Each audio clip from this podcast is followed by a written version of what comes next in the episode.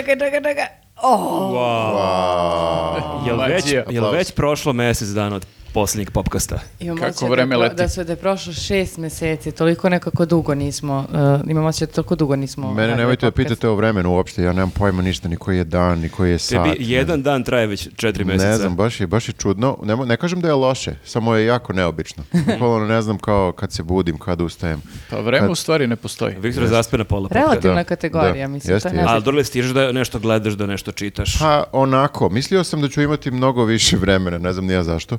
Ali ne- nekako mi je, pošto mi je vreme tako sve iseckano, onda kao krenem nešto, pa onda stanem, pa krenem, pa stanem. I tako je sve, ceo život moj je tako Treba sad. da čitaš znači, kratke priče i da gledaš neke. Bukvalno. Znači kratka forma. Bukvalno. Ili poeziju. Um, nemojmo Imam ja- imam Ni- jedan podcast da ti preporučim Nije očajan, poeziji. rekao samo da umora, nije očajan. Sram te bilo. Tako Nego, da pričaš o poeziji. možemo da najavimo događaj koji nema veze sa popkastom, ali ima veze sa onim drugim našim podcastom. Mi gostujemo 13. februara i to u kom gradu je li savjeta? U Kragujevcu! Nemojte da se zeznete da odete u Kraljevo ili Kruševac, znači u Kragujevcu. Kragujevac. Znači, bukvalno, samo Vik- nemoj da Ako govorite. to Viktor Pa bude što, vozio, ima završit ljudi ćemo. koji to mešaju, stvarno. E, Ima, ima, ali ne, Dobro, ovi iz Kragujevca valjda neće da pomešaju. Valjda neće pomešati. Ja se radujem što ćemo ići u moj a, rodni grad, gde ćete, a, gde ćete morati da se ponašate, jer, ćete mi, jer će mi tu biti otac, majka i sestra mi rođena, kao i moji vrlo bliski prijatelji, tako da mogu da vas razbiju ko, da ne ja kažem sam šta. da negde računao, oni prostor je velik, ali nije ogroman, tako da dođe tvoje cijelo odeljenje iz osnovne škole i srednje škole, to je sve puno. Bilo tako bi da se ja smešno- nadam, ako ste išli u odeljenje sa ovom devojkom, molim vas dođite. Bilo Da. bi smešno da nas prebije rodbina. Normalno. Publika na, po- na snimanju. Majka i otac sa vilama, ono, Da nas jure tamo po tarabama i to. po tarabama. Pa, Tako znam. se kaže kao. Ne znam šta ima u Kragujevcu. Mislim da će Viktor imati neke obaveze tog dana da neće doći. Da će obuti patike za trčanje. E, ali ako budemo bežali preko Taraba, što kaže Viktor, to će nam biti lako jer imamo dobru obuću, jel tako? E, a, Jeste. I ovog, Kakav po- prelaz. I ovog popkasta, Fantastično. i ovog popkasta sa nama, sa radošću i velikim veseljem a, kažemo da nam je prijatelj a, podcasta, popkasta a, Converse. Prijatelj, drug, brat. Jeste. Najrođeniji. Hvala puno, hvala puno i divno izgleda, stvarno, svaki put kad dođem ovdje, kad pogledam, kad snimam ovaj popkast, pomislim koliko ova patika fenomenalno Prelepa stoji. patika. Ne, prosto, da ga- ne, ne daj Bože da se nešto desi da oni kažu, e, nećemo više da se družimo, mi, kako, brate, vidi kako lepo nekako leglo, moramo da ih, bukvalno ćemo da ih ucenimo. Da, mi Stopala ćemo- mi nikad nisu bila bolja. Stopa, e da, ali pazi ovo, pogledajte kako sam elegantna e, e, danas Dobro. i ništa mi nije veliko. E, ovo je moj broj haljina. A šta treba da, e, bilo ti nešto veliko? A, Jel da, treba da oversized, Jeste, da. Treba dobiš neki orden sad uh, kao ne, ali sam jako srećna što smo dobili a, patike koje mogu da idu uz sve kombinacije. Dakle, A. uz uh, elegantnu vunenu uh, haljinu a, ide i... uh, A jel, elegantna a jel patika. te patike idu za oni tvoji šest brojeva veći sako? Apsolutno, apsolutno. rešen problem onda. Znači, ne skidam ih, bukvalno sam uh, se ono srasla s patikama. Koji broj nosiš patika? Jel ti broj patika isto nije oversized? Ili? 43. Pa pitam, Ne, Viktore, nije, nego je 38 kako i treba da bude i Dobro. sve je super. Ne, Ne, pazi, zeznuta stvar sa, sa obućom je ako nosiš veću, ispadne ti dok hodaš, a ovo kao kad staviš sako, to baš ne može da ti spadne. Fore Viktor, on samo jako čudno hoda se- jer se zadiše, nema one velike patike. nego nema, prosto pa ne, ja sam i, hoda, da. i primetio. dobro, ali ove Možemo patike- baš i u ovom segmentu da mene roastujemo. O kulturi. Pa dobro, mislim, ove patike su kao kad u teretani staviš opterećenja na noge pa hodaš tako, to je za tebe trening. E, to je zapravo optička varka. A, zato što, iako možda deluju onako, e, pošto su ovako džombe, što mi se sviđa jer sam ja mala, pa me ovako izdigne, a, deluju teško, u stvari nisu. Znači, bukvalno ovako, lebdim, lebdim. Kao na nekim Da, oblacima. baš si A, zemlju ne dodirujem. 442, džumba sam ja. Jo, gospode, Bože, izbacite ga izbaciti. napad. Da, da, da. Izbacite Bogu hvala pivamo montažera. E, a šta je ono što želimo da kažemo ov- ovog puta, a, osim što su patike super i hvala još jednom našim prijateljima, a, e, naši prijatelji imaju web shop a, gde možete da kupite ove ili patike koje nose Marko, Nenad e, ili Viktor ili ja, a, jer smo najlepše. Ili A, neke druge. a, vodite računa, a posebno ako imate tamo neki oglas gde piše patikice, to definitivno nije Converse, nego patike lepo Converse shop. Patikice. Pa znaš kako ima raznih web shopova sad i razni prodaju svašta nešto. Ima prevaranata. Ima prevaranata prosto. Ovi su- su original, Oni su uglavnom na Instagramu ti prevaranti. to Jeste, su. si Da. provalio, a, ali a, ti preprodavci su uvek a, koriste deminutive što mi ide na živce, tipa maskice, patikice, haljinice, A, trenerkice. Nisam, nisam provalio, ali sad kad kažeš tako kao da sam negde proletelo. Ovo je vrlo da. i edukativan popkast, znači sad objašnjamo ljudima kako da prepoznaju prevarante. Da, Sviđa znači mi se. ne kupujte patikice, nego patike. Kupite bre patike, kad pat, kažemo patike mislimo Converse, dakle možda Starka, možda nešto drugo. Imate njihov web shop, ostavit ćemo link u opisu ovog videa i molim lepo, sigurni ste, da Tako ne je, razmišljate. Tako je. Jeste. E, Ja nosim 48, samo da kažem. četiri Ako, sam. Jedva ako smo- neko hoće ti kupiti, znači gledalac Da, da, ti da. pošalje da zna broj. Za Da. njega smo jedva odabrali. E, a, moram da vam kažem još nešto. U ovih mjesec dana a, ja sam otišla na jedan specijalan kurs. Jedna divna devojka a, koja se zove Milena je nedavno otvorila atelje na Banovom brdu koji se zove mapa 1.61 a, i tu te uči da slikaš, vajaš i ostalo. I ona je pozvala nas sve, ali naravno, pošto ste vi lenčuge i nećete da se cimate, Ali daleko mi je Banovo Čak i Banovo brdo. a što nije mogla negdje na Zvezdari. a, nemojte da rostujete ženu Što koja nas na- je pozvala i koja nas voli. Znači, otići- Milena, ne slušaj ih. Otići ćemo jednom, sigurno. Kao svi zajedno, kao, uh, kao team building. To sam tela da pitam da, uradimo. Da, Mi van- svi zajedno. Znači, Druga dvojke ne izlazimo, osim ako baš ne moramo. Kad kupimo čamac, onda možemo čamcem da odemo. To bi bilo najopći team building. Pa Banovo je brdo, brate. Kako čamcem to Pa ideš Doći do- ćemo ideš do Ade. Ade, do mosta Nadi dalje ćemo da ga nosimo. Treba, E. nam, treba nam amfibiju, u stvari. Aha. Dođemo do, Bano, do Ade i onda izađemo ovaj, i vozimo se do... Ovaj čovjek zna mape. Znam sve. Nego gde je to što si ti izvajala? Ljudi, ja, znači sad, su, sad ćete ovdje da, vi, da vidite slike, a vama sam slike poslala, znači ceo proces rada, ja sam to sve napravila, učiteljica Milena a, me je mnogo pohvalila. Znači rekla je, "Ah, pa tebi je prvi put da vajaš, ja sam napravila Rekla je, ruku. ovako, rekla je ovako nešto u životu, nisam videla. Ko ti je ovo vajao? Znate koliko sam ja talentovana za vajanje? Ne, ja, Ljudi. ja verujem, video Pa sam dobro, slike. čekaj, Video ti sam slike i meni- ono stvarno liči na ruku Ti sad što si meni to napravila. pričaš kao da sam ja stručan za vajanje, pa mogu da kažem, ej, jesi ili nisi. Čoveče, ti meni, vidiš ruku kako ti je, ruka meni možeš da predivna. kažeš bilo šta. Ali ruka je predivna Vi i pritom... koji, vi koji ovaj, gledate ovu ruku sada, molim vas napišite u komentarima da li je predivna koliko je ruka? predivna. I I, da- vi koji slušate, izvini, ja molim te, moram vi da koji, kažem da sam viđao lepše ruke. Vi koji slušate, Na primjer dođite- tvoje. Ne mogu, ne mogu da... Izvini, pa svađamo se. Izvini. Pa nemo, nemojte da se svađate, vi ste drugari. Znači, dođite, vi dođite, vi koji slušate, dođite da pogledate ovu ruku. Znači, ovo, ovo niste vidjeli. Ili samo Ne, ovo zamislite, bukvalno niste vidjeli zamislite najlepšu ruku na svetu i takvo je. Znate Da, ko kako vas sam... mrzi da dolazite, znači, ja da. sam krenula od neke ruke. Međutim, kada sam ja krenula da je deljem i da je... Da... ja sam onda rekla, ok, idemo na specifičnu ruku. A to je jedan seksi uh, drvodelja iz Pančeva. Muška je ruka. Muška je ruka, onako jaka. Pančevačka ruka. Što Pančev, Pančevo? pa Što ne znam, tako sam istripovala. Pa nema je u Pančevu, sada- nema drveća. Malo, a? a, koji onako zna lepo s drvetom, znači to je ruka koja zna s drvetom, ali koja i drži knjige i čita pomalo Znači, dra- filozofiju dragi, neku. dragi ne. Pančevče, ako znaš sa drvetom, ali i sa knjigama, Nije nužno da je iz Pančeva, to Da, sam ne ja znam- izmislila, Ne znam ali kako ovo deluju ljudi ko- da shvate, da li je uvreda ili Ne, kompliment. a, a, treba da bude kompliment, zato što nekako mi deluju ljudi iz Pančeva kao da su baš super, tipa moj najbolji drug Oleg je iz Pančeva, imam dosta prijatelja iz Pančeva. ne pa na osnovu jednog primjera uvek treba praviti Pa, opštu mislim- sliku. Tako je, da. O Neću celom valjda gradu. da pravim na osnovu ove slike koje imam iz, iz Beograda, uh, frajera, da su govna, nego, Evo, čekaj, eto, kaži mi- okrećemo se ka suncu, ka Pančevu. Kaži mi jednu stvar. Pančevo je. Ja kad pomislim na sunce, to mi je Pančevo. Pančevo. Jest, jest. Malo uvek nešto, zamagljeno do nešto duše, gori. ali da. Uvek nešto gori. Uvijek ima svetlosti neke. Uvek rasvička neka. Ti si E, baš ali- ozbiljno shvatila ovaj popkast. Nekako je uticao na tebe u smislu kao ti toliko si ušla u tu kulturu i umetnost, sad si krenula i da Umetnost vajaš. naročito, ja da. sam kanal, ja to A znači čekaj, samo- planiraš da nastaviš da vajaš? A, pa ja, meni se mnogo svidelo, a Milena rekla slobodno dođi opet. A ja sam rekla, da, naravno. Čekaj, a ti, što- a ti ne možeš kod kuće da sad kupiš šta Pa ti mogu, treba? ali treba mi e, mentorka, razumeš? Ona sve vreme dolazi tu i kaže ti, fali ti ovde mase, to je glavna reč. Dodaj ovde Fali malo mase. mase. Dodaj malo ovde mase. definicija. To meni u teretani Mogu kažu. ja, mogu ja, čim te video, fali ti masa. Fali ti malo mogu ja od mase. mojih čerki donesem, oni imaju plastelin i možeš tu, e, dok ne odeš kod Milene. Zašto moraš da me ne Ali plastelin Pa, je se- isto. pa čekaj, to je vajanje. Isto jeste. A nije Nije isto. e, ali brate. reci mi sad jednu stvar. Ona ruka malo onako deluje grubo i nezavršeno, kako bih rekao, Pa to je smežurano. Pančevačka ruka. To je Jel- koncept. a, dobro, ali e, hoćeš ti to malo da brusiš kad se osuši? Ne, ne, on to se sad suši, To pa sad samo tako će da se osuši i ostaje tako. neće ja ništa da šmirglam tu, nego to će Da, tako bolje onako u sirovo, oko. jer nam to Treba nam ta sirovost, ta, ta, ta jačina, ta... Da, da. Ali Da, i nežnost i ta, ta ruka i da pesme piše. Jeste, I, spo- ne- spoj... I uh, snažno i nežno. Hoćeš doneti tu ruku u sledeći popkast da bude pored Da. ove naše ruke ovdje? Apsolutno, ruka se suši i sledeći popkast, ruka će biti ovde i mogu da čak i držim sve A vreme samo mi dok reci, ka- što, što, baš, što baš ruka? Pa rekla je da vajamo nešto, kao šta bih htela. i Šta ja, bi- da, šta ti i prvo padne ja na sam- pamet? o, ja sam instinktivno rekla ruka, ne znam da li to nešto govori o meni, ali, Pa, psiholog bi imao tu nekog posla, verovatno.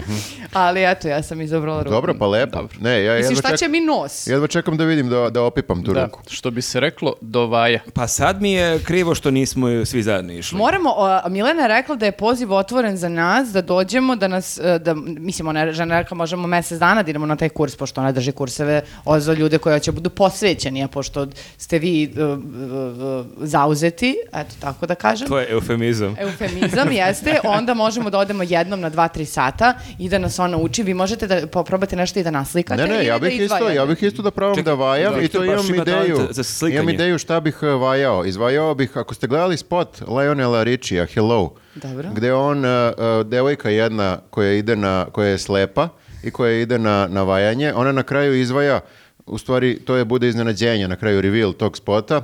Šta ona tako slepa? A, Lionel Richie. Ja bih volio da izvajam Lionela Richija, glavu Lionela Richija. To je Ja okej. mislim da će za Milenu biti praznik kada bude čula da To je želim onako da- pozamašna jedna glavuđa. Da, da. Dobro, možda svi postanemo Treba dosta gline, hoću da kažem. vajađije. Pa dobro. E, onda da se dogovorimo da svi idemo da vajamo.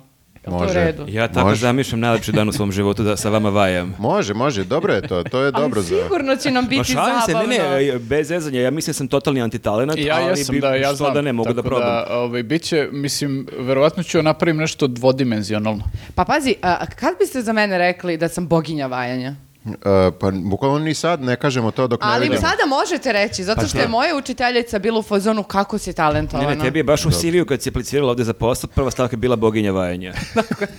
To nam treba. Me- veštine, posebne Od veštine. sada me možete zvati Engleski, boginja vajanja. Office vajanje. E? Nivo boginja.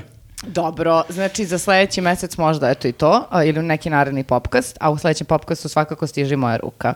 A, E sada, Stiže moja ruka. Pošto ti oko stiglo već od pretprošlog ali podcasta. žiga me dosta, tako da možda ga opet zatvorimo. A, dobro, idemo dalje. Idemo, da krenemo. jel krećemo. mi? Krećemo sad, evo sad Dobro. krećemo. Sad Ajde, krećemo. Ovo je više. bio da, naš tradicionalni uvod. I da, ako vam se sviđa ovo, po, podržite nas na Patreonu i YouTubeu, to je isto što E da, e, samo da napomenem, to sam vidio u komentarima da neki ljudi možda nisu pohvatali, a, sve što spomenem u ovom popkastu, sve knjige, filmove, serije, muziku, mi u opisu videa imamo to, tako da, Mhm. pošto mnogi kažu š- nisam stigao zapišem, morao sam vraćam, znači ne Da, morate da, imate u ne da, morate da lovite da vraćate ono 20 sekundi unazad kao koja je serija, koja je knjiga, nego Ja sve mislim to čak i ovi koji slušaju da imaju u opisu dole Mm. e, njihovog e, audio file. Da, Jes, zato što imamo jednu vrednu ženu koja zove Nikolina koji ne mrzi da sedi da sluša ceo popkast i za- da zapisuje sve naše referencije. Ma da, nego ljudi ne slušaju, prosto to je... Ne slušate nas pažljivo sada, Mhm. to očigledno se vidi. Pa zato što su u fazonu moram da preskočim ovaj glupi uvod i onda tek dođu ovde i ne čuju. Ali da su preskočili glupi uvod, ne bi saznali da sam ja postala boginja vajanja. to je veliki propust. Da kažem. Ja bih volio, evo, kad naše to gostovanje u Kragujevcu, znači da mi pričamo svi zajedno, onda u nekom trenutku ti vajaš dok mi svi pričamo. Da, bude to bi onako- bio koncept To je dobar. Marina da. Abramović Pred skroz. ocem i majkom to da radim. Možda, da, baš blam. E, možda, možda neko ko ovaj, sluša podcast e, isto vaja dok sluša podcast i onda sluša o vajanju dok vaja. E, 100%. O, javi, javite nam u komentarima ako Da. vajate Ako ima slušate. neko ko smo sluša najpoznatiji podcast, podcast među vajarima. pa ako nismo možemo da postanemo. I kamionđijama. Da, da. Dobro, to je super selling point. Dobro, idemo. Od, e, od čega krećemo? Od filmova. Filmovi. Filmovi. Ajde, filmovi. Ajde. Izvoli. A, ja prva da krenem? prva. Prvo, Hoćeš, ajde, što da ne. Pa, mo, pa mo- Gledala sam film o vajanju. Gledala sam film o vajanju. E, si gledala Ghost kad vajaju? Ne. Ali gledala sam spot, onaj gde, uh, pesma neka gde oni. Kako Čekaj, stvarno nisi gledala s Patrickom Swayze? Znam i Demi Moore kad Aha, to je zajedno najkultnija to. scena 80-ih tipa ili... Vrlo seksi scena. Da, jeste, da. jeste, jeste. Ali ne, nisam, nećemo pričati Nećemo, o, ne- nećemo. nećemo pričati o tom filmu. On je A, duh. Spojilo si sad. Okej. Kakav čovjek. Kako me zbuni s ovim... On je duh! Bježi, bežimo ljudi. Setio se tog detalja kao za... A, znam. Ovo je kao neka scena kad, uh, u nekoj, uh, u onoj, uh, kako se zove, kefalica, na primjer, i kad ona jedna voditeljka intervjuiše decu, u jednom trenutku, pošto jedno dete ima dugu kosu, onda znači a priori znači da je dete žensko, i ona kaže, ako, koji se tebi dečak sviđa, kao u koga si se ti zaljubila? A ovo dete ovako, ja sam muško. I to trenutku je muh. E tako i ti. On je duh. Pa nisam ništa spojalovo, bukvalno u nazivu filma piše duh. Ali ne znamo ko je. Pa je... Bilo bi pa duhinja da je Demi Moore je Demi duh. Da, je, da. Duhica bi bil. E, dobro, ovako. Izašle su nominacije za Oscar. Ste vidjeli to? E, Nisam pažljivo gledao, ali vidio sam. video Ja sam, sam prošla, ima jedan onaj tvoj film uh, što ga svi sad hvale. to Jedan nisam- moj film? Onaj Bam Bam A, Shit okej. do, do Vincent.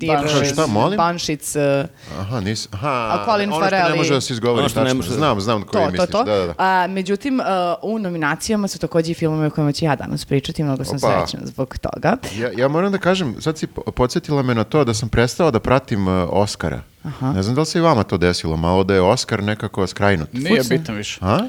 Pa, Ili sam moguće. moj samo Ili trip? smo mi matori, ne znam. Što bi matorost uticala na to? Ja mislim da baš matorost utiče da više gledaš. Matoros ga nije sprečilo da prošle godine navija za Euroviziju, tako da vidiš da s godinama sam- neke stvari to je ne samo ludilo, ali ne, mene kod Oscara uvek najviše, ali sad opet- nisam previše obratio pažnju, najviše me zanima one kategorija van engleskog govornog područja i za najbolji scenariju. To su dve koje su mi baš bitne. Ovo ostalo kao, ne znam, ono, montaža, super. Pa dobro, mene su zanimalo ovo kao glavni glumac, glumica, directing i to. I um, krivo mi je, na primjer, evo, da prvi film o kojem bi volila pričam jeste Trougao tuge.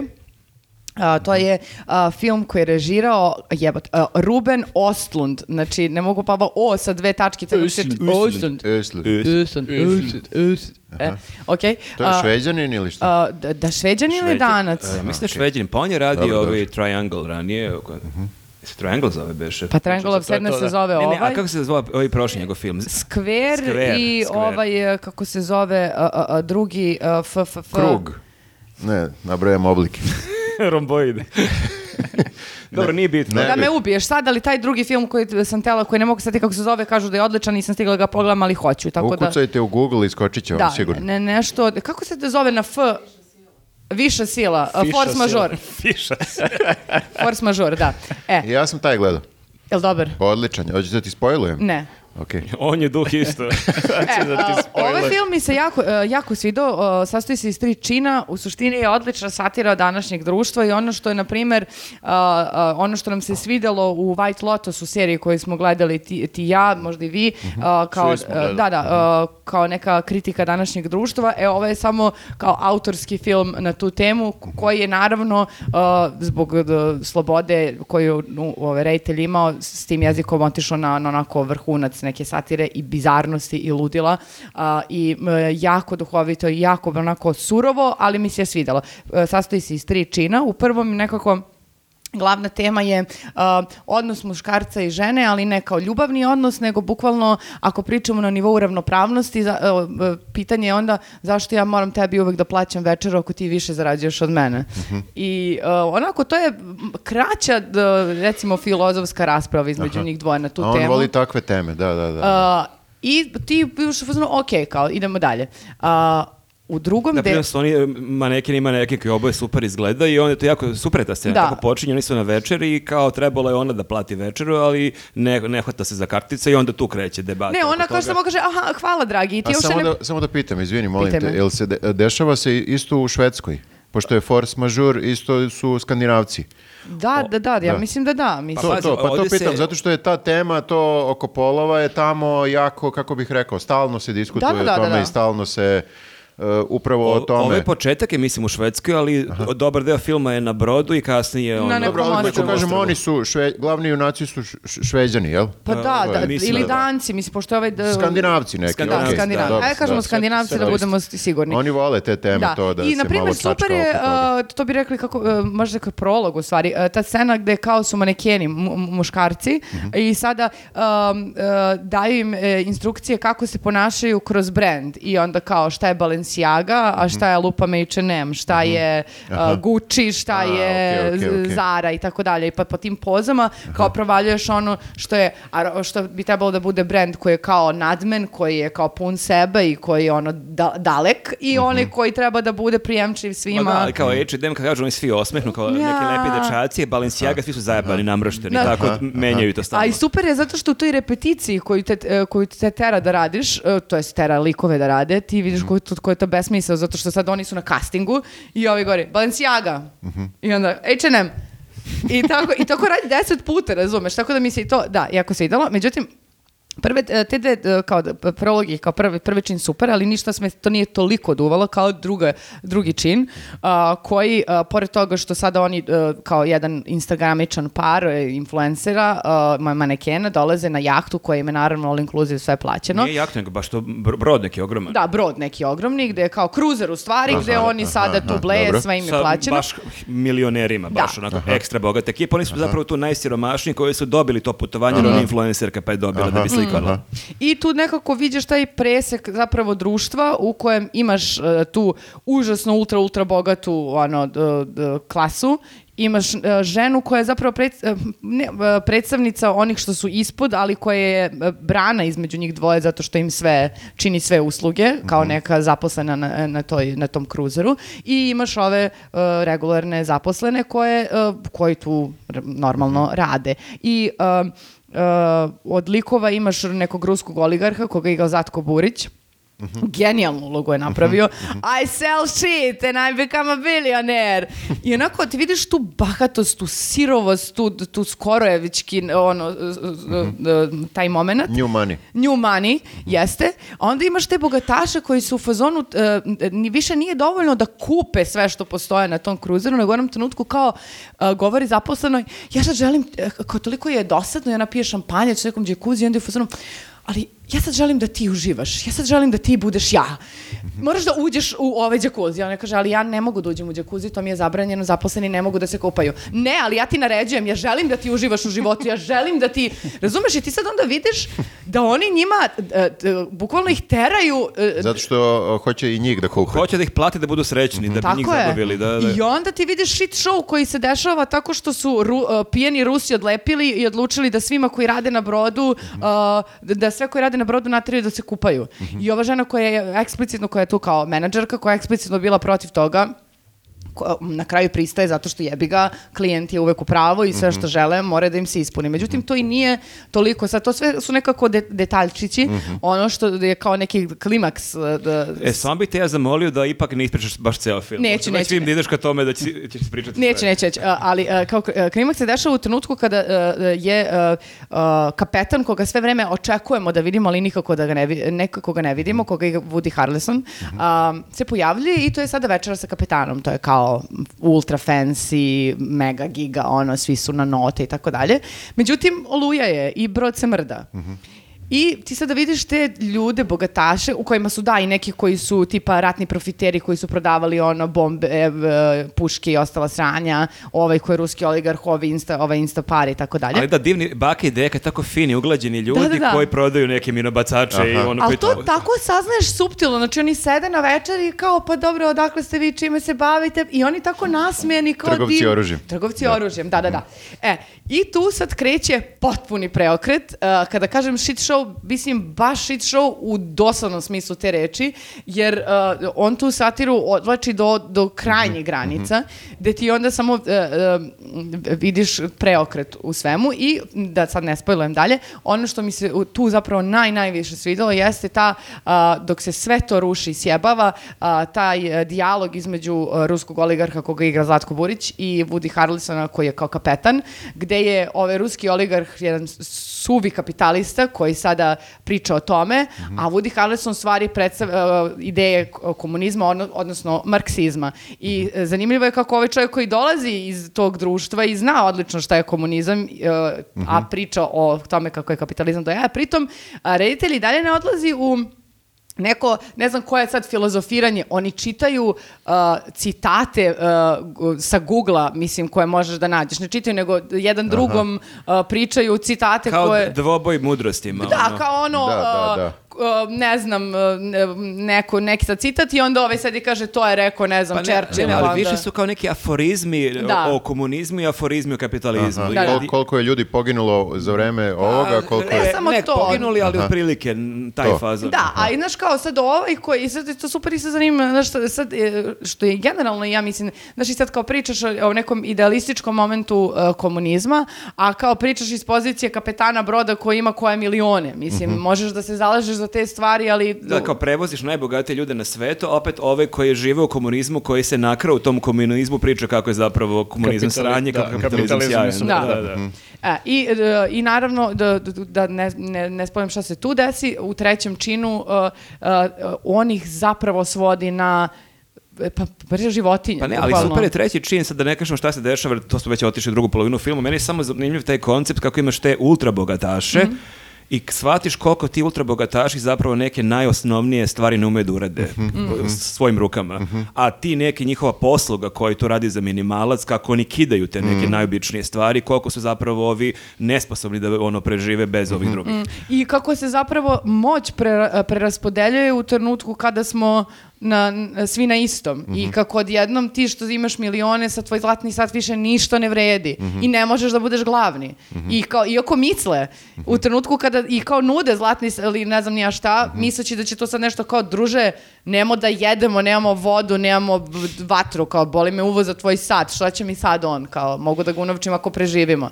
Tako da e, stvarno je film super, ja sam se oduševila Mene E, si zainteresovalo, evo. I mene da da, gledao. jako sam se smela i mislim jako je dobar, posebno zato što e, nekako u celom tom e, tripu White Lotusa i svega što se oko toga dešavalo koja je ist, slična tematika, a, ovo je samo kao sada Meni mora da kažem glas, bukvalno odmah posle White Lotusa i nisam toliko odlepio. Dobar mi film, pogotovo mi početak dobar, taj deo, meni je prvi čin zapravo najbolji, ono.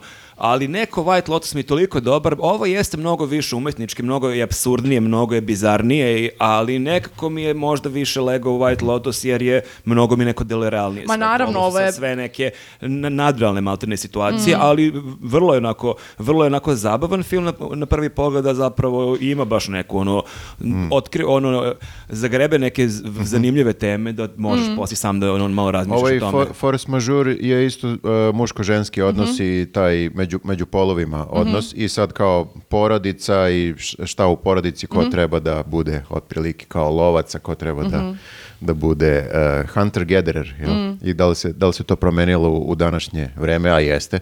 Očigledno i kao kako se sada muškarci nose s time, kako se žene nose s time i tako dalje. Tako da svidjet će ti se i taj ako Ne, ti ne, se... hoću sigurno, nego Da. bukvalno nisam stigla, on mi je prvi na listi koji bi gledala. Meni se ovdje dopalo uh, zato što uh, ta tematika generalno bahatosti uh, tih odvratno bogatih uh, ljudi, ta, ta nevaspitanost, taj bezobrazluk i, i ljudi koji zapravo ono trpe, uh, trpe sve to, a kao uh, svi se busi u, pusa s tim, uh, prsa s tim nekim filozofijama. Posebno mi je taj deo, zapravo mi je taj drugi deo e, u trenutku kad je potpuni klimaks u filmu, e, razgovor njih dvojice mi je genijalština čista, zato što je i on apsurdan. Mislim, i on je glup Da, na kraju da, dana da. kad vidiš iz kojih, e, e, šta, oni go- govore Da, da, da, zapravo. koje tako da, citate da, koje. jer, tako da e, sve preporuke. Meni je zanimljivo, baš sam, nisam čak znao da će pričam o tom filmu, ali sam ga zabeležio ovdje, ali lepo se nadovezao. Ne znam da ste gledali film The Many.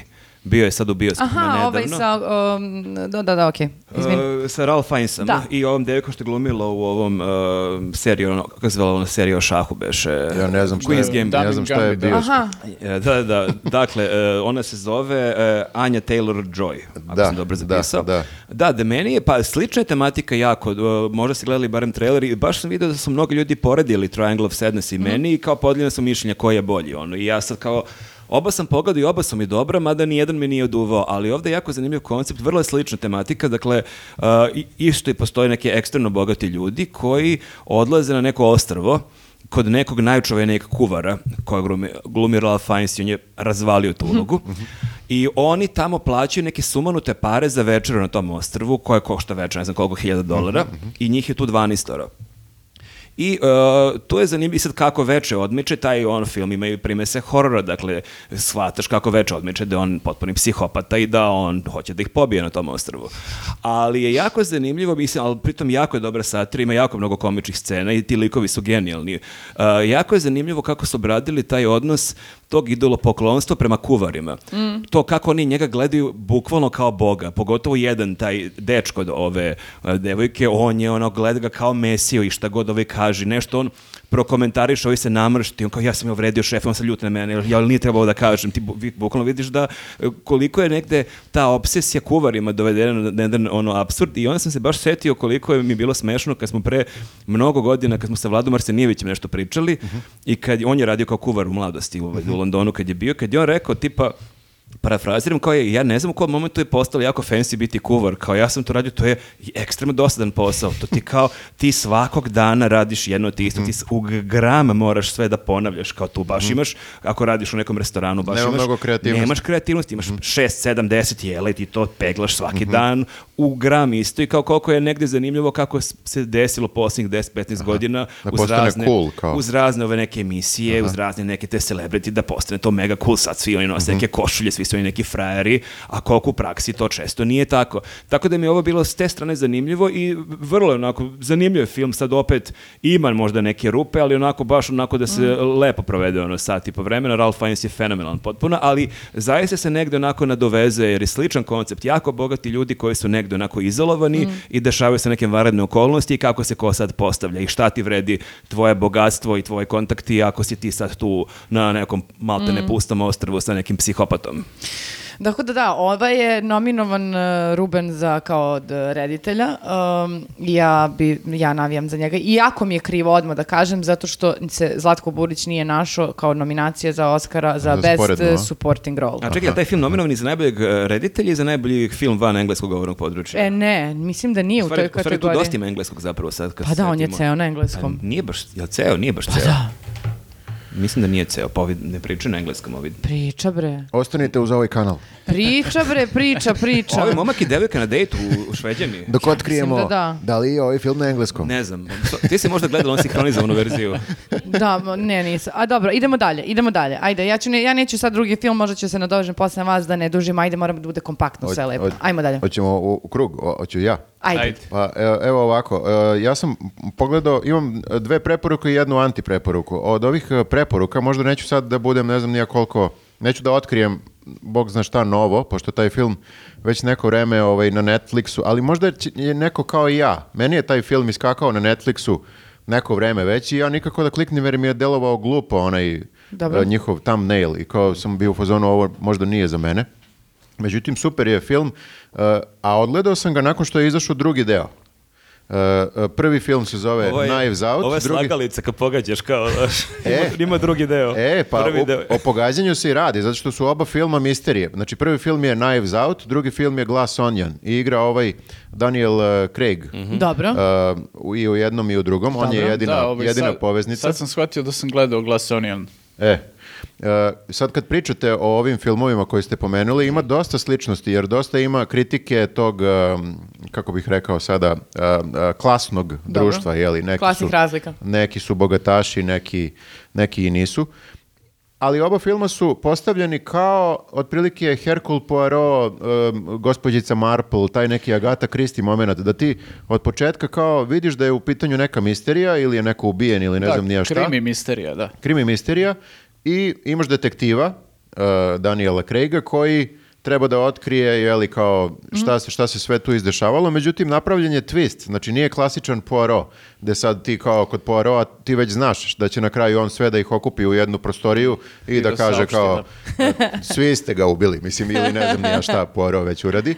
Uh, ovde imaš dost, ima i toga, ali nije na tome uh, naglasak. Naglasak je sve vreme na toj kritici otprilike i satiri i Da, vidiš biz- kakvi su ti likovi Vidiš kakvi, su, svi, vidiš kakvi su likovi, a svaki lik je za sebe opet e, predstavlja neki stereotip e, tog klasnog društva. Naročito u drugom delu koji je otišao potpuno u taj glas Onion, otišao je potpuno u neke Ja sam vidio, bio sam komentar da je prvi deo super, da drugi deo nije dovoljno. dobar. Meni je drugi deo još bolji, ja Aha, moram super. da kažem. Ja nisam gledao ni jedan, ali pogledat ću. E, Različiti su. Možda su ljudi očekivali da bude potpuno isto, kako bih rekao, ist- ista vrsta misterije.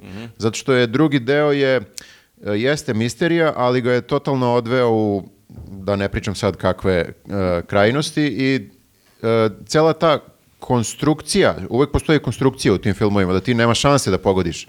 Zato što postoje neki delovi koje ne znaš i na kraju ti Poirot otkrije, a je, to si vi- video Poveže, sam, da. video sam kanap neki da nosi, ne znam nija kakav oko ruke, a to je znak toga. To, gledalac nema šanse to da, da otkrije, a ovdje je to dovedeno namerno, ja mislim do ne znam nija kakvih e, e, granica, baš upravo da malo i satirizuje i taj E, i i taj pa žanr, jeste, da. i taj žanr. Tako da to, to, mi se, to mi se svidjelo. Ja generalno i volim te, volim i Poirot, volim i sve te Agate Christie, Sherlock i Holmesa i te misterije, a ovo mi je naročito nekako bilo zanimljivo e, da vidim neku izobličenu verziju svega toga, plus Daniel Craig igra, e, koji je Britanac, jeli, igra juž, južnjačkog gej detektiva. Znači, Da, potpuno ali, je... Ja se teo potpuno- kažem da kod njega, mislim, njegov lik je takav da ti, ti u fazonu, uh, mislim, taj, ti filmovi jeste kao ono uh, omaž Poirot Da, da, i da, tim da. stvarima, vidiš ono očigledno da je omaž, a sa druge strane imaš i taj neki autoironijski otklon gde ovaj uh, Daniel Craig baš deluje kao uh, karikatura na momente, znaš. A pogotovo Jeste, što njega znamo kao James Bonda, pa je onda pre- to... ima, Da, ima, da, da, da, da. ima taj prenaglašeni akcenat još kao način na koji on govori, na primjer, je isto prenaglašen i tako Da, malo da, iskarikiran i ti si u fazonu, kao da se na momente, kao da se zajebava, tako ti deluje ono. I ovaj, tu je malo onako čudno tako, ali meni je to nekako dodatni kvalitet u odnosu na kao te klasične filmove i serije Jeste, jeste. U tipa. isto vreme i omaž i parodija, Jeste, što je, jeste, što je, da, što je super. strava. Mislim, jako je teško to ovaj, izvesti, a Mm. da, da ne isklizneš da, da ispadne ono neka sprdnja od svega toga. A ovdje su uspeli to da, da iznivelišu da bude dobro. E, e, plus, naročito u ovom Glass Onionu, znači imaš satiru na, na račun influencera, imaš satiru na račun e, milijardera, ja mislim da je ovaj e, lik otprilike neka mešavina Elona Muska, Billa Gatesa, svi- svih tih, kako bih rekao, tech, te- e, tech entrepreneur, e, taj glavni negativac, ajde tako da kažemo. E, I e, da, to, eto, to su moje preporuke. Imam jednu antipreporuku, hoćete posle ili sad? Ajde, u drugom, u drugom krugu. Ajde. Ajde. Uh, da, ja što se tiče filmova imam samo jedan krug, ovaj, pošto bukvalno sam sve vreme gledao neke serije, ovaj film sam pogledao ono iz neke nostalgije da vidim kao na šta liči. I, Rambo 3. ne, ali uh, tu je negde uh, Top Gun Maverick, to sam gledao. E, gledao sam ga ja prošlog mjeseca. Ovaj, to sam najzad pogledao kao više iz neke nostalgije da vidim na šta liči i to je onako, ovaj, mislim, ako ste voleli ono, Top Guna nekad, kao i ovo će vam biti prijatno iskustvo za gledanje, jer je baš onako kao, uh, nije, nije sad ni, ne znam kako bi ga nazvao, najbolji neki izraz koji mi pada na pamet je omaž loženju. Jer kao taj film je ono loženje ono na maks i to kao, znaš, uh, taj mačo neki Ali Tom Cruise koji se nije promenio 35 To je godina, on, posebna ono je priča. stvarno posebna priča. Mi, smo, mi gledamo film i sve vreme se pitamo šta on radi sa sobom, da li su to neki botoksi, neke operacije, šta čovjek radi sa sobom, jer on, Crkva je čudo. on se nije promenio apsolutno, kao ja gledaš sam na ga Google gledao deluje... poređenje fotografije iz prvog dela drugog i ti na momente malo ne Deluje znaš koji je iz deluje kog ti- filma. Da, deluje ti mlađe sad, Da, bukvalno. da. Meni deluje kao mlađe u nekim, u- toj ulozi sad, nego u nekim filmovima koje je radio pre tipa 10 godina. Ovaj, tako da je ovdje isto imaš tu baš onako klasičnu postavu uh, gde njega pokušavaju da kao penzionišu, on neće da se penzioniše jer jel, to je njegov život, letenje i sve to. E, onda tu ulazi neka nova ekipa koju on treba da obuči, on je naravno svojeglav pa kao malo tera Ne, ono... svaki kliše, svaki korak po korak je ispoštovan, ono, da, dramski, svaki, ono. svaki kliše i bukvalno možeš već i da predvidiš kad će da uleti romantični deo, kad će da bude drama, kad će da ga zakomplikuju nekim novim ono kao pod zapletom, sve ti je negde ono kao predvidljivo, prilično, ali e, mislim da su i oni malo išli na tu varijantu da ti to gledaš iz neke nostalgije i da prosto ti naprave takav feeling da te podsjete na na original i Plus da... su verovatno nabuđili nostalgiju na maksimum. Jesu, naravno, Jeste, da. i I, mislim, akcije i to letenje, stvarno super to I izgleda. sve to izgleda super, da, Ali mislim, baš jako mi je moćno. zanimljivo kako su e, vešto izbjegli da kažu s kim oni ratuju. Znači, Jeste, da. neka zemlja ugrožava tu i NATO će da interveniše i sad ti između redova kapiraš da je to Rusija, ali nigde ne kažu da je Rusija. Nigde se i ne kaže, da, kao on- to je... Kako, kako su to uspeli? Ja, pa onako su malkice čudo to zvuči. Znači, Nebitno, neka zemlja. Da, moramo da istemo na neprijatelje sutra Neprijatelje u u šest pitanju, i da. NATO će da intervenstira neprijatelje. A neprijatelj je na Ćirilici. Super je što su Nije, diskretni. nije, ništa, nema, neprijatelj je Ne, kao oni ta- čak, čak u jednom trenutku, uh, ne znam, ne mogu sad tačno se setim da li su pomenuli, čak u jednom trenutku ima kao kada oni prave neku akciju, su otišli jel tamo da, da obave tu akciju, onda su naravno tu nešto zakomplikovalo i, ovaj, i treba da se izvuku odatle. I oni sad e, dolaze do nekog e, aviona, neke starudije. E, sad ne mogu samo da se setim da li su tu sta- rekli marku aviona, neku Mislim da je zastarelu. F neki, mislim neki I američki ne, avion. ne sjećam se to, da li su pomenuli ne, on tipa stari sovjetski avion Ne, ili nije, tako nije, nešto. nije, mislim nije, da ja je, mislim da je baš američki avion, tako se, totalno se prave ludi. Da, da, ne- totalno- Nekog neprijatelja dobro, iz američke perspektive svaka zemlja može bude neprijatelj. potencijalni Pa neprijatelj. u Tako suštini, da kao da, vi popunite prazninu, kao možda je baš vaša zemlja. Da, na kraju nije ni bitno u suštini, ali jer je naglasak jel, na tom celom loženju i kao na hrabrim američkim pilotima koji jel, obavljaju akciju. Tako da kao nije apsolutno sad nikakva neka ono duboka poruka i ne znam šta, bukvalno je ono to dva momenta ili nostalgija ili kao sviđa ti se da gledaš neku takvu akciju gde možeš da odgledaš ono sa pola mozga film i to je to. Mene je samo zanimljivo, gledao, gledao sam kritike i ocene i ovaj film ima ludilo ocene i kritike, a prvi deo ne toliko i onda mi ni samo nije jasno što je prvi, što je prvi deo onako, ovaj bolji, on je bukvalno isti kao prvi deo, znači čitav razvoj, čitav ono ko, put od tačke A do tačke B, potpuno maltene isti u prvom i drugom delu. Možda su samo više glasali za drugi. Ma ne, moguće, nego bi bilo smešar kao nekako... Možda malo ima e, veze i sa smenom generacija koja se desila umeđu vremenu. Možda su ovaj, jednostavno ovaj, se mladi sad zakačili za film, za ovaj novi deo, jer su ga naleteli su na njega i gledali ga, pa će možda sad da otkriju i prvi da, da pogledaju njega.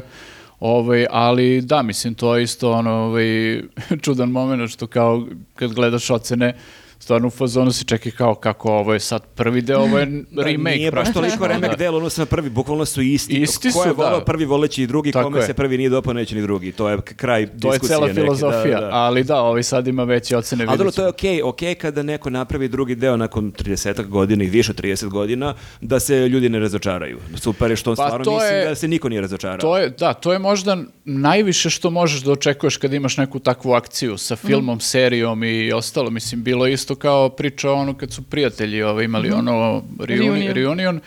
Uh, pa kao šta će da se desi sa tim i to je ono kao prošlo relativno ok, kao neki su bili razočarani, ali čini mi se da je na kraju više bilo oni koji su bili u fazonu ok, ovo nije, nije toliko loše I, ovaj, i sad je ono, mislim, možda, uh, koliko sam vidio u posljednje vreme kad su takve akcije u pitanju, vidim sad da su jako dobre reakcije na ovaj Death 70s show. Uh, Jo, da, odnosno da. sad Death 90s show.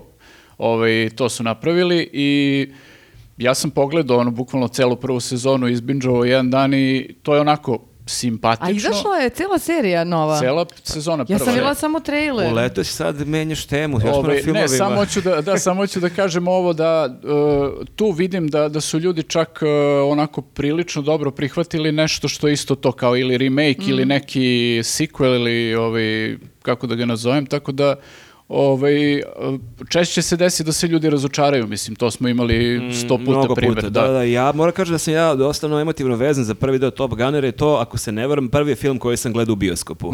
Mimo E, sam, dobro, to je onda šest, baš emotivan godina, moment. Da, tako da imam, ne znam da li je bio taj ili View to Kill, on je James Bond, neki od ta dva je bio prvi u Ja sam svakom to slučaju. gledao na ekskurzijskom bioskopu na Tari. Znači isto sam, koliko sam mogao da imam, jedno devet ili deset godina. Koja je to Mislim godina? to je bilo čak i ranije, su to bile možda si bio i mlađi, ali. Nema veze. U svakom slučaju, ja ga nisam gledao od, od tad. Nis- ne, ne sjećam se ničega iz Top Guna, jer i tad kad sam gledao, oko mene je bila gomila dece i ja nisam mogao da pratim. A ti si želeo da branje na. Molim vas, tiše, pratim fabulu. Deco, tiše. Ne, ne, bukvalno niko nije gledao film, nevjerovatno. Ovaj narativ se ne može ispratiti Pa zbog da, ali vas. e, pritom je baš film Ložana za decu, nisu pustili Jeste, Tarkovskog. na- ali drugačije je kad si na ekskurziji, znaš. Jeste. I onda je kao na ekskurziji ne, ne interesuje te baš kao pusti neko film, kao imam preča posla. Ne Ja mislim, sad- ja, ako malo bolje razmislim, mislim da prvi film koga se sećam iz, iz bioskopa je tipa Ljudi u crnom. U, ti si baš mnogo. Da. Ti si baš mnogo mlađi, da, što gleda u srednjoj mlađi, školi, da. da, da u bioskopu. Da. Ali dobro. Um, Reci. Tvoj drugi film. ne, tvoj film prvi, ajde, ja ne sam možemo da... da se zadržimo na Tomu Cruzu. Ne znam da li ste primetili da je on preostala, jedina preostala akciona zvezda. E, to zapravo A, nisi u nije? pravu. Kad dođemo do Ne? serije, ne, Da. da ćemo te e, razoveriti. Dobro, dobro, ali samo da kažem, izvini, ne znam da li ste gledali Mission Impossible šest delova ili sedam, E, koliko ih ima. Kad je izašao posljednji? Poslednji... Ja sam posljednje dva, pres- Pošto nisam vidim, znao da postoje. Vidim da ga sad uh, guraju ono na naslovnoj strani tipa HBO ili Da. Netflixa, nisam siguran gde, a ne znam da je li to neki baš novi film novi, jer sam potpuno izgubio ono kao... Ja posljednje što znam To- ono nisam kad mu dete nestalo u bazenu. Ne, ne, ne, meni se sve pomešalo, moram da kažem. Kad je vadi ali- oči. Je li to Mission Impossible? Ne, ne, ne, to je Minority Report. Jeste. A je. To je Minority... E, i tu je isto on akciona zvezda. Znači, to sam teo da pričam. O, o, akciona zvezda u tome Edge of Tomorrow, Jack Reacher. Znači, i on svuda, u svakom filmu... Svugde je isti, ali svugde je Svuda dobar. je isti i ja mislim da deo te nostalgije, da su ljudi, da je Tom Cruise hodajuća nostalgija. Ne znam Aha, kako da kažem. Pa moguće. Pogotovo što da, što je isti i onda I nekako da ti će deluje biti- da smo i dalje u 87. Da, godini. i bit će veliki, e, kako bih rekao, šok za sve kad se on u jednom trenutku raspadne. Neće se Da, pa- Viktore. On je kao Mora Keanu da se- Reeves, Ne, brate, ne, ne, ne ne, može se. Ne, on, je, se. on neće da ostari, ali moguće da će da se raspadne. Ne, ono je ne, neodrživo je. Znaš, kao on ima sad već 80 godina. Koliko ima godina? Ne znam, Luka. Ali, ali, 86. ali vidiš, što je zanimljivo kako recimo Liam Neeson je veći akcioni junak sad on, u nekim, ne znam, 60. godinama Jeste. nego što je bio u 30. 40. Jeste, Tako jeste, da, da, da. A- postoji ta tendencija da ti neki, da ljudi vole gledaju te neke opasne matorce koji tu... Jeste, ja više ali volim da. Liama Nisona da gledam kao nekog ono topog lika u Ma nekom je. roman, Ja iz principa to više ne mogu gledam. Al- Ja posle da. Takena, on je za mene najveći To je kraj priče. da, da. Pa mislim da me neko otme, stvarno bi prevola da me Liam Neeson spašava nego Mića, mislim, jer Mića bi, vo- volim ga najviše na svetu, mislim, otac mi je, ali sigurno bi spasio stvari, ali vola bi da Liam Neeson Ali bude tu da Liam mu je Liam. pomogne. Je. Čisto da mu pomogne, jer moj tata nije toliko fizički ono trenutno. On bi te tražio preko Twittera. Normalno. Dobro. Please vrte drugari ako je rekao, da, pa dobro, a- ali to bi isto bio zanimljiv akcijni film, da neko preko Twittera traži čerku koju je neko kidnapovao. Dobro. E, ljudi kao, Da. I'm please RT. Nemoj da vam jebam mamicu, dajte mi čerku, Ne, ja samo ne znam. pretio i Kod tih, Pretio bi, da, kod da. tih akcionih likova samo ne znam, na primjer, da li su sad neke možda nove generacije uzele uh, recimo Jasona Statama kao svog uh, akcionog jes. heroja, jer Mhm. ja recimo njega nikad nisam posle dve čađeve dvocevke tih Mhm. filmova, nikad ga nisam prihvatio kao akcionog heroja. Ako nisi, pa šta je Iako drugo? to- Nije dramski glumac, A sigurno. da, ali nekako mi je, znaš, ono, taj, taj, ti filmovi ovaj, uh, su mi potpuno uh, van svake konkurencije, kao te uloge u tim filmovima su mi apsolutno, ne mogu da ih povežem s ovim što je kasnije radio, tipa Transporter i to. Aha, aha. I ovaj, uopšte ga ne posmatram na taj način, nego je kao tu neki cool lik iz dve čađeve dvocevke i ovih gde je već glumio još par tih filmova. Da, da, da, jasno, jasno. I meni je tu prestalo, razumeš, iako sam gledao te neke filmove kasnije, ali ne znam sad koliko ljudi njega, na primjer, percipiraju kao akcionog heroja, Ja pa mislim kao... da ga samo tako i Ja ga da, samo tako Verovatno, gledam. da. On čak i u dve čađave dvo, dvocevke, iako nema ni jednu akcijnu scenu, sve vreme deluje kao da je akcion Da, de, junak. delo je da je najzebaniji u toj ekipi. Da, Onako, da. bude neko Jeste, jeste, tuče, on da. će se prvi pobije. Ima takvu facu jednostavno, to je, ne možeš onu Dobro, facu ali da beše u izmisliš. Snatchu već ima us- malo us- više jeste, ulogu. Jeste, jeste, da, ali znaš, u dve čađeve dvocevke, mislim, on je samo tu deo te ekipe i realno oni su neki outsideri, idioti, razumeš, koji ono prave sranje i izvuku se nekom srećom iz toga, tako da, ovaj, Opet spojluješ film. da, Ali, okej, samo da se, izvini, samo da se vratimo na Toma Cruza. Tom Cruise je impresivniji zato što je on, M je mali, M ima tu baby face, dečačku facu već 100 godina, M je nekako sav, ne znam nije kako bih rekao, Da, de, dežmekast. Deka sa baby face-om. Da, i, i akcion je junak. Znači, to mi je Ništa tu fascinantno. ne ide. Ja više, ja Ne ide. molim vas, ja glasam za Keanu Reevesa. Nek se vrati to ime na, na njemu je sto. lako jer on je malo viši i nekako, mada i on bangav onako kao... Ali slatko bangav Da, jeste, slažem se, da. i nekako uh, Da, da, uh, Tom Cruise je suviše perfektan i bio je perfektan u 87. godine i je, da. 2023. je i dalje perfektan. Zar to nije, baš- zar nije čudno? On je u jednom trenutku čak zbog ove Scientologije malo bio onako u nemilosti, nisu ga ljudi gotivili. Sad ja mislim da je on najveća, najveća zvezda ubedljivo, ne samo akcijona. Stvarno? Pa tako mi se čini Pa, je, nekako. pa ne, nema film koji je promašaj, nema, svi filmovi Toma Cruza su odlični filmovi. Pa zbog sekte. Ja ga jako volim u onom filmu koji uopšte nije akcija, nije ono, je se beše film zove Magnolia, kad on glumi onog da, je sjajan, life da. coacha koji To je sjajan film, da. ima motivacijni govor za muškarce, respect your cock, i onda Jeste, da. objašnjava kako treba da muvaš ribe, onako baš je kao neka društvena dinamika, ali Jeste. pre 20 godina. Tu je otprilike. super i I na super mnogo u višem nivou, da. Tropic Thunder. A čekaj li, on Tu je već igra. Vanilla Sky sa Penelopom. Jeste, Jeste, da, da. jeste. Jeste, eto vidiš, nema, do, nema lošeg Pa filma. Tom dobro i širom zatvorenih očiju. Da, da, da. Jeste, jeste, dobri glumac, Ima, stvarno. ima dobrih To filmova. samo da. smo to teli da, da ovaj, Da malo ono, pojasnimo. Idemo, idemo, ajde ti, ajde ti. pojasnimo da je Tom Cruise super. Da, ako niste, da, da, šta ste naučili u ovom podcastu? Da je Tom Cruise, Cruise baš okej glumac. Ali kad se Ali bude, kad se bude raspao, bit će, bit će trauma za sve nas. To hoću da kažem. Ali mi ćemo se pre raspasti nego on, ja mislim, da je to je- problem. Možda je to tako. Možda će Ali nas čekajte, možda da. neće da se raspadne. Gledajte lepo Brenu, mislim, on isto kao Tom Cruise, ta faca prosto se, I za postoji. nju se plašim isto. To je neodrživo je, ljudi. Znači ona samo pos- oni samo postoje i jednog dana samo... Ali, le- ne, ne, ne, a Lepa Brena nije ista kao 80-ih. O, Tom Cruise je isti. Ne, i Lepa Brena je ista. Lepa Ona- Brena se ne bi složila s Ona je, ona je čak i istija nego Ma, 80 da. Ma dobro, Lepa Brena je druga kategorija. Ona ima, brate, stavi Tom Cruise u onu čarapu da ga trese. I da ga izvr- izvrti ga. e, Dođe vam. Ajmo sad da, da vidimo ja šta sam je. pre nekoliko dana, s tom se baš tog dana dopisivao, pogledao jedan od najčudnijih filmova koje sam ikad gledao. Bolesnik, znači što pristaje da gleda. E, ali ja mislim ćeš ga ti pogledati, jer je to film... Pa kad si mi prodao priču, kao što Ajde, se da koji zove je? uh, Bones and All i to je radio, sad moram pročitati kako se zove, uh, Luka Gadanjino je reditelj, ali on je, uh, možda vam njegovo ime ne govori previše, ali on je radio ovaj film uh, Call me by your name. Call Me By Your Name, stao mi mozak, dakle ne znam ste gledali taj film.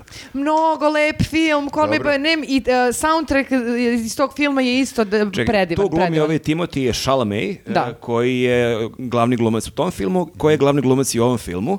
I taj Call Me By Your Name je jedan ovako...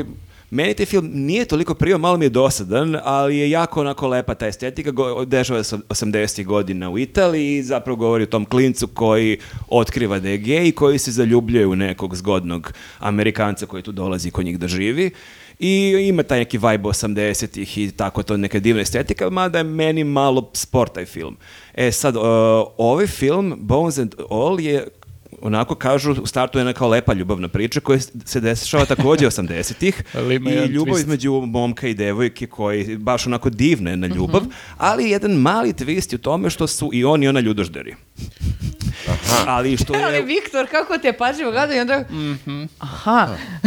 oboje su jako lepi, A ko jako igra tu mladi. devojku? Ne znam njeno ime. A nije, a mislila sam da igra ova, ali ne, to oni se- su Udini. Kao oni su se upoznali preko A, ljudožderstva oni ili... u startu, Na chatu, da. Oni imaju, ne, oni, Na krstarici. U startu polazi od toga, kao što recimo u Highlanderu polaziš od premise da postoje neki gorštaci koji su među nama, tako ti u ovom filmu negde Prosto shvatiš, ljudožderi, da. shvatiš da u- na planeti postoje ono jedan jako, jako, jako mali procenat ljudoždera i da to u principu niko ne kapira su oni ljudožderi i to nije neka vest, ono, nego tako tu i tamo neko bude ubijen, neko čije telo nestane, njega neko pojede i da postoje ti ljudi koji zapravo mogu da ono namirišu jedan drugog. A, okej, pa Imaju- to, to, taj deo mi nije bio jasan. Gde su se našli? Jel imaju neki... Nisu se našli, nego su se namirisali. Oni su se da namirisali, ti otprilike Aha. vremenom... Imaju si- radar. Imaš radar, ono kao što imaš onaj gejdar, imaš i taj neki kanibal dar, da ti zapravo provališ, a oni tamo ljudožder, vidim po njemu. Dobro, dobro. Tako da je to jako neki čudan spoj.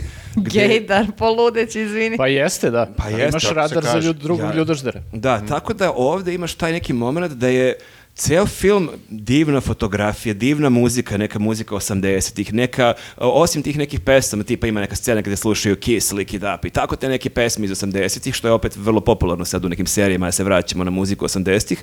Ovde imaš taj neki instrumental na gitari koji je tako divan, romantičan i oni su tako zaljubljeni i takve neke divne scene presecuju scene kad oni ono kidaju zubima živo meso s nekog A, ali, čoveka. ali baš su ono, znači, životinje, nije da... Životinje su bukvalno. Kao stave u rernu, kao Ne civilizovani. Ne, nisu, Nisu da. elegantni. Ne, ne, kanibali. oni Nisu gospode. Bukvalno životinje, znači ona kaže gladna A, sam i okej. idemo da ubijemo nekog da ga pojedemo. Oni su vukodlaci. Jeste, tako da je to neverovatan miks tih scena i iz neke najlepše romantike skaču potpuni horor vidiš E, neke da, to baš me- hardcore scene, da oni kidaju čoveku vrat i oni svi su potpuno krvavi i onda opet sledeća scena, oni putuju i to je nakon on the road movie, oni tako stalno idu negde i na putu tako imaju neko divno romantične trenutke, tako da kad se Ali taj postoji, film postoji neka pri- priča, kako bih rekao, ili je to to? Priča Samo... je o njima, o tome kako su oni našli. Oni I, su oboje kao negde ono sami jer su I oni kao paze, odbačeni. paze da ih ne uhvate, jel?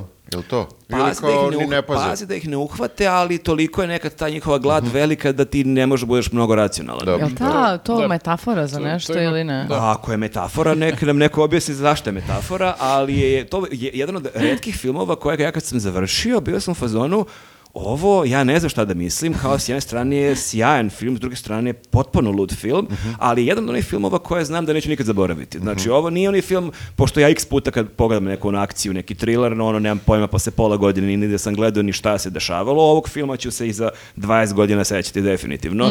Tako da negde ono, pogledajte ga, ali u startu ono se pripremite da ćete na momente imati, mislim, nisam nikad vidio e, spoj toliko lepog ljubavnog filma i takvog brutalnog horora. Nekako Only mi- lovers left alive, probaj to. Ja nisam gledao, Da, moguće, to ima moguće. malo po, ovaj, paralelu sa jednom serijom koju ću pomenem kasnije. Mhm. Ovaj, Meni je da ja tebe kad slušam kako pričaš, ja bukvalno se sećam e, istog objašnjenja koje sam imala za film Da li ste vidjeli ovu ženu. Znači ja sam sve vreme bila u fazonu, čekajte ljudi, se meni ovo sviđa, I sam je u fazonu da ništa da ne kapiram i da mi je ovo užasno. I sve vreme tako, ali definitivno Ovde da nema, nećeš nema da... šta da ne kapiraš, samo je pitanje da li tebi prija Da li te takav radi ili film, te da ne li- radi, e, da, da li te da. radi ili te čudno radi. Ali definitivno da nećeš da ga zaboraviš. Neću ga zaboraviti definitivno. E, dobro. Hoćeš sad da ti daš antipreporuku? Ja bi da pređemo na serije, da udavili evo, smo s brzo ću. filmovima. Brzo ću. imate još jedan film, čini mi Ma nema se. veze, poslat ću ga za sledeći put. Antipreporuka The Northman. The Northman, e, da, Severnjak. to sam vidio, ali nisam gledao. Nemoj ni da gledaš. Ja sam znači- gledao u bioskopu i više sam očekivao. Pa, a, Šta je da, beše to? Trailer do jaja. Trailer si u fazonu, ovo je možda najbolji A film. ko verovatno. beše tu igra, to mi je poznato. Oni Igra- šveđanin, oni lepi što glumio. Sin od uh, starijeg Skarsgårda. Alex? Skarsgård. Jel on igra nekog kao vikinga nešto? Da, da, da, da. da. koji se nabildao taj film koji deluje najzajebaniji Da, lik da, na jako svetu. seksi. Pa to je sve okej, nab- mislim, lepo izgleda. Glumi onako, nebitno. Uglavnom, radnja, priča, nula. Znači, sve vreme nekako očekuješ da neki ti twistovi budu veći, međutim, oni su samo kao da su htjeli da nabacuju sve moguće iz nordijske mitologije i iz nordijske... Da, e, odiše tom nekom mistikom njihovom i ti čekaš nešto, ali te malo smori, to traje u nedogled. kao, e, da su htjeli da naprave mešavinu e, e, fikcije i dokumentarca, Mhm. otprilike kao tako su živjeli vikinzi, pa eto i to se Mhm. dešavalo. Ali nekako nije, nije, ako hoćeš da praviš dokumentarac, napravi dokumentarac, ovo ni tamo ni vamo. Aha. I, I onda je nabuđeno svim tim nekim e, efektima iz, koji bi trebalo da dočaraju sada kao metaforu prelaska u drugi svet e, vikinga, međutim kao vrlo je nacrtano, plastično, e, on sad kao nosi ga neko na, na drugi svet, mislim, buda, Ne, ne, ali u startu ti delo da ima neki baš onako re- revenge moment. Njemu je kad je bio mali neki čovek ubio oca i on Jeste. ono bio je rob i on se Da. oslobodio ono Ben Hur moment i kao on kad se oslobodio sad će on da osveti oca i to da mešavina Konana i Bena Da, Hura i, to deluje, Gladiatora. ja i... kad sam gledao super deluje efekti, super je kamera, kadrovi, on deluje super, ja sam se Ali- bio naložio, ja sam otišao u bioskop on- i kao I gledam te- i- tebi je isto bilo. Pa, kao da je trebalo bude pola sata kraći. Mislim, nije mi toliko a priori loš koliko Mhm. mi sam, smo na momente malo izgubili. Vidio sam kako i ja, ljudi ko mene pale mobilne, proveravaju društvene mreže. Da, Vidiš da, da, da. ne pratiš to. ono. Definitivno ja mislim da je, su napravili trailer mnogo bolji nego što, Mhm. Nego što je film. Što Pa je dobro, šta super. ćeš? Što je Ma da su super jer samo su- skratili pola sata, možda bi bilo efektnije. A, Ne znam, ne verujem. U svakom slučaju, e, ako se ne slažete sa mnom, dajte u komentarima pa da, da možda ukrstimo neka, neke mačeve ovaj Mhm. vi- vikinški. A ovaj čovjek zna vikinške jezike. Pa dobro, ne znam vikinški jezik, ali znam ove moderne, ove koje nemaju veze s vikinškim. Dobro, drago mi je zbog tebe. Idemo dalje. Ajmo. Prelazimo na serije. Ajmo serije. A sad si mi baš zaintrigirala koji je tvoj drugi film, ali ajde. Hajde, posvećemo ga sa sledeći put, pa, sat i po vremena gledat pričamo o ćeš još nešto umeđu vremenu. Pa gledat ću, ali evo, sačuvat ću ovaj sigurno. E, ko- ko- Koje serije? Serije, ko počinje? E, ja. Ajde. Ako idemo ovako, da. Ajde, Kazaka na satu. Ajde. Ovaj, dobro, ja sam gledao svašta od serije u posljednje vreme. Ovaj, možemo da krenemo od eh, jedne koju je gledao i Marko, pa čisto malo da prodiskutujemo. Eh, gledali smo Tulsa King. eh, prvu Ko je sezonu. ludilo i koliko je to dobra serija? To je serija ko, Znači, u kojoj... preporuka. Bukvalno prvi da. put u životu čujem. To je, to je inače Ja prva serija u kojoj Sylvester Stallone glumi Opa. A apropo ovog što je rekao Viktor, je Tom Cruise jedina kao akcijona zvezda koji dalje postoji. Ne. Spavaš li mirno? Ne, ne, ne. Aha, je li to akciona serija? E, I da i ne. Da, mislim više onako ima i akcije nešto, ali ajde da kažemo da je dramska i ima pritom e, dosta i ovaj, tih nekih duhovitih momenata. Jako je dobro napisana, meni je to Znači, prvo Stallone je dramski glumac, Tom Cruise akcioni, molim lepo. Nije, zato što i Tom Cruise glumi. Nećemo da svađamo sad o Tom Ok. Cruise, pušću ja da E, pričam. uglavnom, e, Stallone koji glumi Manfredija mafijaša izlazi posle 25 godina iz zatvora i e, dolazi, on je kao u Njujorku, međutim ta njegova mafija dođu i kažu, e druže, kao ovaj, malo se promenilo vreme ovde na polju, ovde u Njujorku više nema mesta za tebe, jebi ga, imaš Ali drugo novo je radno mesto. u zatvoru 25 godina jer je preuzeo na sebe krivicu za neko ubistvo što je nije Tako je, on da. bio kriv nego je on bukvalno štitio te uh, tu porodicu i Jeste, da, i oni mu se oduže tako što ga šutnu, kažu ideš ovaj u, u Tulsu da, da ovaj, tamo Mafijaš. mafijaš ili šta god. mafijašiš. Ne, oni čak nisu imali ni plan za njega, oni su njemu rekli samo mi ćemo da ti platimo, idi živi tamo. I kao šta ćeš ti tamo da radiš, manje više ih se nije ticalo. Ono. Okej. U tom su fazonu bili. I on, naravno, prvo je u fazonu ljudi, gde me šaljete, ono, šta ću tamo, šta da radim tamo, međutim, kao, ok, video da mora da ode i on odlazi će? tamo.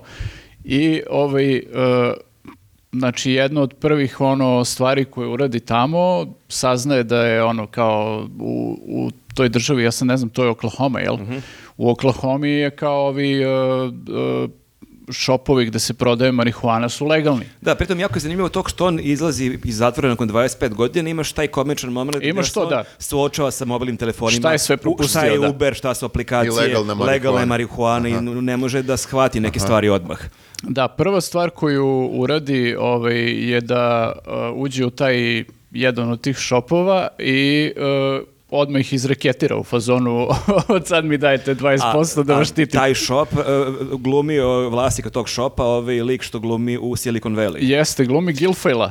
Nemoj da on glumi Isti je potpuno taj lik. Potpuno je isti i, i potpuno isto nenormalna uloga. Da, I, neki naduvani tu lik, onako potpuno flegma koji tu ima neke velike pare i to drži neki taj shop i kao nikad nima problema ni sa kim jer je to mesto, ono, Bog je zaboravio na to mesto i dolazi Stallone koji deluje zebanije nego ikad. On pritom, to treba isto da naglasimo, on ima 75 godina i u stvarnom životu i u toj seriji. Da, matori. I izgleda maltene bolje nego ikad. Mislim, ja, ja stvarno... Bolje nego Tom Cruise. bolje nego što je on izgledao Da, ranije. da. Ne, ne bolje od, od svih frajera na ja. svetu. Ne, Markantan, baš je markantan znam da si provalio po mom tonu da je to bila šala. Jako je lepa šala. Hvala U ti. svakom slučaju, s- je, ja sam bio fasciniran koliko njemu leži ta uloga. Ja mislim da mu- njemu od Rokija nijedna uloga toliko nije ležala. Dakle, ti kad ga Odličan gledaš... je, stvarno, da.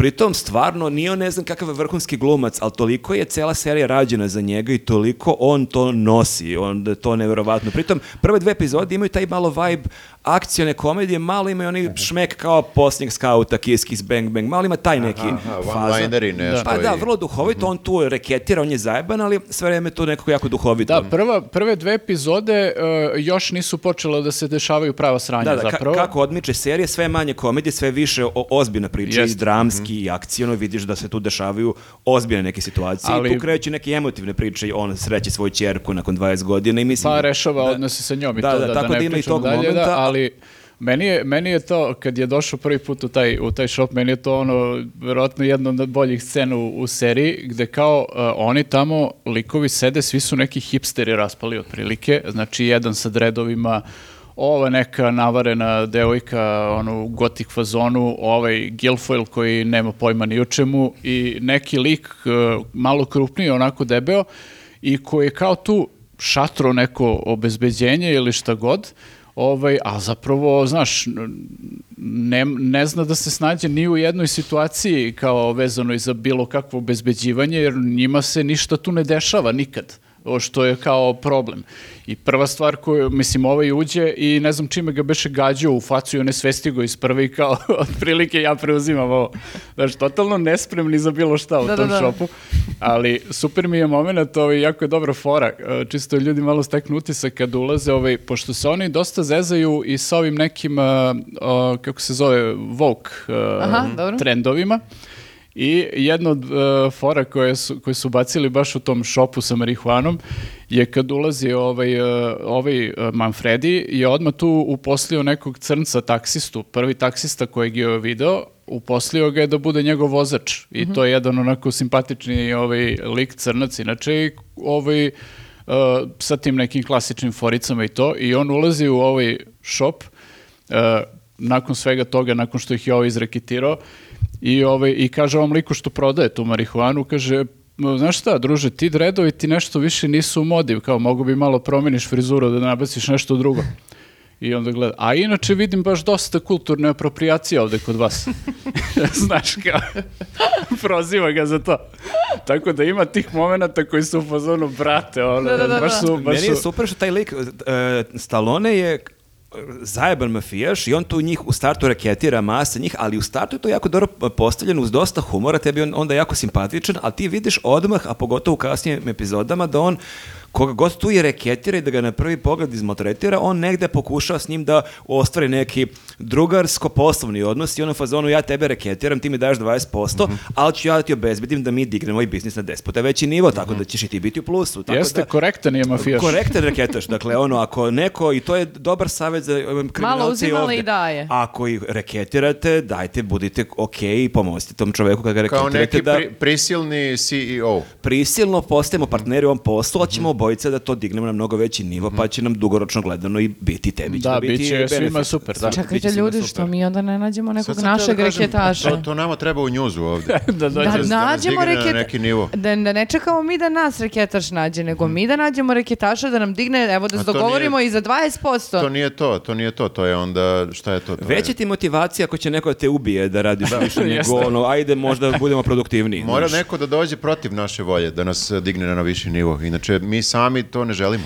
Da, pritom da, meni je jako zanimljivo, ja sam baš gledao, uh, gledao sam danas ko je tu seriju pisao i taj uh, čovjek, meni ništa njegovo ime nije govorilo, ali uh, zove se Taylor Sh- Sheridan, ali zanimljivo... Ali reću ga vama, Ne, ne, da i zato- vama ništa. Zato što je lik ima iza sebe super karijeru. On je e, scenarista koji je obsenut divljim zapadom i on je pisao serije e, koje ime novom e, Sky Superstar, znači Mhm. Yellowstone 1883 e, i filmove Wind River, e, Hell or e, High Water. Dakle, Mhm. u svakom filmu i seriji ili je divlji zapad, ono istorijski taj gledano, neki južnjački- ili je sadašnjost, ali su likovi sa kaubojskim šeširima, konje, rančevi, što i ovde ima. Znači, ovde, Onda, pa i Manfredi u tom jeste, jeste, stil, o, i taj stil ima. ima ona žena koja ima neki ranč sa konjima, dakle imaš neki... Verovatno je odatle. Mislim, Da, tako da očigledno on njega jako loži ta neka estetika, čak i u ovoj seriji postoje ti neki, aj sad da ne otkrivamo scene, ali imaš te neke ono obračune koje deluju kao obračuni iz kaubojskih filmova, znači u baru ovi za šanka, zased, ovi pucaju neke, baš onako dosta ima tih momenata koje podsjećaju na neke ono kaubojice, što meni simpatično, ja sam kao klinac volao takve filmove. Upa lepo. Da, eto, to je naša prva serija. Dobro, dobro, baš Koliko ćete da imate Ja serija? imam još jednu posle da pomenem, samo ili mogu sad. Ajde, ti. ajde. Ali ako hoćeš, možeš ti sad. Ne, ne, ne, nisam ja nestrpljiva da pričam ja, nego gledam koliko... Ajde, ajde ti, nisi završio. Uh, ok, druga serija koju sam htio da pomenem uh, je serija You. I to Aha. je, ovaj, ona ima paralele s ovim filmom koji je Dražić gledao. Uh, serija je otprilike uh, kao neki uh, Dexter vibe koji je ukršten sa, sa onim vibeom očajnih domaći, domaćica. O Bože, O, gospode. i, To je Mislim, serija znam- koju ne kreneš da gledaš, da ne možeš da zvuči prestaneš, ali- jer ti je trash, ali gledaš je. nije trash. Opa, Ja, ne, to je sukob. a, sukob mišljenja. Ne, ne, to sam čitala. Ja kad sam uzela komentare u obzir, bila sam fazonu, mm, nema, nema, neću. Ne, ne, ti što više gledaš seriju, uh, vidiš da to kao nije trash, nego samo eto ima taj uh, stil naracije i, i onako vizuelno i, i kako ti pričaju priču, pa te podsjeća malo na te neke serije tipa Očine domaćice, malo liči na to, a zapravo kad uđeš malo dublje i gledaš seriju, ovaj, ja mislim ne znam koliko su do sada izbacili sezona, tri ili četiri, e, zapravo vidiš da je jako dobra i ozbiljna serija. A kakav I- je ovaj glavni glumac? e, Što je, on je glumio u Gossip Girl, beš, ali tako? E, da, on je dosta dobar i pričao je baš koliko je teško da, koliko mu je bilo teško da iznese ulogu, zato što ovaj, e, često on nije taj koji kao tu u, u, u ono do glumi govori sa ljudima, već e, čuješ njegove misli. Aha. Znaš, njemu je jako bilo zeznuto da kao samo odglumi te neme scene koje su posle kao presvučene ono tim tonskim ono ovaj njegovim razmišljanjima. Aha. E, to mu je bilo nezgodno, ali super se snašao, mislim, baš je ovaj dobar u svemu tome. Uglavnom, on je lik koji je kao neki e, knjižar, radi u knjižari e, i u toj e, ovaj, knji- u toj knjižari su u jednom trenutku pojavljuje neka lepa devojka koju on zapazi i ti sad zapravo ulaziš polako u tematiku i shvatiš da je on onako stoker e, i posle nekog vremena shvatiš da nije samo to kao stoker opsednuti, nego je spreman i da ubije ljude i da je ubijao ljude i u prošlosti, sve to kao negde saznaš ovaj, kako se razvija serija. Ali u jednom trenutku dolaziš do toga kao kad, kako se završi, ne znam, jedna sezona, e, on mora tipa iz jednog grada da pobegne u drugi, e, dolazi do momenta kad susreće, ne znam, jednu devojku, ovaj, e, gde će još dodatno da se zakomplikuje situacija, ali e, zapravo ispostavi se kao da nema samo on te ubilačke ono, kao porive i to mi ovo kao liči na, na taj moment da ovo dvoje su se našli kao ljudožderi, ovdje imaš taj moment da su se našli kao ubice, ono, da, da ovaj, zajedno kao e, Baš lepe filmove serije preporučujemo ljudima. tako je, da. Ali imaš taj moment da sve vreme e, kod njega ono imaš neku borbu ono unutrašnju gde on svestan je da to ne bi trebalo da radi i ne želi da radi često, e, ali imaš čak i momente gde on kao neko nastrada čak e, ni ne njegovom voljom, nego nekim nesrećnim spletom okolnosti, ali on je kriv za tu smrt.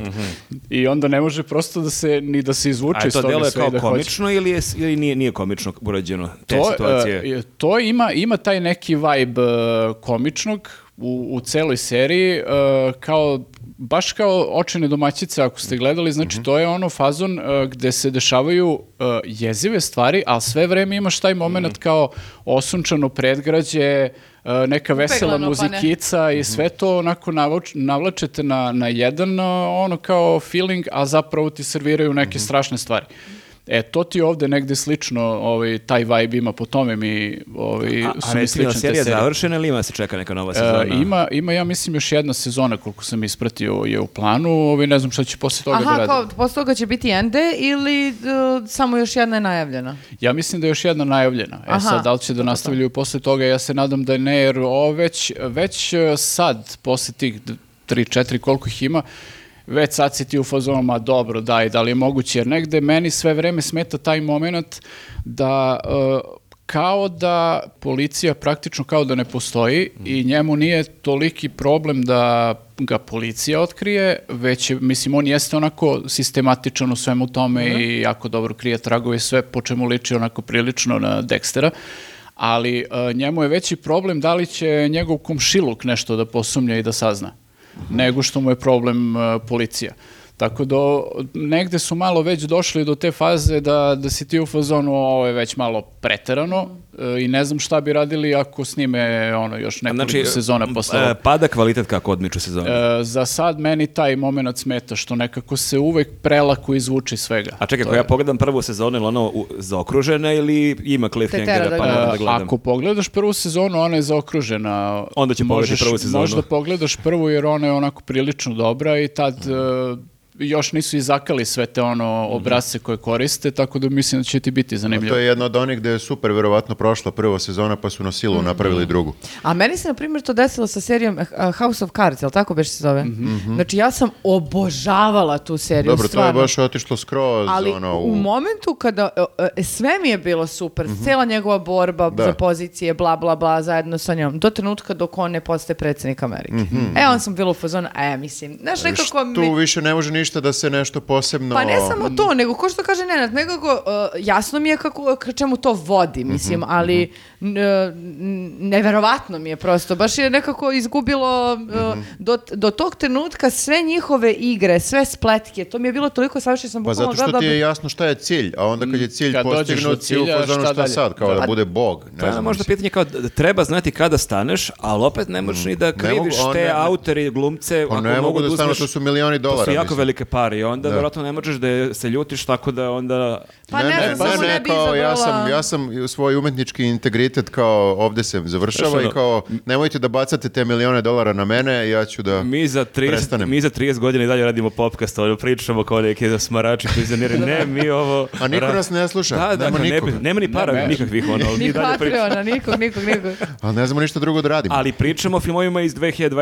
jer ne od iz tih godina, znači u, u naše Ne, vreme... ovde, da, ovde, ovde su generalno jako dobro, znaš, i posle, ja ne znam da li bila planirana jedna sezona, ali oni sve vreme jako dobro razvijaju radnju, znaš, i ništa mi tu nije toliko sporno, nego mi je samo sporno to što nekako ovaj, taj deo sa, sa tim ubistvima i svim tim stvarima nekako uh, kao da je izmešten iz realnosti. Prevelika konstrukcija. Prevelika je nekako Pa konstrukcija. to sam imao i- ja malo za ovaj to- film, to da. ljudožderi, znaš, Sa kao... tim imam problem. Malo, malo poni raskomadio nekog lika i kao, to se tako, ljudi ne kapiraju su to ljudožderi, nema policije, oni idu dalje. Malo taj deo nije razrađen. Da, ovdje imaš i mna- e, jako dobre sporedne likove, imaš e, ovaj, nekog lika koji se pojavi kasnije u LA-u, kad se ovaj preseli u LA, pa kao zaposli se na nekom mestu, taj lik igra onaj brata neke devojke koju on upoznao, uglavnom jako je dobar lik i super je napisan i e, ovaj, čak ni ti sporedni likovi nisu, nisu ono nekako ofrlje urađeni, nego baš vidiš da su im se posvetili, ovaj, svi su dobro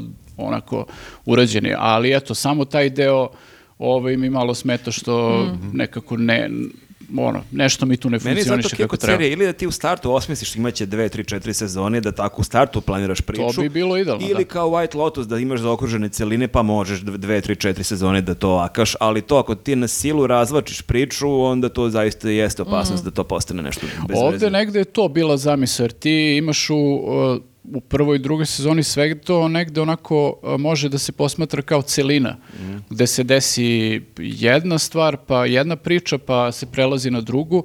Ovaj, samo eto da su poveli malo više o tom, mo- o tom delu da, da je on malo više u opasnosti zbog toga što radi.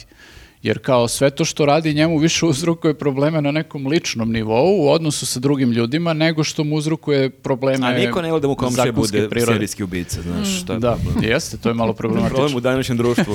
Pada, pada, odjednom pada cena nekretnina, to je... Jeste i kao svi su u fazonu šta se dešava. E pa dobro, ja sam pogledala a, dve serije, u stvari možda i više, ali jer kao bio je odmor, ali a, od dve bih da, da, da pričam. Um, prva se zove Olive Kittredge i to je mini serija na HBO koju mi je preporučio moj drug Dragan. Uh, o, radi se o ženi koja to jest pratiš priču žene, majke, uh, uh, koje u nekom spektru od 25 godina i njen odnos sa mužem, odnos i, i sa naravno drugim ljudima, ali kako ona kao majka uh, je uticala na svoje dete, jer ti onda vidiš i kada dete odrasti razgovore koje oni vode. I jako je lepo da vidiš uh, ko, ona po, uh, posledice o, kao jedne žene, uh, to jest odluke jedne žene da uh, iz određenih razloga ne napusti svog muža, da ne spojlujem, i to nezadovoljstvo koje je tako nekako naslagano i ta nesreća i to sve progutano, koliko se onda odražava, pre svega odnosu na muža, ali naravno i na dete. I koliko onda kasnije, kada to dete odraslo, kako, koje su posljedice na, na, njega imale, šta on njoj kaže. I um, mini je serija, ima e, svega nekoliko epizoda.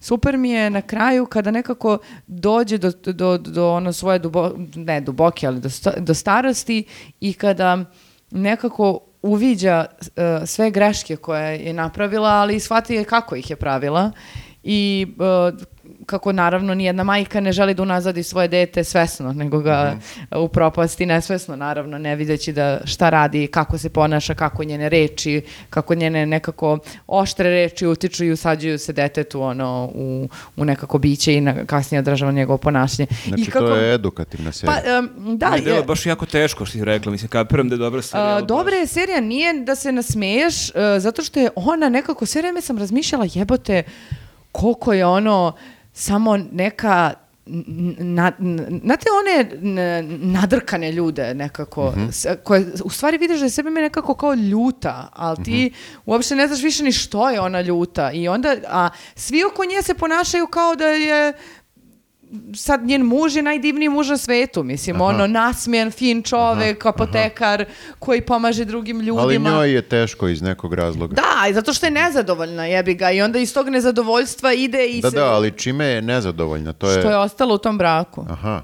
Jebi ga, Dobro, zajebala se, dobro, ali dobro. iz određenih razloga koje neću sada da kažem, da ne bi sje- sjebala seriju. Ostala je u braku, Ostala ok. je u braku i onda... I šta, poenta serije je otprilike da je ipak bolje preseći takav neki brak nego po svaku cenu praviti kompromis, jer Pa da, to dugoročno ali, da... ne, mislim, da, ima dva, dva, neka, e, dva neka toka. S jedne strane, kao, kao žena da posmatraš to, kako tvoje odluke ili ne- neke situacije sudbinske, jeli, utiču dalje na tvoj odnos i koliko se ne baviš time.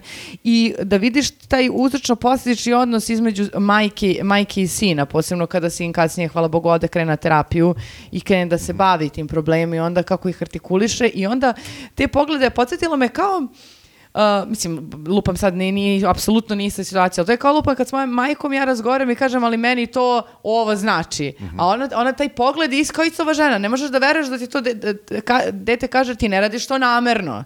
Da, ti da. ne izgovoriš te stvari s, s- uh, s namerom da ćeš da ga sjebeš, Da. naravno, nego ti prokome- I to su, uh, što bi rekao moja terapeutkinja, to su komentari usputni koji, se- koji se lepe. Nije ono kad te uči ne smeš lagati ili ne smeš da kradeš. Nije to, nego ono usput što se dešava, Da, što da. dete pokupi, kako utiče, utiče na njega. I to mi je onako bilo baš introspektivno na više nivoa i na odnosu kao uh, roditeljskom i na, osu, i na odnosu ono kao žena muškarac. Kako nekako kad na kraju dođeš do, do, do, do, do ono života i shvatiš da si se sjebao i da si povredio neke ljude, ali da sad tu nemaš ništa da promeniš. Ne možeš ti to kažeš ni izvini, mislim. Dobro, e, terapeutska serija. Da, da. Baš je jednako, nije, e, možete da izbinđujete bukvalno u dva, tri dana, nije, nije Ja si nešto posle obimno. toga funkcionalan kad to izbinđuješ za dva dana. Ne, apsolutno Ne, pošto jesi. mi deluje da je baš, baš jako duboka i teška Vrlo je serija. duboka, ali nije teška, nego te nekako uh, natera, Na- da natera da, da, preispituješ. se zamisliš, ali ne sad da te ono sjebe da ti sad ne znam kako nije, sad da ti ronzaš suze. Nego, e, kao što je i ta žena vrlo stamena, jaka, ne da na sebe, tako i, i serija napravi. Neće ona da te sjebe, nego ti daje ono, pa ti sad vidi kako ćeš, znaš, neće da te rasplače i da budeš sav u suzama. E, i druga serija koju sam krenula da gledam zove se Enlighted, to mi je preporučila jedna dramatuškinja jer smo pričali baš o White Lotusu i uh, Mike White koji je radio White Lotus je radio uh, i ovu seriju. E, inače preporučila mi je na nivou kao moraš da pogledaš kategorije uh, tipa kako je sve počelo.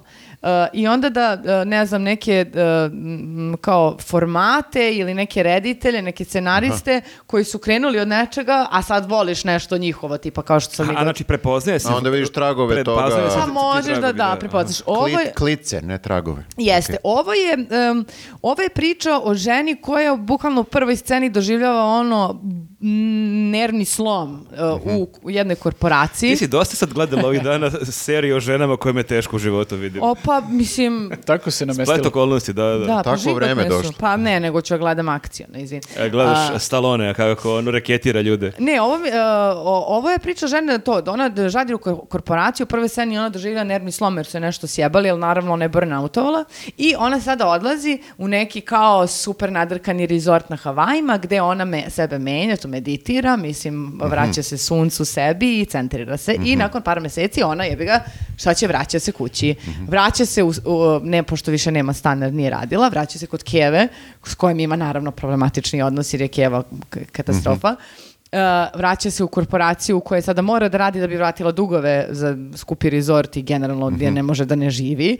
Uh, I vraća se i svome, uh, ne vraća se, ali tu je i bivši muž uh, koji je navučen na koks, uh, uh, lekove, alkohol i sve ostalo koga on usput ostavila, ali jebi ga ona ga i dalje nekako voli. Mislim, budimo ljudi ako smo narkomani. Uh, I uh, sada ti vidiš da uh, sa svim tim uh, ono uh, floskulama uh, ona meditira, vraća se suncu, mislim ona diše diše i tako dalje, ali ne možeš ti toliko da dišeš koliko sjebano okruženje može da te opet vraća na ono e, nervni slom, jer ti dalje živiš, e, ti dalje radiš toj fucking ono nastavnoj korporaciji koja sjebava i okolinu i ljudi su i ljudi su loši, još je degradiraju i pošaju na neko drugo mesto i sup, e, on živi pritom s majkom, a ima ne znam 40 40 godina. I ništa to ne može ta- tako lako da se menja i to isto je super. Koliko god se ti trudio da odeš na bilo koje uh, ono rezortove i da se uh, radiš A, na... to, to je White Lotus. Da, ono, da, po- da, da. Pa da li, taj rezort je uh, bukvalno par scena, nije, Pa ne da, vraća ali se taj na koncept to. da tebi neko fancy skupo letovanje ne, Da ne rešava rešiti. Pa život. da, ovo je bukvalno kao uh, centar rehabilitali, rehabilitaci, reha, Bila ti Bilitacion. Da, centar gde ti odeš da, uh, da se središ od, ne znam, gudre alkohola, burnouta, čega god. Znači, oni te tu u tom smislu spakuju i da budeš funkcionalan za život. Ali što se tome što ne mogu sve te... Ta, uh, to, super, mislim, nisam završila prvu sezonu, ali od, pri kraju sam. Super je što svi ti sistemi koje ti neko daje, ne mogu sada da promeni iz korena instant ono što je Pa tvoja... naravno, zato što i oni se ne bave tobom e, lično, nego imaju kao neki, kako bih rekao, štancuju to. Pa I da. onda ti moraš kao, eto, na nekoga se primi, na većinu ljudi se verovatno ne A primi, ni meditacija, ni ništa. Jel ima tog šmeka White Lotusa, jel ima tu humora? Ili... Ima humora u, u tom uh, ludilu koje se njoj dešava. Uh, ona je uh, uh, rastegnuta do krajnjih granica, jer ona je sada promenjena, ona želi da, znaš, bude bolji čovek, ona želi da pomaže okolini, ona sada se kao pomalo bavi aktivizmom, ona je u fazonu ljudi menjaju, on ima, želi da ima ljubavi za sve i tako dalje, ali prosto... Uh, koliko god ti imao ljubavi i sve to, ona kao lik je napravila tako da s jedne strane ona je to sunce, a s druge strane ona je potpuno sebična i sve vreme gleda samo, uh, uh, uh, znaš kao, žela bi da se okrene ka svim drugim ljudima, ali vidiš ti da ona maltretira druge ljude. I da je ovaj, uh, a Mike White koji inače napisao ovo, igra njenog kolegu, tako da uh, sve vreme je tu. I uh, super mi je nekako to što koliko god da se ti trudiš da se menjaš i da radiš na sebi, to je ti ono problemi koji stoje, koji su kao stubovi on, onoga što čine naše ličnosti, a to su odnosi, ne znam, sa majkom, roditeljima, sa partnerima, sa kolegama, ono što činiš svaki dan. Ako je to duboko sjebano i ono nastrano, ne možeš ti toliko da... da, da Meditiraš. Pa ne možeš Da. toliko da Jesi meditiraš. ti uz- pronalaziš u tome ta priča odnosi sa kolegama, to kako ti? Govnari i to, pa da, da, ne, vidim da si dosta lično ušao u tu priču.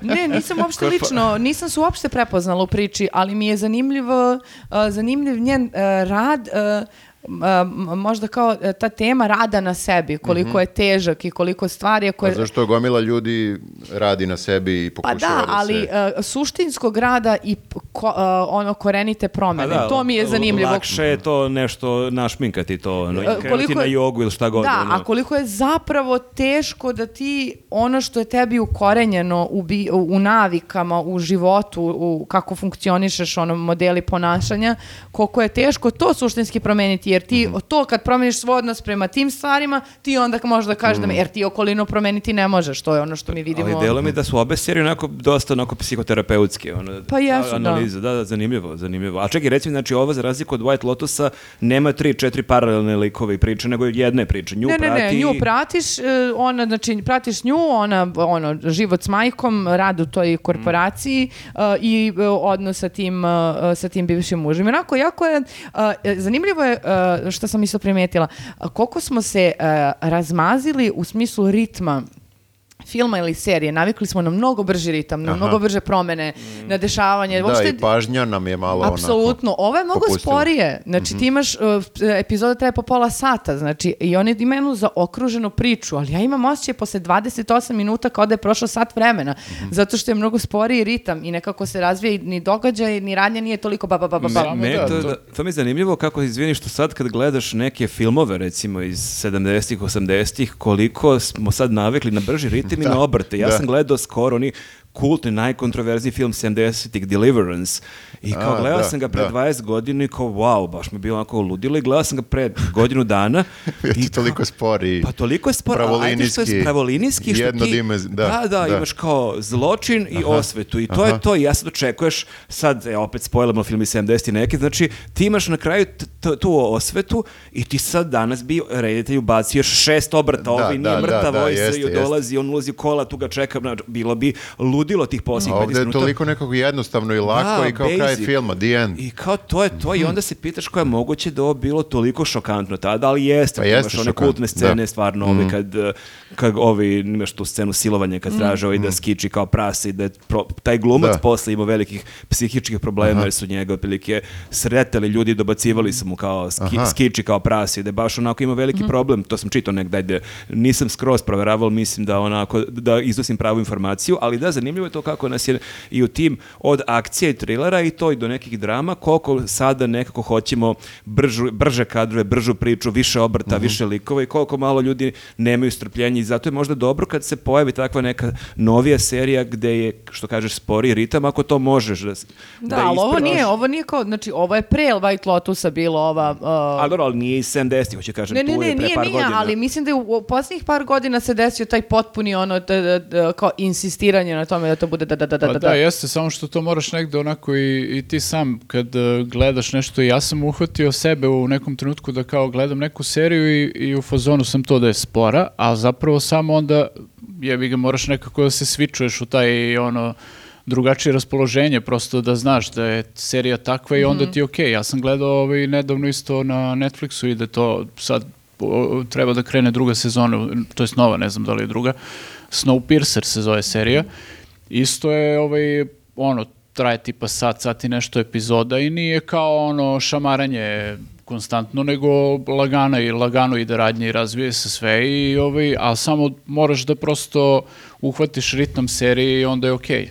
Mislim, ne može sve da bude to kao Pa ne, malo se setuješ na to, što kažem, mislim, ok, verovatno si u pravu, ja sam gledala malo neke sadržaje koji su onako teraju te na neku, neku A preispitivanje. što je super zbog naših gledalaca, da, ne- da baš je super da imamo različite žanrove. Da, da, intro- introspektivno je na više nekako nivoa, i, ali o, ne mora ni sve da bude, e, što- mislim, tu pravo si ne samo nekako se setuješ da, da se smiriš i da ne mora da meni bude... čak da, meni čak i prijaju te serije sad kad nalete da je malo laganije, da, da nije ono sabijeno, ili je sabijeno u 20 i nešto minuta, ili kao čak i ako traje duže, pa opet bude neko samo ludilo, pa ovaj, moraš da, da ali- budeš...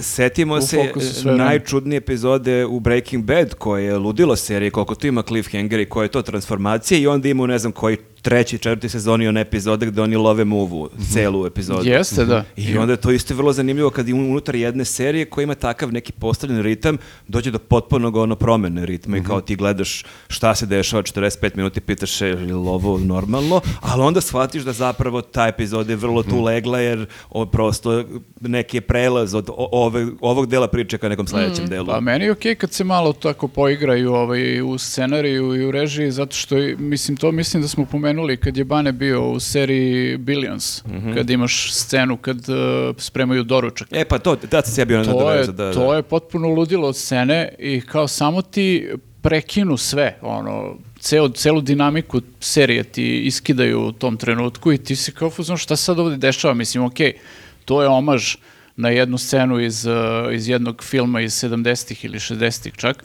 ali uh, dobro je i da, da te malo ono kao, da ti razbije ono na trenutak uh, ritam da, da malo zastaneš i ti, jer kao i to je serija gde se stalno dešavaju neke stvari i baš je luda za praćenje i onda kad dođe takav moment, ja sam bukvalno kad sam to gledao, bio sam u zonu, e, pa i prija mi ovo da iskuliram malo. Bogu, pa to je kao kad imaš neki ono metal koncert šutka i onda krene balada. Prije, Jeste, da. prije malo da se opustiš, a krene Nothing Else Matters. Pa ne, a zato što imaš one da neke kao umetničke filmove kojima prvih pet minuta a, gledaš a, glavnog lika od pozadi, gledaš mu ono u, u, u teme, on nešto hoda pa sedi pa znaš neki prizor i onda si ti naviknut kad gledaš te stvari kad odem na festival autorskog filma znam nekada može 10 minuta ništa se ne desi nego samo imaš tako prikaza nekog života Ali kad pustiš na Netflixu, onda nisi onda sam u fazonu ajmo bape bape bape znaš. Pa zato što znaš da iza tog tu e, ekrana koji si pustio čuči još hiljadu serija i kao nećeš stići sve da ih pogledaš. Meni Mislim je- da se to i desilo sa hiperprodukcijom serije u posljednjih ne znam nijakoliko godina sa Netflixom i sa ostalim streamingzima da, da moraju da te nekako zakače i zato te bombarduju kao ako te nije zakačilo ovo, zakačit će te ova scena ili ova ili ova ili ova.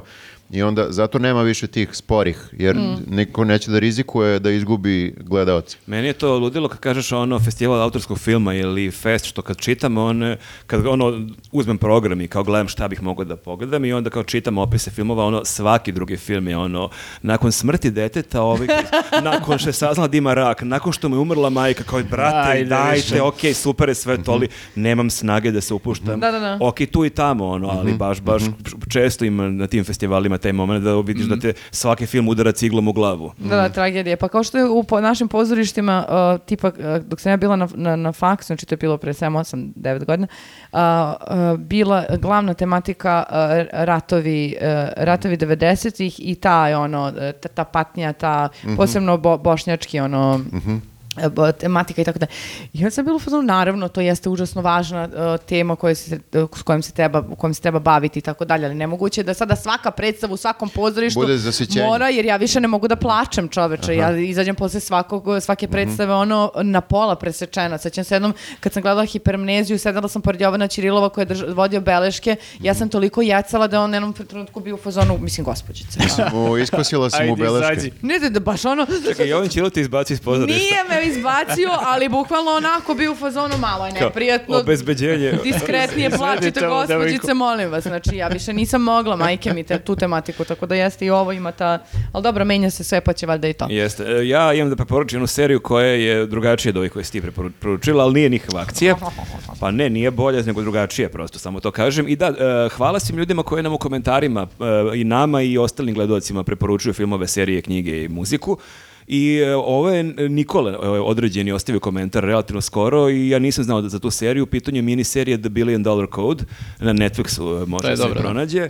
I ja prvo kad sam vid- vidio da je miniserija, to mi je odmah nekako, odmah ono, To odmah odmah imaš moju pažnju. Da, Da, da, nije Walking Dead. A, da, ja rekao sam, ja kad vidim to pet sezona, baš me to uplaši.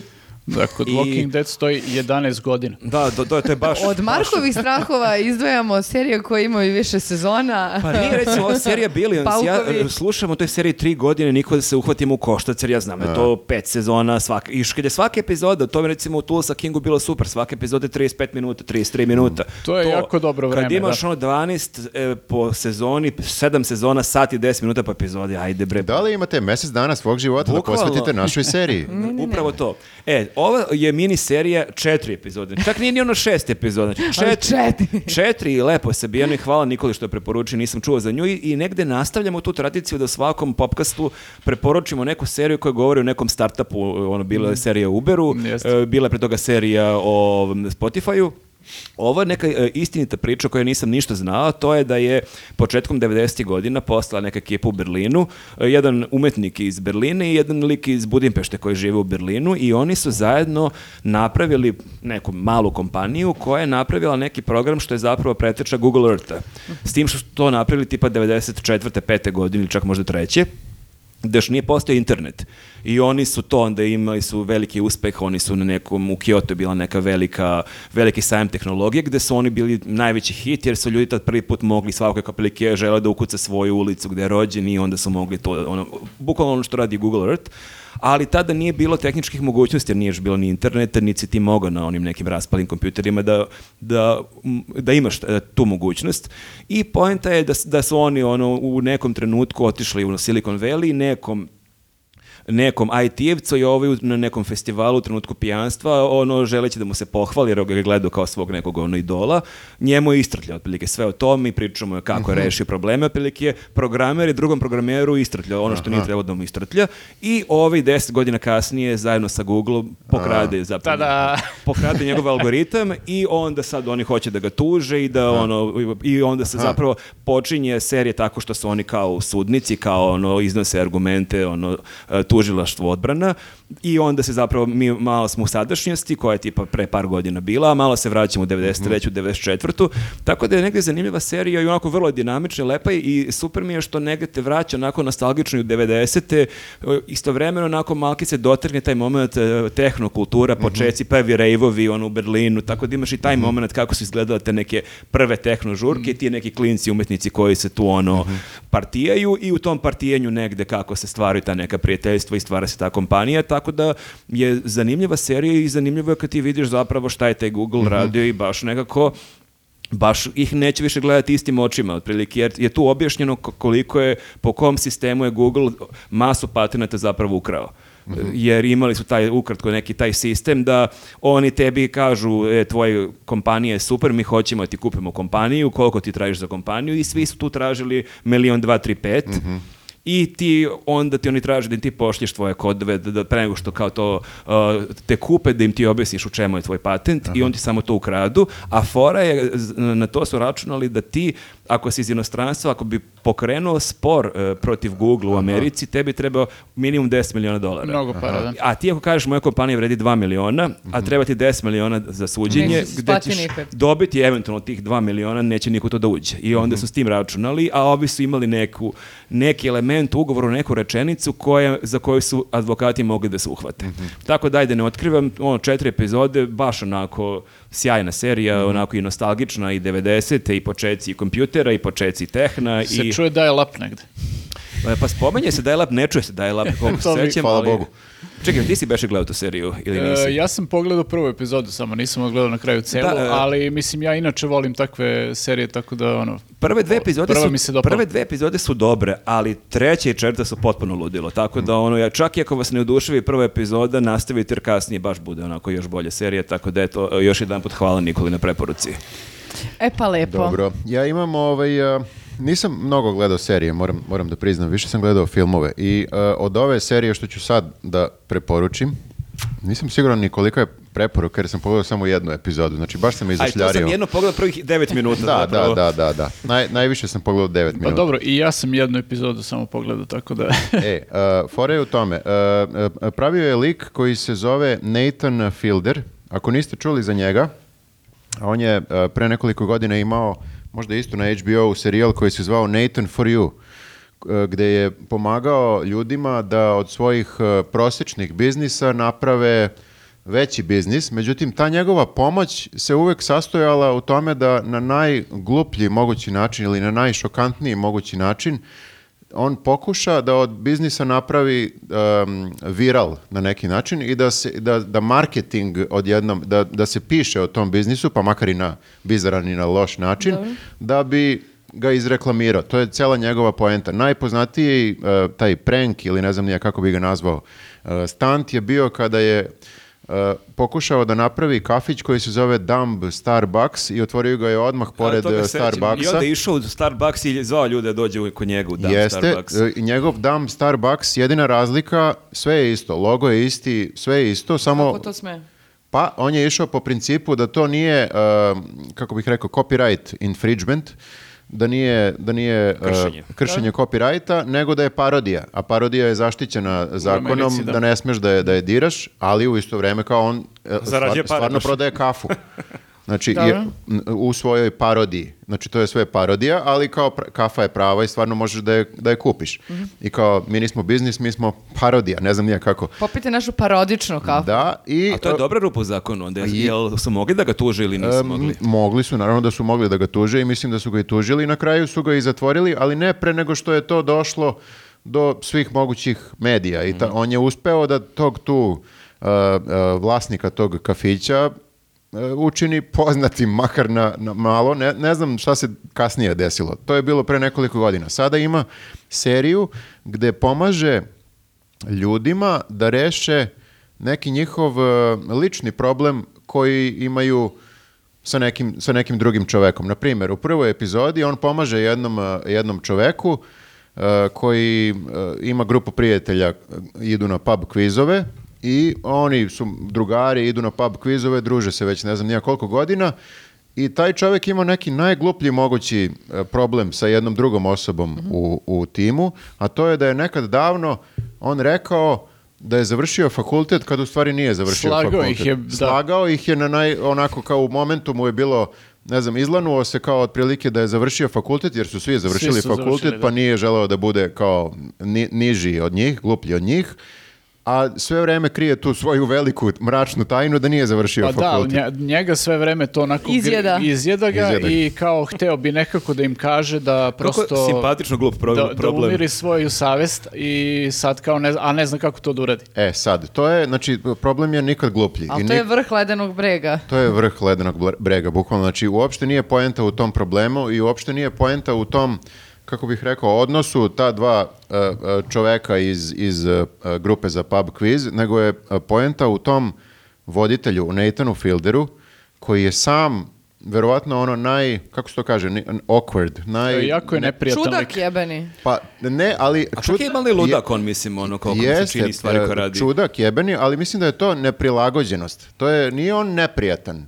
Tebi je neprijatno dok gledaš. Neprijatno je da ga gledaš, da. Neprijatno- Neprijatno ti dok si s njim, boga mi. Nije Ne. ti sve jedno. Verovatno je neprijatno i tim ljudima tamo, ali on sam nije namerno neprijatan. Ne, nego- njemu je neprijatno u, u njegovoj koži E, sad, pomalo. kako on pomaže tim ljudima? Pomaže im tako što reke... To mi je zapravo da ti kad si meni ovo pričao, ja stvarno ono, nisam disao. I on, a da, jesi rekao kako se zove serija uopšte? Rehearsal. E, serija se Proba. zove Rehearsal Proba. Mhm. Znači, da bi taj lik e, iz pub quiz grupe došao kod te svoje prijateljice i rekao joj, ja nisam završio fakultet, Slagao sam te onda. Slagao sam te, on ne zna šta će se desiti u tom trenutku, kako će ona da reaguje. Nathan za njega napravi celu probu sa sve glumcima.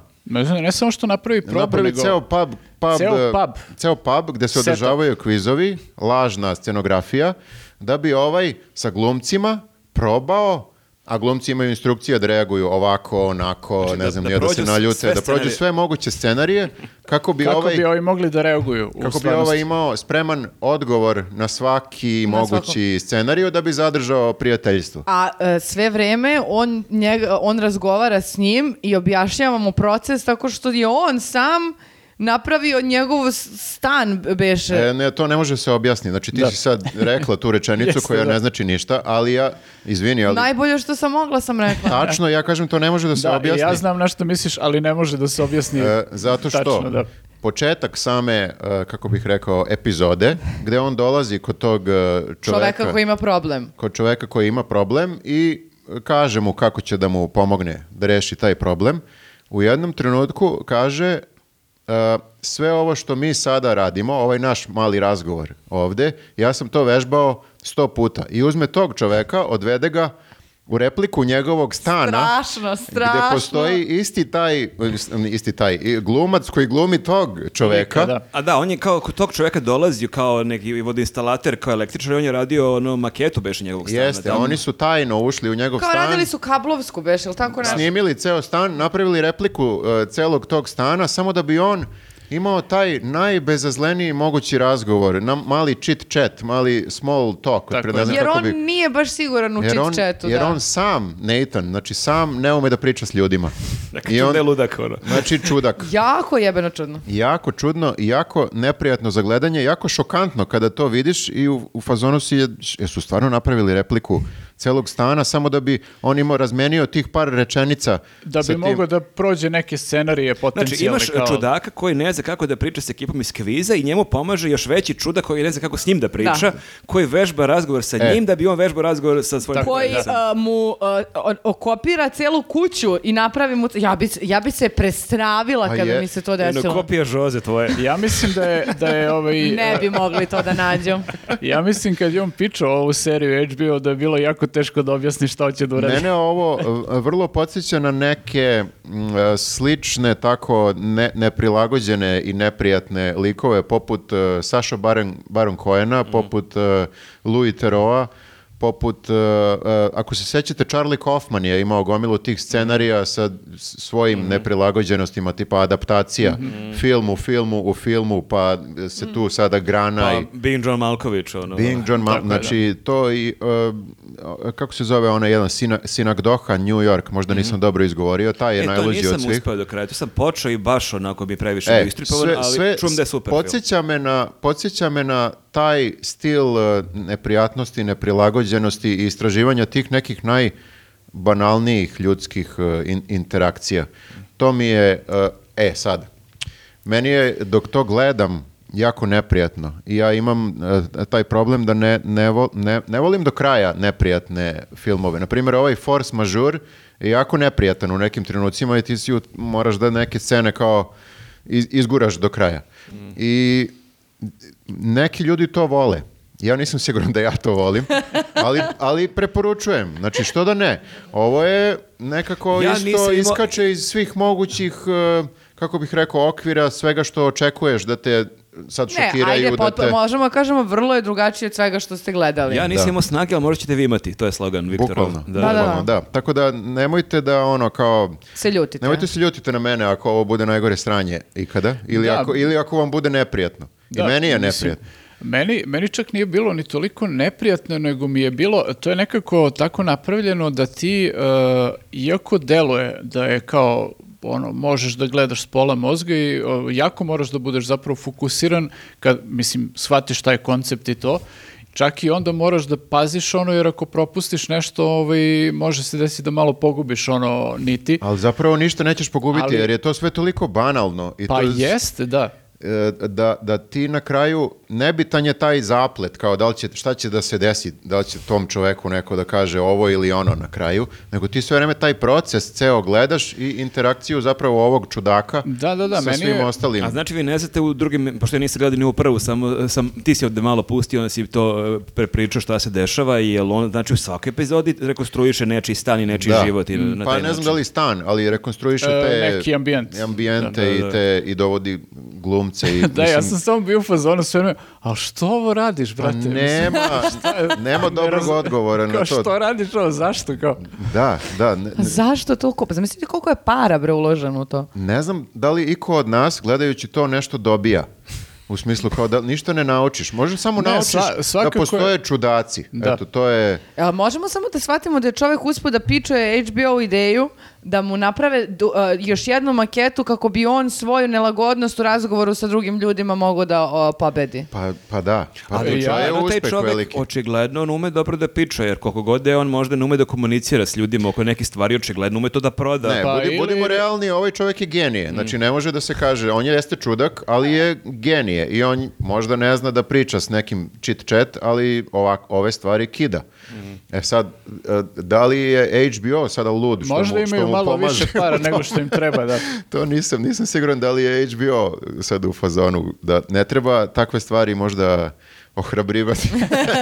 Da, ne treba ohrabrivati ludila Ne, raznih ljudi. svakako Da. je zanimljiv eksperiment da se pogleda, Ne, kao... okej okej je to što shvatiš kako je nekim ljudima mnogo teško u životu i čak i najbanalnije ljudske e, e, da. interakcije da, da imaju. Eto, to je možda nešto što možeš da, da kao imaš Pa neke... vidiš, da, vidiš da, dobiješ je ovaj prilično ovoga. tu kao ima neko društvo i vidiš kao uh, taj moment da je njima tamo jako teško zapravo da naprave taj krug nekog, uh, dru- nekih drugara i bliskih ljudi i sad, znaš, on se toliko boji sad šta će da se desi kad, kad im to prizna, Mhm. Da ono, znaš, možda ga ostave svi. Sad ja ne verujem da bi ga baš ostavili svi, ali on ima taj strah i onda tu malo vidiš Dobro, i... to su iracionalne stvari. Da, da, da, mislim, strahova. vidiš i taj moment tako da, ovaj, da je on spreman da učestvuje u ovome, da se spremi za svaki mogući scenarij, razumeš? Ovi će verovatno kažu, ma kao nema veze, aj naručimo sledeće pivo. Plus Mislim, da se ne lažemo, u Urnebesno je smešno sve. Meni je Jeste. bilo, bilo smešno, pored toga što mi je neprijatno, ali sam da. fasciniran. E, ja sam tela da, uh, sad mi je palo na pamet, jeste da nije serija, nije film, ali je stand-up uh, komičar uh, koji je isto neprilagođen i užasno mu je neprijatno dok neke stvari radi i od toga je napravio uh, komediju. Uh, Neil Brennan ima novi stand-up. Um, prvi koncept koji je imao sa tri mikrofona je do jaja, ja Genijalan, sam da. genijalan, a ovo je sada uh, otišao korak dalje sa konceptom sa nekim figurama koje Da. mu je Ortakinja napravila, koje zapravo svaka simboliše jedno od njegovih karak- um, o- ka- karakternih osobina ili nekih uverenja ili ne znam ti nija čega. I uh, koliko to priča, bukvalno to što kaže, što si malo prepomenuo, kao ja svaki put kada govorim nešto imam osjećaj kao kada e, treba da odneseš stvari da recikliraš i onda si vezano, a, o, mislim da nisam dobro radio. e, kao, Da. to- tako je meni svaka interakcija uh, sa Ovaj ljudima. novi stand-up mu se zove Blocks, dobar da, je. da, da, dobar je, baš dobar, tako da je to preporuka za stand-up. Cool, ali meni je super kod ove serije zapravo, jako nisam gledao, kad pri, pričaš što uh, stalno slušamo te priče što i sami zaključujemo da većina serija su već viđene, manje više, mnogo, malo toga je originalno. I onda je sjajno što ovo što si ti ispričao. Ne, ovo je baš zaista- originalno. Da, baš je potpuno originalno. Čak i ako se ljudima ne dopadne, treba cijeniti Da, to, taj da. neki pokušaj da uradiš nešto što nema veze sa bilo čim što si gledao ranije. Definitivno. Jel prelazimo na muziku? Ajmo. Ajde. Ajmo. Ko će da krene? Ko će da krene? Hoćete ja? Ajde. Ajde. Vidim da si uzbuđen. Ja sam mnogo sam uzbuđena. Šta se desilo? uh, šta se desilo? Ovako, ljudi. uh, ja... uh, Dosta je življe kad pričam muzici nego o serijama. uh, za, e, pa sad ću ti kažem i zašto. Zahvaljujući Miley Cyrus. A, Ljudi, ta žena, šta Dobro. je učinila za mene? Dobro. I to ne samo sa singlom Flowers. Znači, one, single Flowers je, kako bi rekao, kruna. Šta uh, se njenog- desilo? evo ovako. Pazi, znači gleda se jednu seriju drugu, introspekcije, psihoterapije, preispitivanja, sve. Miley, Miley Cyrus, Cyrus. mogu da Šta je ta žena učinila za samo mene? cveće, ova žena isto Prva pesma, isto Midnight deluje Sky. terapeutski. E, ovako, Midnight Sky, pesma, uh, live, koju je izvodila sa još jednom ribom za novogodišnji program uh, na CBS, MBS, ta, uh, NBC, tako nešto, uh, ima na YouTube, pronađite. Ta, tu pesmu, zajedno sa Flowers, ako nisam slušala jedno 50 puta dnevno, ja nisam ništa uradila. Ali, žene ili muškarci, verujte mi, vadi iz mrtvih. Sad ću vam kažem zašto. Znači, o, o, o, i Samo koji- je drago što se nismo vidjeli svaki dan u redakciji, pošto ti umeš to i na poslu da jednu pesmu da, da. pustiš Binđo- devet, bi pesmu. devet puta za redom. Tamo smo se nidu slušali jedno mesecima. Apsolutno. Da, tako da... Jel ti shvataš da meni, moj YouTube algoritam sada shva- prepoznaje moje ludilo? Ja pustim Flowers i ona ide u krug. Ne, nisam uključila onaj uh, repeat. Repeat. Ne, nego ide jedan link, pa Algo- španski u pa arapski, pa idemo na skandinavski, pa, pa nema veze, razumeš, jer ja ne gledam, ja samo slušam, ali idem ulicom ovako podignuta glava i nasmena sam. Sa Znači, cvećem koje si sama kupila. tako. Algoritam Ali samo uključuje repeat. Znači, nije samo Flowers. Znači, Midnight Sky je odlična pesma koja je u fazonu, brate, ja sama Izvini, sa je sobom... to, je li to ceo album? Je li tako ili... Ne, ne, ja sad samo dve pesme sam A, samo- istakla A čekaj, ova druga pesma, znači ne Flowers, nego ova druga, je li to neka nova pesma? To je Ne, neka obra- starija je, starija. To je, nije obrada, njena je nije, pesma. Nije njena je pesma, ali u izvođenju, uh, ovo novogodišnji program, u izvođenju te- njene ortakinje to je prosto ludilo. Mhm. Ja vam kažem, evo, studiju slučaja sam spravila, nije mi bilo teško, ja istraživačko novinarstvo, kako to. Znači ovako, ujutro se probudite, pa pijete kafice, to. Mhm. Sredite se onako, fino, ne mora ništa sad nešto spektakularno, Mhm. ali čisto ono malo šminka, ne- neka lep roj. I izađete napolje. Mhm. I krenete slušate te dve pesme na repeat. Ma ja vam se kunem, posle pola sata, vi ste, vama niko ne treba. Vi ste najjača žena na svetu. Koja maj- majmunčina može da vas iznervira ili da patite za njom? Nijedna. Jer sad ću ti kažem šta, ja sam na, otišla korak dalje. Ako slušaš pesme poput Jadna ti je moja moć, nemoćna sam dok postojiš. Slobodno me rani, to sam i zaslužila. Se ovo Edita. prevodi? A ne, Ne, mislio ne. sam da je ovo Miley. Šta Ovo je- fali Editi, izvini? A, slobodno me rani, to sam i zaslužila. A, mojim suzama To se je hrani. emancipacija čista. Emancipacija čega, druže? A, jadna ti je moć, a, moja moć nemoćna sam dok postojiš ceca. Čekaj, kako si mi sad došli do ovih pesama? Ovo sve suprotno deluje Prsla. na žensku psihu. Dosta su žene slušale sranja. Mhm. Dosta smo mi bile nemoćne. Sada, kupi si sama cveće, idi bre sama šetaj gradom, pevaj. Znaš šta? kako će da budeš ja moram ti kažem jednu stvar. Znači, meni je ta pesma stvarno jako lepa. I stvarno i ono, ja sam je slušao. ovo. Ne, ne Miley, znači Flower. Znači, Majlita. i Jasmini moj se dopala i stvarno je divna pesma. Ali jako su mnogo žene tu na tu pesmu odlepile kao da otkriva toplu vodu. Pa jel mi smo sami pre 25 godina u Srbiji imali našu verziju. Zorana je pevala hoću da sam slobodna, hoću da sam sama, ne treba mi ljubav, ne treba mi tama. Dakle, Zorana je bila Miley... Zorana je preteča svega. Pre- skoro 30 godina. Ali ti moraš da razumeš da uz Zoranu, a, a, mi smo ovde, posebno na ovom podneblju, imali mnoge žene koje su a, na- na- nam pevale neki, neke, neke druge tonove. I ja Ide sam izvukla sada... Manjeg otpora, eto. Pa ne, nego, uh, mislim, evo, zovem te, nemate, srce ti je strano telo, kakva riba tuguje, da li vidiš šta mi radiš džukelo? Pa jel Molim- se ja posle toga osjećam jako ili se osjećam smuženo? Smuženo. Poslušaj, Ali- molim te, poslušaj, ako stigneš novu Eminu Jahović, znači e, emancipacija žena, odnosno nje same lične. Pre e, svega. pre svega, pre svega nje kao osobe. E, pesma se zove Slagaću vas sve, pa da pričamo, da vidimo. Ali, da li... znaš šta, slušaj, na splav kad odeš, dok freestyler tone nećeš da slušaš Miley Cyrus, nego neki takav sevdah. Ne mogu, ne, ne, ne, e, i nema nešto protiv sevdaha, nego samo hoću da kažem da smo uh, i kulturološki, uh, ono, uh, muzički uh, žene uh, nukane time da smo slabe, vodke s utehom, da mi nemamo, da smo nemoćne i da jadne mi ako nas on ostavi. Nije bre istina. Ali Ne, ne, to koji je si strašno. ti sad bila ono sukob u posljednjih mjesec dana uz serije koje si gledala i teme koje one otkrivaju, ta preispitivanja i ovo, znači idemo Ali sa- sama slobodna Ali to ide bukvalno sve u paketu. Sve u paketu. Jer tvoja ono introspekcija, tvoje spoznanje i tvoje sanja, ako nećeš da trpiš moju munčinu, teraj ga bre, pusti pesmu, idi pevaj, boli Ali to. sigurno ti je neka drugarica isto to bilo rekla, nego ti si morala sačekaš Miley da ti to upravo kaže. sam to, ja E, mislim... kockice su se Nije ta poklopile. Dobro, poruka dobro, dobro. toliko originalna, ali lepo je ona to upakovala. lepa Možda je lepo kad se otpeva, Vrlo je onda... ju- melodična a. pesma, baš lepo zvuči pesma, ali sama poruka nije sad kao wow, kakva poezija, šta mi je rekla. Ne, nije poezija. Poenta je samo da su se kockice skopile, to je tačno. I drugo, a, naravno, hitična je pesma, pa je napravljena je prosto da bude sad ono hit koji ćeš I slušaš kako. Miley trenira u tom spotu. i Jeste, to bolje tre- da si se malo na to ugledala. Da, da. E, pusti ti mene da se ja ugledam na što ja hoću. U ovom slučaju na to da smo Trenira, brate, ono, žene žena. carice. Pa, Kupi, žene, kupi mi- sebi cveće, ali kupi sebi članarinu za teretan. Jeste i traku za vežbanje. Jesi vidjela one konopce kako U, šiba? kad znači, to radi, to Ma je ne, zajebano. nego jednostavno taj moment... uh, To sam ignorisao. ne, ali to je, znaš, uzmeš šta je odgovara samo. Da kao žena, mi smo jake. O, Miley je bukvalno jaka. ali posle čega je ona jaka? Vi zaboravljate. Imala je Konopac, konopce. konopac. One, Je se razvela? Je li joj teško? Ja to, Jeste. ja to ne znam ništa. Pa, ova Dobro. pesma je nastala tako što se razvela. Čekaj, jebi ga. ja sam čitao malo, ona se tog tipa rastala pre no, mnogo godina, nije Pa to dobro, juče neće bilo. sad, ona će da izabere trenutak kad će A, peva okej, ali nije svež Ali dobro, mislim, ako ništa drugo, imao je sreće malo lik, jer ovaj, uh, Beyoncé je ono ceo album posvetila Tako je. ovom, kad je A prevario. Shakira je Pikea unazadila E, s ali pesmom. ono je malo banalno, Shakirino, Mhm. moram da kažem. Uh, ovo Majlino je stil.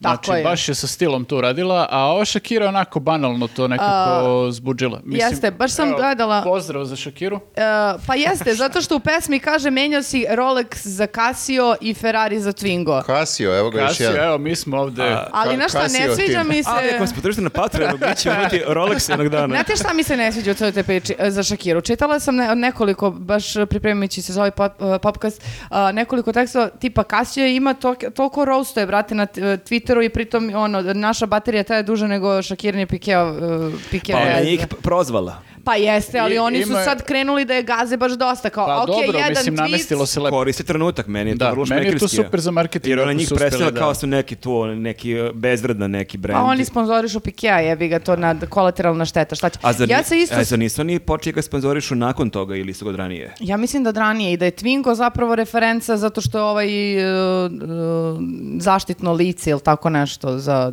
Ne auto. znam, ne znam, nisam Mislim, ispratio. svakako, e, da ne dužimo onaj priču, ja is- e, isto se slažem sa Nenadom, znači e, Revenge Song definitivno mi je bolja Miley, posebno zato što se ne fokusira na njega i nije više pitanje šta je on, nego on je ćao i doviđenja prijatno, idemo dalje, nego se fokusira na sebe, brate. A čekaj, reci mi uh, Thank You Next od Ariane Gra- Grande.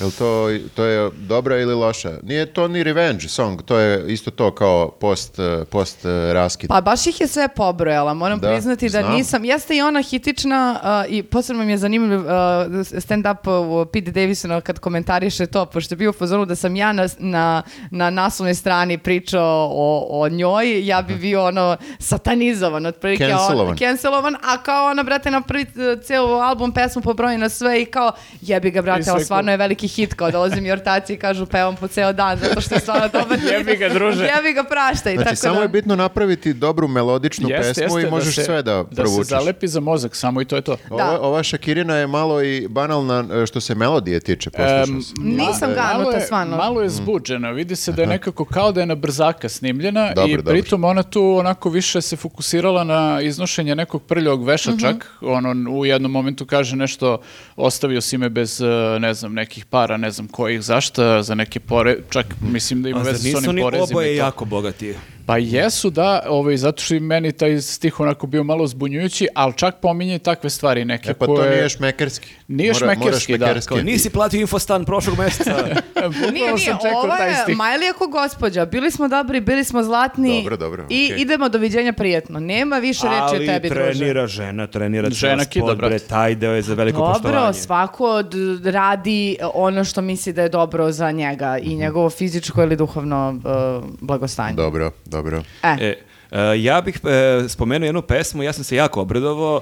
Uh, 90-ih je bila popularna grupa Everything But The Girl i mnogi ih znaju po jednoj pesmi. ono. Oni nisu izbacili ništa s toga. Jeste, imaju oni hit Missing, ono, and they miss you like the desert miss the rain i to, to je malo nepravedno što ih mnogi percipiraju možda kao ono one hit wonder, što ono, znaju tu pesmu i jednu drugu. Ja sam taj. Znam Je, samo, samo, to znaš. E, ja sam godinama bio taj lik, Mhm. čak i nisam bio toliki fan ni te pesme, ali kao znao sam je naravno, a sam onda pre tipa desetak godina preslušao njihova dva albuma iz 90-ih i oni su fenomenalni, bukvalno Mhm. maltene da nema loše pesme. I nekako nepravedno je to kad se jedna pesma toliko izdvoji, a kad je ona podjednako dobra kao i ona pre nje ona Mhm. poslednje. Tako sam zaista onako postao, neću kažem njihov fan, ali sam ih st- stvarno onako jako počeo da ih poštujem u nekom trenutku. I oni su posljednji album objavili 99. godine i kao raspali su se. I bilo mi je krivo zbog toga i sada pre, bu- bukvalno pre dve, tri nedelje su objavili prvu pesmu u ovom veku. I to je najava njihovog albuma koji izlazi za dva, tri meseca i zove se pesma Nothing Left to Lose i fenomenalna pesma i tu sam čak imao onako mini debatu, neko kaže kao da zvuče kao vrlo on, mnogo modernije, meni ne zvuče toliko moderno, nekako mi baš deluje da su nastavili tamo gde su stali 90-ih.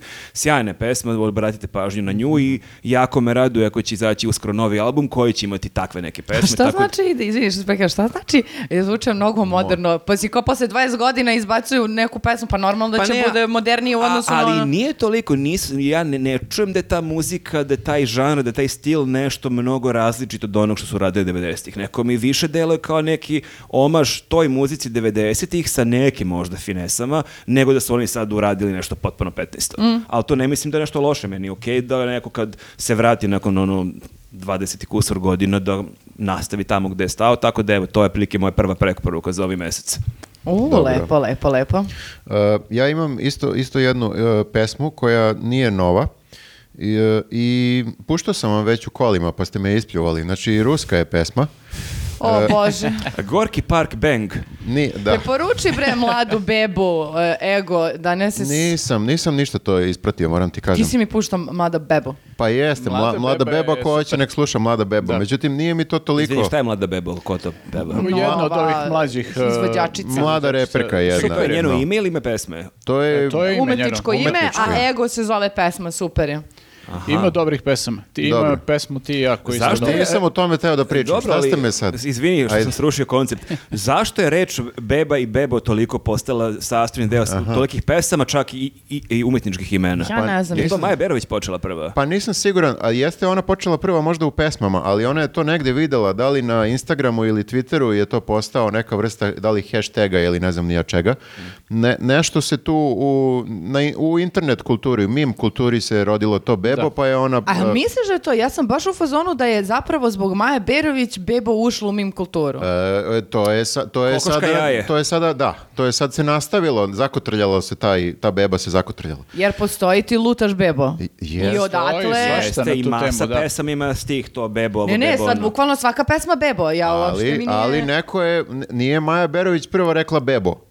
A ko je rekao bebo? Pa to ti neko. Možda. E, A Jala brat, bebo. Folklor, folklor, znači nastalo je iz naroda, a narod se sada izražava na Narod, društvenim narod mrežama. ima bebe, to je tačno. Da. Mo- to je dobra tema za neki diplomski ili neki, ono, neki Mhm. naučni rad. Kao Jesi, jesi. A kako doći do toga ko je prvi rekao bebo? reči be, pa neko će istražuje. Pa Ako- mislim, moj nadimak je bebo nastao pre 37 godinu, ali ti, to imao nije- si i tad žene koje su nazivali bebo. I, Jeste. jeste, ali... Mislim da je to popara sve pokrenuo. Beba. Bebo. A, vidiš, a, ima nešto u tome, sigurno, ali to je, znaš, kao što Vuk Stefanović Karadžić nije mogao da nađe ko je prvi nešto, ne znam ni ja, Da, on je rekao, samo nego je zapisao. on zapisao i otišao dalje, nije nikad od adresa taj i ta, taj i taj čovjek, nije autorstvo. Nije druko. Misliš da je Da. nemoguće otkriti otkud... e, Mislim da je nemoguće. Mislim da je ja nemoguće. želim da verujem da je moguće. A, da će... ajde, pro- ja ću Ako, na je faksu ako, da ako neko diplomira na ovoj temi koju smo mi nam pokrenuli, se nek nam, nek nam se barem zahvali. Ali koju si pesmu teo da spomeneš? Evo ovako, zove se čovjek uh, Petar Nalić, E, I pesma se zove Nikog da. Nikog da. Znači to je, e, moram da kažem i kako smo došli do te pesme Žena i ja. Znači tast moj, on sluša uglavnom neki taj world music. Sluša jevreje, cigane, e, mongole, ne znam se ni ja. Rome. Molim? Šalim se. Ajde. E, ciganska muzika je okej se kaže. Ci- ciganska, gypsy. Zezam se bre, ajde. To je Dobro. world music. World music sluša i ruske te neke, ne znam ni ja šta. I to je sve diametralno suprotno od onoga što ja, na primjer, slušam. Ja sam vrlo, mogu da kažem, e, zapadno, amerikanizovan, globalizovan i tako to. To mi A je, to, to. odatle mi Druga dolazi. Srbijanac, da. Pa, normalan čovjek, ja bih rekao. Da, da. Ne, nikad nisam taj world music e, voleo. I, A iako, to je jako širok pojam, mislim, world music toliko Pa- ti ima žanrova. Pa world, Pa da, ali... široko je, world. Znači sve. Ja sam kupio jedan časopis u World Music i dobiješ kao disk gratis, a disk je bio e, u tom broju muzika Balkana. I kao, Brega. brate, baš, Baš te ubolo. od toliko geografskih širina i dužina ja zabodem ovu koju već slušam, koju već E, imam ovde. E, i onda kao on nama povremeno šalje, jel tako, šta je otkrio od jevreja, cigana, rusa, ne znam ni ja šta sve, mongola i to, i to se na nas m, redko kad zakači, međutim ova pesma nam se baš e, zakačila i sad je slušamo po ceo dan i jako je zarazna. To je, i, onda sam ja malo... Zarazna je teška reč, prosto od mene i ne da nešto, ne, nisam se osjećala Čekaj, zaraženo. opiši mi pesmu, ko je, ja, ko je sam, ja sam imao neki komentar samo, ali ne mogu se setim kakav. Kao, ovaj. dalje ću taksijem, stani ovde. Pa bukvalno smo to rekli dole u Batistove. Pa dobro, ali nema veze. Hoć, ono što je poenta... Ali je super pesma. e, što je poenta svega ovoga, da nekako volim kad mi tako nešto neočekivano napadne i ostane mi tu i nekako me, kao i tebe što Miley čini srećnom, ova pesma mene e, Dobro, čini, dobro. čini A je li srećnom. vesela pesma? Vesela je jako pesma, nemam pojma o čemu se radi, ne znam ruski. E, taj tip je inače poreklom iz Bosne ili tako nešto, tako da je on, e, taj Peter e, Nalić. To sam posle malo istražio. On je postao popularan pre jedno, des- u Rusiji, pre jedno desetak e, godina sa svojom pesmom Gitar, koja je isto jako dobra, ali to je šaljiva pesma. I ona je isto zarazna. I poslušajte i nju. Pa on malo i u ovoj peva tako na neki način. I Čekaj, jeste. na koga, malo bi, na, koga, li- na koga liči? on? Ne znam, nema, ne nema, znam. nema, re- Nema. poznate reference u... Da, u... jako avangardan lik. Da, i eto to se eto slučajno poklopilo sad sa tim što imamo gomilu Rusa ovde po po ovaj e, verovatno me i to nešto više se Rusija pominje, vi- više se ruski čuje. A vidiš ti kad ta- tako plav s plavim očima, ako voziš i pojačaš i spustiš prozore, možda Rusi stvarno pomisle da si njihov. Možda ima, ti si mi rekao da na primjer Rusi nemaju nikakvu metal scenu, ali Slabo, ovu, slabo. ovu drugu Slabo, slabo. E, ja ne znam da li ima već... Sad kad se u komentarima Mislim, jave ljudi. fanovi a, ruske metal scene. Ako Ma Nenad nema, ne zna nek ni se za jave, stvarno, Ako ovaj- Nenad ne zna ni za jedan metal band ruski, onda ne postoji. Znači nije to sad kao Ne, ne, ja ne sumnjam Što u je jako zanimljivo jer je Metallica najveći koncert u Da, istoriji da. muzike održala u Milion Moskvi. ljudi. Pred milion ljudi. Jeste, da, to je baš mamutski I koncert od tih bio milion i ljudi taj niko nije krenuo da usvira gitaru. I Ima nekih bendova koji su ok, ali ništa nije sad nešto odskočilo ono kvalitetom. Sad u posljednje vreme imaju jedan bend koji je malo odskoči, globalno je popularan, zove se Slaughter to Prevail i to je sve. Znači u posljednjih ne znam koliko godina nije došao kao bend iz Rusije da je globalno ime. E, Šta ti? ali Čak imaju- i Ukrajinci imaju recimo ono neki povremeno iskoči neki bend koji je popularan globalno, ali Rusija koja je mnogo veća zemlja Jel, nema. popularan prava reč za to. Da, da. Ok. Ali- I Marko, s koliko nežnosti. Jel Pa ne, ali popularan? mislim pričamo o festivalima sa, sa 100.000 ljudi dnevno, znaš.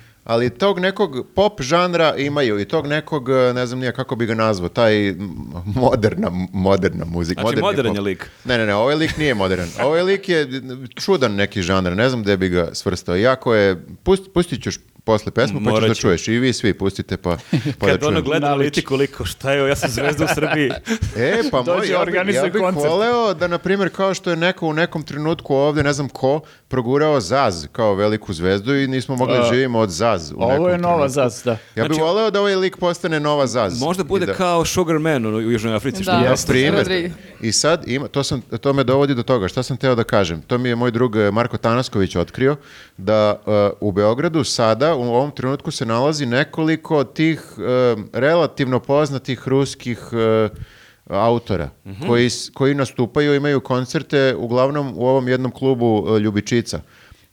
Ja sam vidjela stand-up da ima neki... E, Znači ta, Ali ne u Ljubičici, ali isto Rusi. malo se pomerila ta... Ja pomerila nikad ta se- kapiram, čuo sam da Rusi imaju neke klubove, neke restorane pa Beogradu, ali To dalje ne znam, nisam. to Aha. ne znam, možda je, ne znam da li, Ljubičica je definitivno naš klub, Mhm. u smislu kao originalno srpski, ali su tu našli svoj hub ruski kant autori Mhm. i autori koji dolaze i nastupaju i pustio sam i par njih i nisu loši, ostavit ću i linkove Znači, dole. oni, ti autori ne žive ovde, nego dođu na tezgu i vrate se u Ne, Rusiju. bre, žive, do- svi su, oni su se preselili u Beograd. To Mhm. su jedni od ovih, ne znam ja koliko stotina hiljada Rusa, među njima ima gomila, ko zna koliko ima I Jel imaju neku, pe, Umetnika. jel imaju neku pesmu o stanu od 1000 evra, od 30 kvadrata? Tužna balada. To je ono sevdalinka. Da. Da, da, da, Eto, tako da e, i to je isto zanimljivo. Nisam nikad razmišljao o tome, ali dosta te ruske e, kulture je, je tu sada negde po Srbiji i nastupa i peva i I, zanimljivo. znači, ti ćeš možda da primiš na gajbu ovog autora ako budete da dođe u Za Srbiju. hiljadu i po evra. Jedna soba može. Pa super. Eto, tako da to je, eto, to, to su te zanimljivosti. Nenade, prosvetli Dobro. nas sa svojom muzikom. Pazi sad. Pazi, zločesti pogled. Pa je sad ovo ludilo. E, ja sam slušao posljednjih mjesec dana dosta uh, Gypsija. To, mi smo to pomenuli u jednom od World music. popkasta. Ovaj, nije, nije to što misliš. Ovo je weekend music. E, bukvalno, nije bukvalno, mislim, dosta je veliki uticaj Weekend, baš o- ono očigledan u njegovoj muzici. E, album se zove Zapis iz podzemlja i baš je onako ovaj, što ga više slušaš ono kad ti uđe u ovo baš je, baš je dobar, ono ima ono, mislim, uglavnom je tako neki, mislim, R&B je sve, ali ima ono, na momente baš mračan, na momente onako malo, ovaj, ima neki ja bih drugačiji samo tu vibe. u, u letu samo se zahvalim jer ja sam ga spomenuo pre dva popkasta i ja sam sećam se prvi put u kolima pustio tebi ili saveti, a ja sam zahvalan neko je nama u komentarima na naš Mm. prvi popkast. E, Čak je mislim dvoje ljudi spomenulo da obratimo pažnju na Gypsy, ja nisam čuo za čoveka. Jeste, I jeste. meni ja- je stvarno prijelo. Ja sam negde još ranije ono kao Dobro, sreo nešto, si. ali pa mislim zato što ovaj, i algoritam na YouTube-u svašta radi.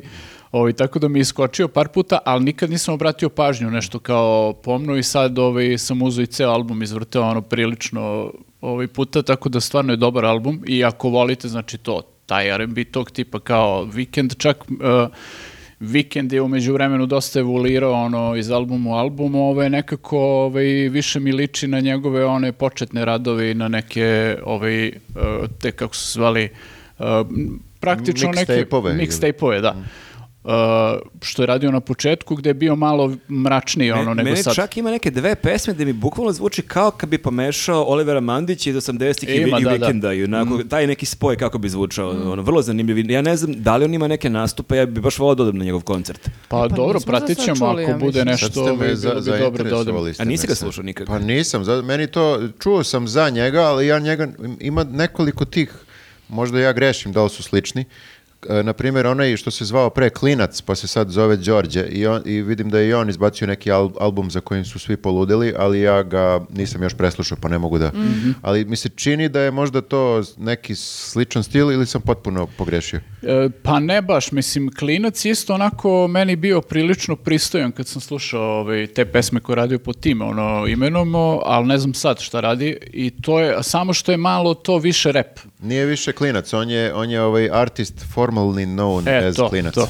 O, ovaj, on je više bio to, kao neki rap, ali nekako ovaj, ja sam ga doživljavao ono, evo, kulturno repuje dete, znaš, nije Znači on ovaj kao... Gypsy nema veze s tim, on je više neki A nije, R&B. nije reper, nije. A, Nije okej, reper, okej, on je Je više kao melodi, mislim, Da, da, baš je melodično. je dosta i R&B je pevanje, baš je onako E, po, poslušat ću. Pošteno malo pevanje Weekend, malo ima- Frank Ocean, malo Da.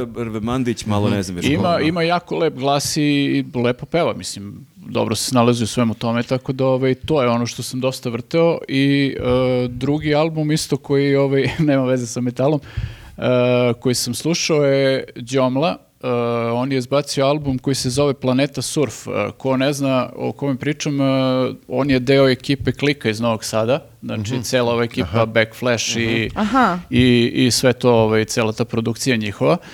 On je sad izbacio ceo album i to je onako ovaj, jedna mešavina ono, hip-hopa, funka nekog, eh, malo me podsjeća na momente i na Daft Punk i na neke druge ono, slične izvođače i, i mislim, i dalje je u tom nekom ono kao priličnom modu uh, kao i klika, ono što se tiče tekstova i, i sve to, ali već je malo krenuo i da se odvaja, kad krene malo u liriku neku i to, to onako zvuči baš dobro. I super su te ono matrice koje su, koje su radili, ovaj, tako da to mi onako privuklo pažnju, nisam stigao baš mnogo puta da ga preslušam, ali ovaj, ima opet tih nekih minijatura koje su zezanje i, i sve to, tako da ovaj, ko voli, A mislim... to znači nije neki ono old school rap, nego je baš ono savremeno zvuči. E, zvuči dosta onako savremeno, sad mislim imaš i to ona, malo i taj neki stariji vibe, ali više približniji ovom nekom zvuku danas i meni se sviđa što ima tog funka, ono, kao što je to ubacio, to onako zvuči prilično dobro.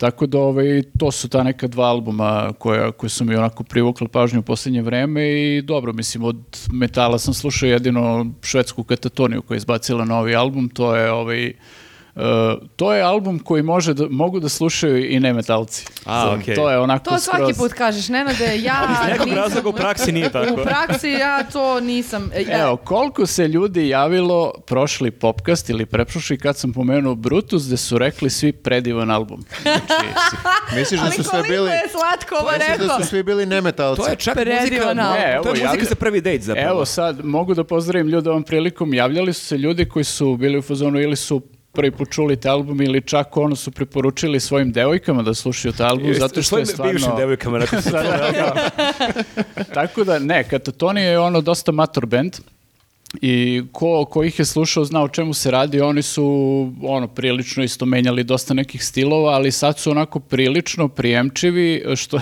što bi rekao moj ovaj ortak sa kojim eh, radimo oko playera, ovaj, oko bloga muzičkog, inače ako ne znate o čemu pričam. On Čiji je to blog, Nenade? Ovog čovjeka ovdje. Da. A, ne znam Ovaj- kako smo propustili do sada, ali ostavit ćemo link Da, ka da, playeru. pa, zato ljudi koji što... često pričaju da bi volili da Nenad više priča o metalu, uh, mogu, Da, da, mogu da čitaju malo čitaju o taj tome, blog, da. tu ima dosta On teksta. sve vreme piše o metalu, u stvari. tako da. Ovaj, da, ostavit ćemo link. Uglavnom, moj kolega Sale, sa kojim uh, uglavnom radimo oko tog uh, bloga, on je rekao jednu stvar kao onako, energično su mi depresivni. Tako da, ovaj, to je nekako, oni imaju, umeju to da, da, ovaj, uh, da, da spoje, uh, dina- da naprave dinamičnu pesmu koja je opet onako dosta emotivna, tako da ovaj, i ovaj album je prilično dobar za razliku od nekih ranijih gde su otišli bili u neku elektroniku koja kao nije sporno što je elektronika, nego su prosto bile smor pesme. Ovo je sad onako malo su se više I koja vratili bi to na... bila onda podkategorija Oni su metala? kao radikalno inertni. Ne znam, oni su neki, sad ih klasifikuju kao neki progressive rock, samo ono malo mračniji, mislim gotik, neki primese. Oni su izvorno bili gotik uh, band, pa su dosta menjali zvuk vremenom, ali ovaj, to je sad nekako progressive uh, etiketa im se sad uglavnom ono lepi. Lepo, lepo. Jesi ti E, htjela još nešto kažeš? Ja sam htjela da kažem, zaboravila sam to, da pomen, da zapišem, ali moram da vam kažem nešto. A Svemirko ima novi singl. Stvarno? Pesma se zove Nosi me na duši. Aha, dobro. I a, prvi put kad sam je čula, bila sam pozorna, "Ah, nisam ganata, međutim juče sam je slušala pet puta naravno i jako sam se smela u autobusu na neki stih, ti nisi, ti nešto ti si, ili ti nisi žena, ti si mama anakonde.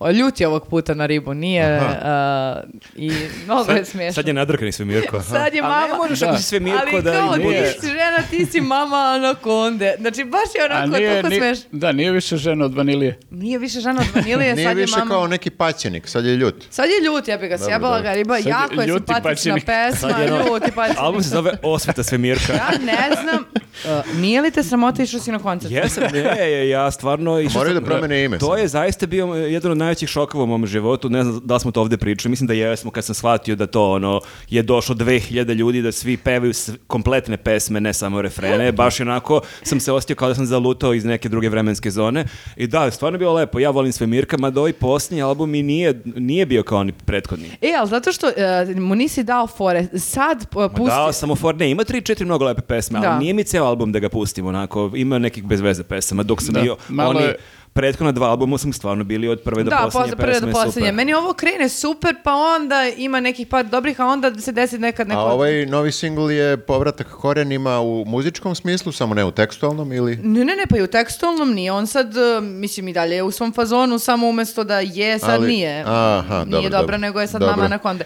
Dobro. Ali e, ja stvarno ovog puta, e, ako zna neko Svemirka, molim vas, ne kapeluje na čoveka da napravi koncert u Beogradu. Ja sam dugo nisam bila i baš bi voljela. Pa ja mislim da on bi ovde u tom trenutku veće zvezde nego u Hrvatskoj. Ma da, ti ne da. možeš da veruješ koja je to Ljudi, ludica ali bila. nije to jedan čovek, ceo bend je sve Ceo bend je Svemirko, ja to znam, ali e, molim vas ako znate Svemirce, onda... e, Meni je bilo baš super Javite sam, im da dođu, da. Bio sam pre dva, dve godine smo prolazili kroz Vinkovce i ima table i piše ono Đakovo, tipa desno i pravo i kao ma se seti onog stiha, ali ja sam samo seljak iz Đakova. Pošto oni iz Đakova, da li svi ili samo pevač, tako da eto, ako ništa drugo, barem sam saznao gde je Đakovo. Đakovo, bukvalno može sad na tablu da doda ono Đakovo, dom benda Svemirko. Da, da. Pa. Birthplace of Svemirko. E, ja bih spomenuo samo još jednog izvođača koji je potpuno drugačiji od svega što smo ikad spomenjali u ovom popkastu. U pitanju Bojim je... Kako? Bojim se. Bojiš se, nemoj se bojiš, u pitanju je džez. U pitanju je džez i mnogo je dobar džez. U Vidimo pitanju se. je... Sluša mnogo, a, mnogo, a, čita mnogo bitne knjige, sluša e, to jazz. jeste, ne. Koji si serata, To Dražiću? jeste, to jeste jako pretencijozno i uopšte nikad ne kažem ja slušam džez, volim neke džez izvođače stvarno, ali ne bih rekao da ja. A koji je domaći ili... Ne, ne, nije, on je, mislim, da li je Britanac, da li je Irec, ne znam tačno, u stvari po prezimenu preško od eh, Fergus McReady se zove, eh, album se zove eh, Forest Floor, Eh, dečko, to je ono jazz piano trio, dakle, on svira klavir, ima 25 godina i ono je potpuno ludilo. Ono je, ne, ne, ono je potpuno ludilo. Ja stvarno ono apelujem na ljude koji čak i nisu fanovi džeza da ono puste. Šta taj čovjek radi s klavirom, ono je ne, nehumano. Znači, to je onako neka jazz psihodelija. Ko voli recimo The Bad Plus, koji su stvarno onako ne znam, od savremenog džeza, ne kažem se stručnjak, daleko sam od toga, ali Bad Plus, pa niko, niko, niko. I ovo je prvi čovjek koji se pojavio u posljednjih ono par godina da mi je tog neg- negde nivoa, tako da sam gledao gde nastupa, ali najbliže je Beogradu tipa u Rotterdamu ili u Utrechtu, tako da neće doći nigde blizu, ali se negde potrebno nadam kad bude neki sledeći jazz festival, to je ovaj u oktobru mesecu, da će neko imati sluha, jer stvarno ovaj album je mnogo dobar, znači kogod iole ima sklonosti ka džezu, barem nek pusti, to stvarno se neće pokajati. Ljudi, A baš imamo mi- dobre preporuke. ove Kaži nedelje. mi, jel taj džez slušaš dok sediš u svojoj fotelji? Pa, znaš šta, je, e, pored kamina, pored mog e, psa, e, kad sedim, da, onda gledam. voliš tako. konj- konjak uz to ili... Jeste, je konjak i onda odem do štale I do monokl. svojih rasnih konja da ih timarim. Da, to je tako je prilike moj život, znate me. Jasmina i deca sede pored laptopa na kojem je kao vatrica Ne, u kaminu. ja apsolutno zaslužujem ovaj roast, slažem se jer bih ja prvi zajebavao nekog, ali u svakom slučaju, da, po, kažem... Predivan džez poslušajte, ali moramo zajebavati Morate, morate Prosto zvuči toliko sad kao jedan to je, znaš što je nepravedno, što e, džez, i to sam, baš sam pričao sa ortakom koji ima jedan sajt o džezu, on je pričao koliko, kao i u metalu verovatno postoji, ljudi koji čitaju te stvari, koji to prate, ali uvek imaš taj moment da će i u metalu pre čitati o Maidinima, o Metaliki, nego nekim novim bendovima. Ne znam da, da li sam u pravu za metal. To je on pričao meni za džez, kao sve je to super, on pratio novu scenu, ali tekst o, ne znam, Coltrane-u, Miles Davisu, to se čita, ono, Aha. A neki novi izvođači jako slabo, tako da mislim da je okej da se skrene pažnja i ovom prilikom na neke savremene, a ovaj lik ima 25 godina, znači klinac, ja ne znam šta će on raditi za Wunderkid, bre. 10 godina, šta on sad ume sa onim klavirom da Ludilo. uradi. Ne, ludilo je, moraš da poslušaš. Sigurno. Dobro, Znači, da. Ja ću poslušati sve što ste Znači rekli. ja pogledam film o, e, ljubavni film o ljudožderima i onda pustim savremeni džez, to ti je moj život u posljednje vreme. Nije loše. Mnogo mi je drago što te poznajem i što imam podcast. Ne, ja kao metalac cenim ljude koji umeju dobro da sviraju i volim da slušam takve stvari, tako da ću preslušam svakako. Lik urniše klavir. E, možemo... Ovo zvuči... Razvaljuje. ne, ne želim da znam kako ti ovo zvučalo. Urniše klavir. Delje, kao tvoju ruku što si deljala, delje klavir. Brzi prsti, brzi prsti. Jeste, e pa to, mogo bi da o, izdvajaš njegove prste, ali bi, da se onako ne vide koliko su brzi. E, šta samo mi ti reci čije ja prste da izdvajam. Evo, ja ti Ti kažem. kad budeš išao druže na vajanje, vajaj pijanist kin, pi- Izvaje klavir. prste od pijaniste, a ja ću d- drvodelje iz Panča. Ja ću Lionela Richie. Dobro, ja ću Majli koja vežba. Znači, knjige, Znači Knjige, knjige. knjige ljudi. a ne Opet. zvoni praporci, tako kaže? ovo? Tako su, su govorili pre, sad ne znam kako se kaže za knjige. Sad samo knjige. Na mesti samo te slušalice, malo ti izgleda kao da imaš rajf. A, izvini. E, sad, To- sad. ja sam to i hteo. A, izvinjavam se onda. E, Reče čovjek koji je nekada davno nosio rajf. I zato kažem, vidi kakav sam sad, da ne treba nositi rajf, ljudi. Dakle, dakle, knjige. Dakle, ako dozvolite. Teja ne može da se zadrži, kamera pada. E, ja, ja nisam e, ništa čito do kraja ove, ovih prethodnih mjesec dana. Znači, počinjao sam i e, e, jebi ga, zato što mi je život takav u, iz delova. Na tri sata. Znači, da, nije i onda sam, e, onda sam, imam ovu jednu knjigu koju sam pročitao od početka do kraja. To je, nije baš prava knjiga, nego je više kao neka monografija, ali je u isto vrijeme i e, biografija i autobiografija Miomira Grujića Fleke. Ko ne zna ko je Miomir Grujić Fleka, on je bio ovaj, e, umetnik, stvaralac, radio voditelj e, početkom i početkom 90 odnosno 90. godina na 92 jedan od osnivača 92 I sad zašto je to zašto mi je ovo bilo zanimljivo? E, zato što se ja sećam kad sam bio klinac da sam ja slušao njegove emisije i da ih pošto sam bio klinac i pošto sam bio malo glup, nisam ih do kraja kapirao, ali su ostavila na mene neki, e, neki, neki uticaj. I ja mislim da su me delom i formirale, ali nesvesno. Jer su njegove emisije bile jako čudne. Ne znam da ste slušali nekad. Ja nisam imao tih godina 92. Ja ži- tad sam živio negde na Neymaru i nisam uopšte mogao da uhvatim 92. Znači, to je... Ja ako, sam bila u Kragovicu. E, aha. I ti si bila mala, to je isto jedan bitan, Da, smo bitan 7 detalj. godina, 8. Da. Da, imala sam jednog radi- radijskog voditelja kod kuće, pa mi je on bio dovoljno. Tebi je život bio, ra- dosta, tebi je život bio radio zapravo. tako je, tako da jedan radijski voditelj dovoljno za E sad, život. pored, pored toga što je on e, voditelj, on je bio i e, umetnički e, stvaralac u mnogim oblastima i m- muzički gledano kao radio, odnosno kao urednik muzički i kao, ja mislim, i slikar i ne znam nija šta čime se sve e, bavio. I jako zanimljiv lik. Jako zanimljiv lik. Ovo je, e, ja mislim, Remont uradio, izdavačka kuća e, Remont. I ima da se nađe ne baš u svim bolje snabdevenim knjižarama, kako se kaže, u gradu, nego morate malo da potražite. Jako je zanimljivo iz ove perspektive sada gledati kao e, čime se sve bavio čovjek i šta je sve um, uradio i šta je sve e, pisao u tom vremenu tada. Deluje vrlo nekako avangardno, možda čak i za, i za ovaj, e, današnje. Ispred vremena. Da, ispred vremena, a u isto vreme je nekako ti i žao kada, kada čitaš sve to i gledaš i kao razmišljaš kakvi smo neka- nekad bili, malo zvuči patetično, ali nekad je ta scena bila čini mi se mnogo avangardnija nego, nego danas. Pričaš o e, likovnoj sceni ili Pričamo bilo o umetničkoj sceni, jer nekako je renesansna ličnost bio i, i neverovatno mnogo stvari je radio u isto vreme. Ja to nisam znao, ja ga znam samo kao tog čudnog radiovoditelja sa 92. Ali on je i pre toga, mnogo pre toga, ovaj, razne neke zanimljive stvari radio i, i u Beogradu, a i, i ovaj, na, na srpskoj sceni.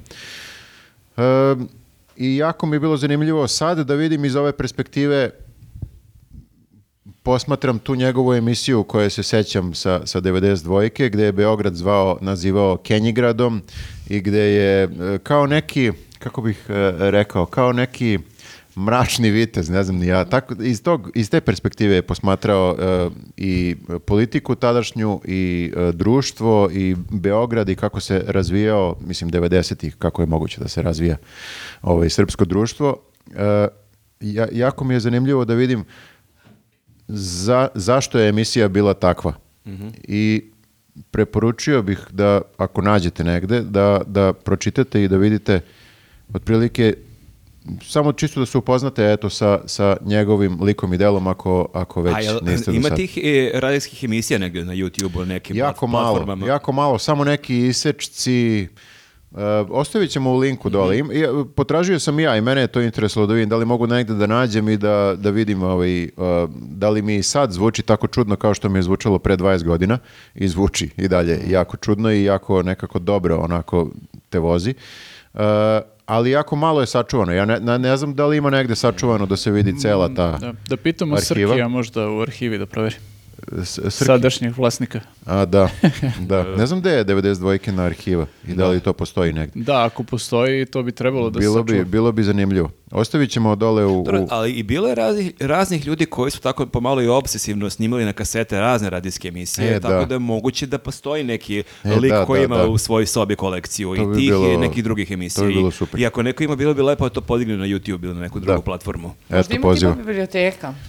Znam tipa... uh, uh, Aha, sad- u Narodnoj biblioteci. Pa da, zato što... Pa trebalo bi da ima pohranjeno sve to, jel? Da, zato što e, znam sad kad smo mi sađivali u Kragujevcu stan, tata je pronašao čitave kasete e, svih snimljenih emisija koje je imao i sve je to odne u, u biblioteku jer se onda to arhivira Da. i digitalizuje i onda ti Da. možeš da odeš i da čuješ šta te zanima, tako pretpostavljam da ako ima u Kragujevcu, E, pa ima i u Beogradu arhiva. A evo znači- samo jedan kuriozitet, izvini, on je između ostalih jedan od likova koji je otkrio satana Panonskog. Mhm. To je isto meni bilo uh, zanimljivo, jer kao tog ludaka je neko morao da, da otkrije. Da, I- tad, tad si morao da dobiješ prostor neki u medijima da bi se čulo za tebe, nije postojao internet, tako da Da, to ti- je jako bitan moment. ali tad je 92 bila, kako da kažem, mali medij, Pa nije, jeste, nije, nije naravno. baš mainstream, ali tu se u toj nekoj sceni uspeli su da se probiju neki jako čudni likovi poput, jeli? Da, pa dobro, Satan nije ni danas popularan, nešto posebno, ono kao više tako da, kultni da, lik. Da, ali, ali eto, ovaj, e, to, to je mi u svakom slučaju bilo e, zanimljivo. Nadam se da će biti i vama. Dražiću, šta si nam pripremio? E, imam dve knjige s tim što ću jednu... Zato što ti pri- baš, baš mnogo ja, Pa ja čitaš. uz džez jako volim da čitam mno- mnoge knjige. Jazz albumi traju Jeste. dugo ovaj, i moraš da čitaš. E, Od lika kojim otkriva džez, stižu dva Jeste, dve preporuke. dela. A, ovo je prva moja a, preporuka i sećate se u prošlom popkastu kako sam rekao da me malo kod Buke nervira uz sve dobre knjige koje objavljuju što strašno hajpuju, što je svaka Mhm. knjiga remek delo. I opet sam ono progutao tu njihovu propagandu i opet sam shvatio da su ovog puta stvarno bili u pravu.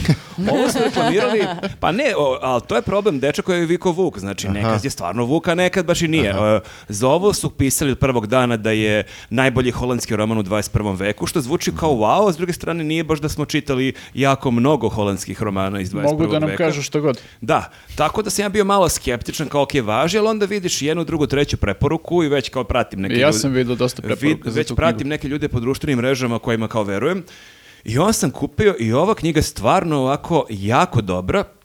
Uh, ukratko, dešava se, uh, glavni lik je čovek koji je tako negdje bliži se penziji i to je neka viša srednja klasa u Holandiji. On uh, živi u nekoj fancy ulici, u Ehen ulici blizu onog njihovog nekog fancy parka i onako on ima na prvi pogled kao koliko toliko sređen život.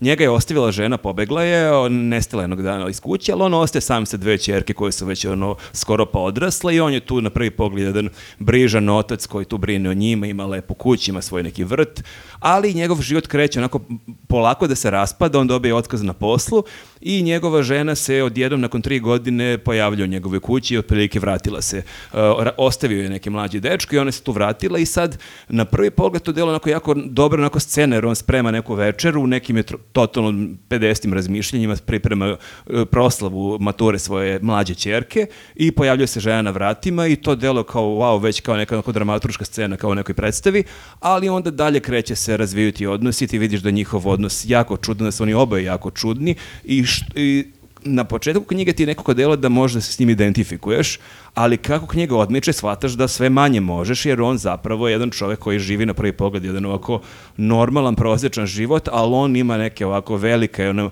mračne tajne i knjiga onako biva sve teža i teža do te mere da na kraju kad je završiš ono bukvalno ti fizički nije dobro. Tako da s jedne strane velika preporuka jer stvarno genijalno piše. ali pripremite pisac je, se, a? Pisac je da Arnon e, Grunberg, fenomenalno piše čovjek zaista, ali onako ja ne pamtim da sam nakon što sam završio knjigu da me neka knjiga baš toliko uzdrmala u posljednje vreme. Tako da preporuka, ali da ne bude da vas nisam upozorio, kao i ti kad si rekao prilike, ne znam koji si malo primao preporuku, prilike, nemojte da me psujete ako bu- budete imali taj osjećaj. A koja je druga, koja je druga? Pa ajde neko drugi sad da ne, ne držim ja monolog ovde pola sata. Aha, hoćete ja? Ajde. Ajde. Hoćemo. E, ovako, ja sam e, pročitala knjigu koja se zove Štefica cvek u raljama života. A, to je, pisac je, to jest pisateljica je Dubrovka Ugrešić, e, za koju sam čula sa nekoliko strana više puta i um, jako mi se sviđa zato što a, sam, e, sama priča u ovom slučaju nije toliko bitna koliko je a, e, fascinantan način na koji se ona, uh, spisateljica, bavi formom. Uh, jer uh, sve vreme se ponaša, mislim, vidite kako je i dizajn, a i unutra dizajn stranica je kao uh, za sečenje. Mhm. Uh, I um, svaka uh, nekako pristupa kao krojačica svom delu. Jer su Čekaj, tako... izvini, to je stara knjiga, jel? Pa, Iz ne znam. 81. Jeste, druge. da. Da, Pa da. da, da ali ovo ne bre... Film, film je iz 84. a knjiga je To, to, dve, to tri sam- godine da, starija. Ja, da. znam za film, da. Ne, ne, a, knjiga je a, a, izašla... Početak 80-ih. Pa ne, izašla je sada u Srbiji u ovo reizdanje, ali to knjiga je napisana E, I, jako a, davno. jako mi se svidjela kako a, se igra sa, sa formom, a, jer s jedne strane a, početak svakog a, nekakvog poglavlja je a, neki savet, a, koji je kao savet iz a, časopisa za žene. Mhm. Ako vam se, ako se slučajno seli a, sa belim pantalonama na travu i ostao vam je trag, možete skinuti Mhm. sa time i time, ukoliko vam je jaje puklo ili ne znam ti ja šta sad. I sad da ti e, pratiš e, priču e, Štefice Cvek e, koja živi sa tetkom, e, međutim e, ima dosta i tog momenta e, kako pisac piše o pisanju i koliko je, kako, kako se ona u tom smislu zapravo igra sa formom, jer ona ide narativ, a onda u jednom trenutku preseče to i kaže i sada da sam ja dobra spisateljica, ja bi sada Štefici dodelila ovo. Međutim, zbog toga što ja ne- neću to da uradim, Što se rekao neki postmodernizam. Postmodernizam, Jeste, jeste, jeste. E, Vrlo, e, vrlo zanimljivo zato što nikada sad nisam videla ovakvo e, poigravanje e, sa formom koje na kraju dolazi do toga da o, onda ona piše o tome kako e, je e, na kraju izdavač rekao ipak jebi ga, ali ovo je kratko, fali još nešto. I onda e, kako, način na koji ona e, dodaje sadržaj je zapravo rasprava o sadržaju. Da, ona zapravo priča, pošto ti, ti kad si mi rekla da hoćeš tu knjigu da predstaviš, ja sam je kupio pre neke dve godine, nisam je pročitao i onda kako mi stajala na polici, rekao, aj taman da ja pročitam i stvarno se čita za sat i po. Da, zanimljivo što ona na kraju opelike e, piše kako njene drugarice, sestra, komšinice, kako, šta, Majka, šta da. one njoj predlažu šta bi sa Šteficom moglo da se desi. Da, zabavna knjiga, duhovita je, mada je moram da kažem ono da mi je zasmetala jedna scena kako svi znamo tu, tu knjigu znamo po filmu i po onoj kultnoj sceni s Batom Živinovićem.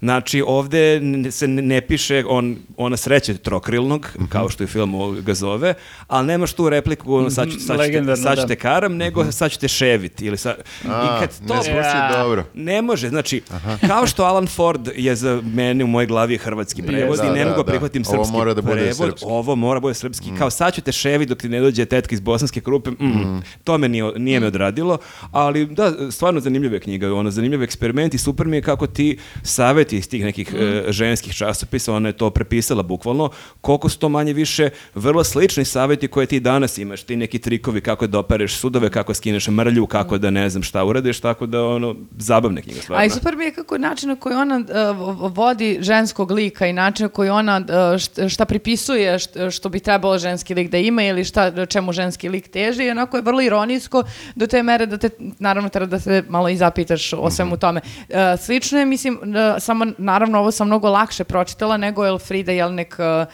Ljubavnice, uh, zato što, na primjer, o, njen način pisanja je mnogo teži i ta cela repeticija da te mere nervira i cela ta, um, i, i taj ironijski otklon koji ona ima, uh, nekako ne možeš da ga pročitaš kao nije štivo koje ćeš sad da čitaš na plaži i kao budeš u fazonu lagano teče, nego onako baš umorite posle 20 strana, bukvalno si u fazonu ok, sad moram malo da pauziram i da čitam nešto drugo pa ću da se, a, pa ću da se vratim. A u sve u svemu, ovo mi je jako bilo zabavno, e, pre svega zbog forme i kao e, preporučila bih, baš ću da se posvetim njenim e, drugim radovima zato što je baš zanimljivo. Ali nevjerojatno koliko je ta Štefica potpuni mediokritet i koliko su svi muškarci totalni isklišeizirani. Od Da, nekog da, da, da, intelektualca, ovog nekog trokrilnog i slično. Svako je onako baš najbanalniji. Da, zabavno je stvarno kako to radila. Pa jeste i čak i kad ona ubacuje sad e, u jednom trenutku kao e, e, ubacuje tog nekog e, lika i sad ti čekaj, čekaj kako sad ovo odjednom.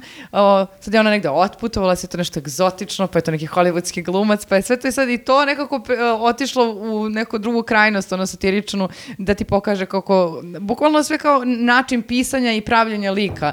Pa čak i posle kad razgovara o, o, o, li- o Šteficu, o Štefici a, sa svojim a, komšinicama, majkom, tetkom i tako dalje. I tu vidiš kao stereotipe u, u šta možeš da, da A ti smestiš. ste- stereotipi, odnosno, uh, nisu, kako bih rekao, nisu se mnogo promenili od 80-ih do danas. Hoću da kažem, Mhm. knjiga je okej ostarila. Da, da, da, da, da, apsolutno. Čak i ti savjeti iz časopisa su vrlo slični Da, i da, to ti da, da. zapleti to kao ne sama i svi savjetuju tebi treba muškarac i sad imaš intelektualca, imaš ovog fizikalca, imaš ovakvog onakvog, vidi s kim ti je okej. Kao prvo je ovo, prvo je ovo, prvo je ono. Mislim, i, kao, i, i, sve- uvek je pri- malo. I uvek je primat, moraš da nađeš muškarca, mislim, Da, jer šta je da. žena bez muškarca? Kao, A onda dođe Miley Cyrus. I sve I- I propast. kaže, tako da vidite kako je sve nekako Sve je zaokruženo lepo. Da, da, da. Cool. Uh, ja sam čitao jednu knjigu koja se zove Zavod za nagađanje, uh, autorka je Jenny Ofil, uh, američka je autorka u pitanju i ovo je isto jedna od... Nama Buka dođe neke pare za ove Da, preporuke, bukvalno. stvarno. Vidim da smo treću njihovu knjigu sad pre- preporučili. Da, tako se navestilo. Ovaj. Uglavnom, ovo je knjiga isto kao važi za, nije važi, nego jedan od bestsellera, ovaj, u ovom slučaju New York Timesa. Uh, E, svaka druga knjiga Svaka- je bestseller New York jeste, ja to da. ne mogu više. Pa mnogo se čita. Čak sam imao i ono, ukačio sam pre neki dan jedan mim na, na internetu na tu temu, onaj lik sa kartonom koji kaže pa ne može svaka knjiga da bude bestseller New York. Times. Times. Ovaj, ovo je onako lagana, mislim ni- lagana, ok je knjiga za čitanje, nije preterano to kao što ti kažeš naporno da ne možeš posle 20 strana da, da nastaviš. E, govori o ovaj, zapravo o ovoj spisateljici, ona je tu kao neki njen alter ego i ona je, ne znam, a, spisateljica je, pritom predaje na fakultetu pisanje i ovaj, ima neki a, relativno ono uređen život, u braku je, imaju, imaju, ima ćerkicu sa, sa ovaj, tim čovekom i sve to nekako onako funkcioniše ono manje više, kao nije čak ni idilično, nego je pre onako već su oni u tim godinama i toliko braka iza sebe imaju da je to neka rutina sad. I ovaj, u jednom trenutku se des, dešava taj lom, ono, ona saznaje da je on nju prevario ovaj, i ovaj, šta se dalje dešava, to je prosto ovaj, se preispituje i njihovi odnosi i sve ostalo. I ona sad tu ima nekako, uh, stil pisanja je takav da ti Uh, malo onako na, na početku deluje haotično, ali uh, postigla je nekako efekat kad malo uđeš u taj stil, bukvalno kao da si uh, u, u njenoj koži. Uh, način na koji ona nabacuje te ono kombinacija njenih misli i dešavanja oko nje. Nekako je baš onako uspjela da, da dočara to kao da imaš ono kameru iz prvog lica. Ovaj, u, u nekom, kad bi bio video ovaj, ova knjiga, to je to otprilike, onako dosta je dobro to dočarala i sve te, mislim, ima dosta duhovitih momenata, ima dosta nekih tih e, nesigurnosti najrazličitih, e, pa ne znam, vezano za muško-ženske odnose, za feminizam, za sve ostalo.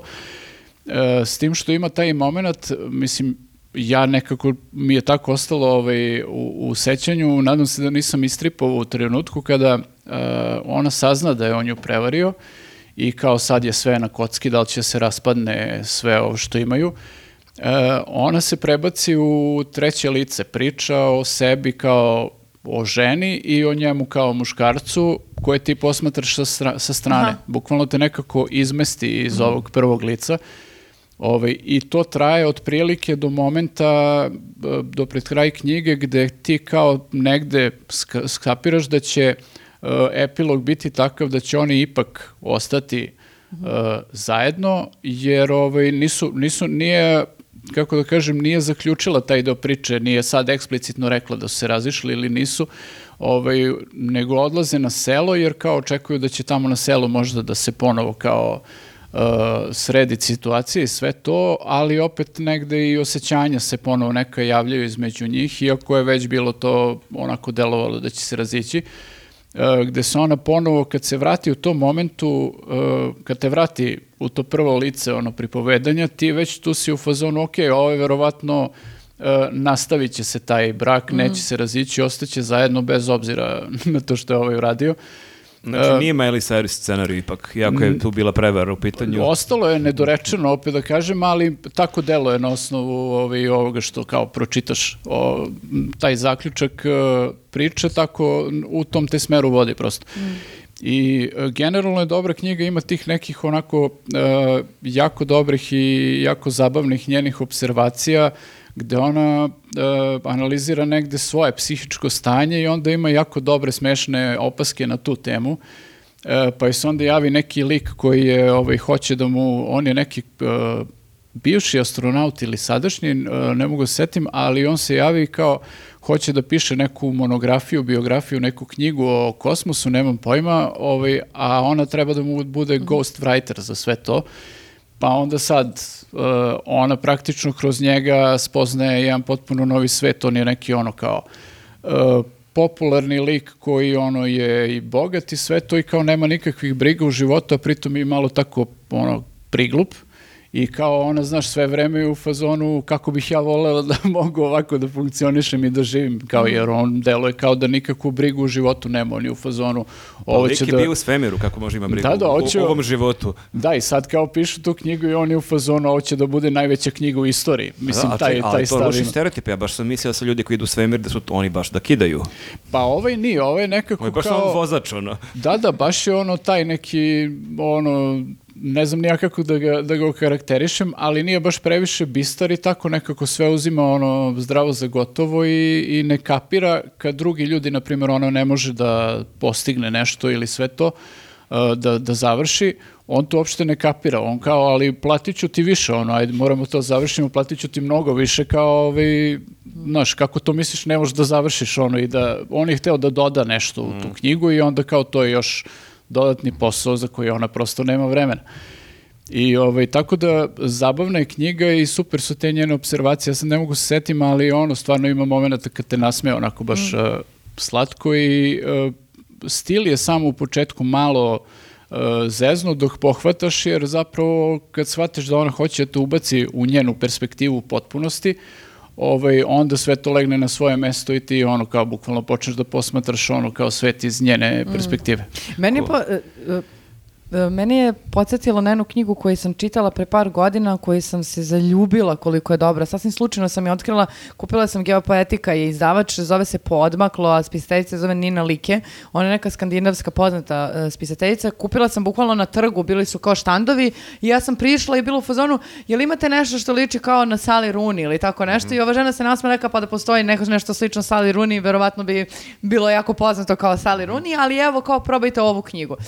I e, isto je znači, e, situacija žena koja je u braku, ali ne, nesrećna je u tom braku i tako te uvlači u, u, u, u- stanje koje ona osjeća, da ti bukvalno si u fazonu da, da, da, da, da kao nekako proživljavaš to sve sa njom. Znaš kao, e, nešto napiš, napisala kao koliko je moja tuga i kao nezadovoljstvo raslo, tako su rasle i moje čaše za vino i u jednom trenutku sam bukvalno kao da sam pila vino iz bokala, jer kao da ne provali muž da mnogo pije, ona je svog dana povećava, mislim, malo, malo pa kupovala veće čaše za vino koje je punila. Sam čašu vina. Pa popila sam čašu vina, sad što je to ono ko dekanter otprilike napunjeno, nema veze. I kao ona koja odlazi od muža i uh, na kraju, um, ne na kraju, nego... Pa nemojte sve kažete što je bilo na kraju svake knjige. Ne, ne, ne, nego napušta muža i onda kao provodi vreme živeći u, u bukvalno svojoj ordinaciji, jer je doktorka.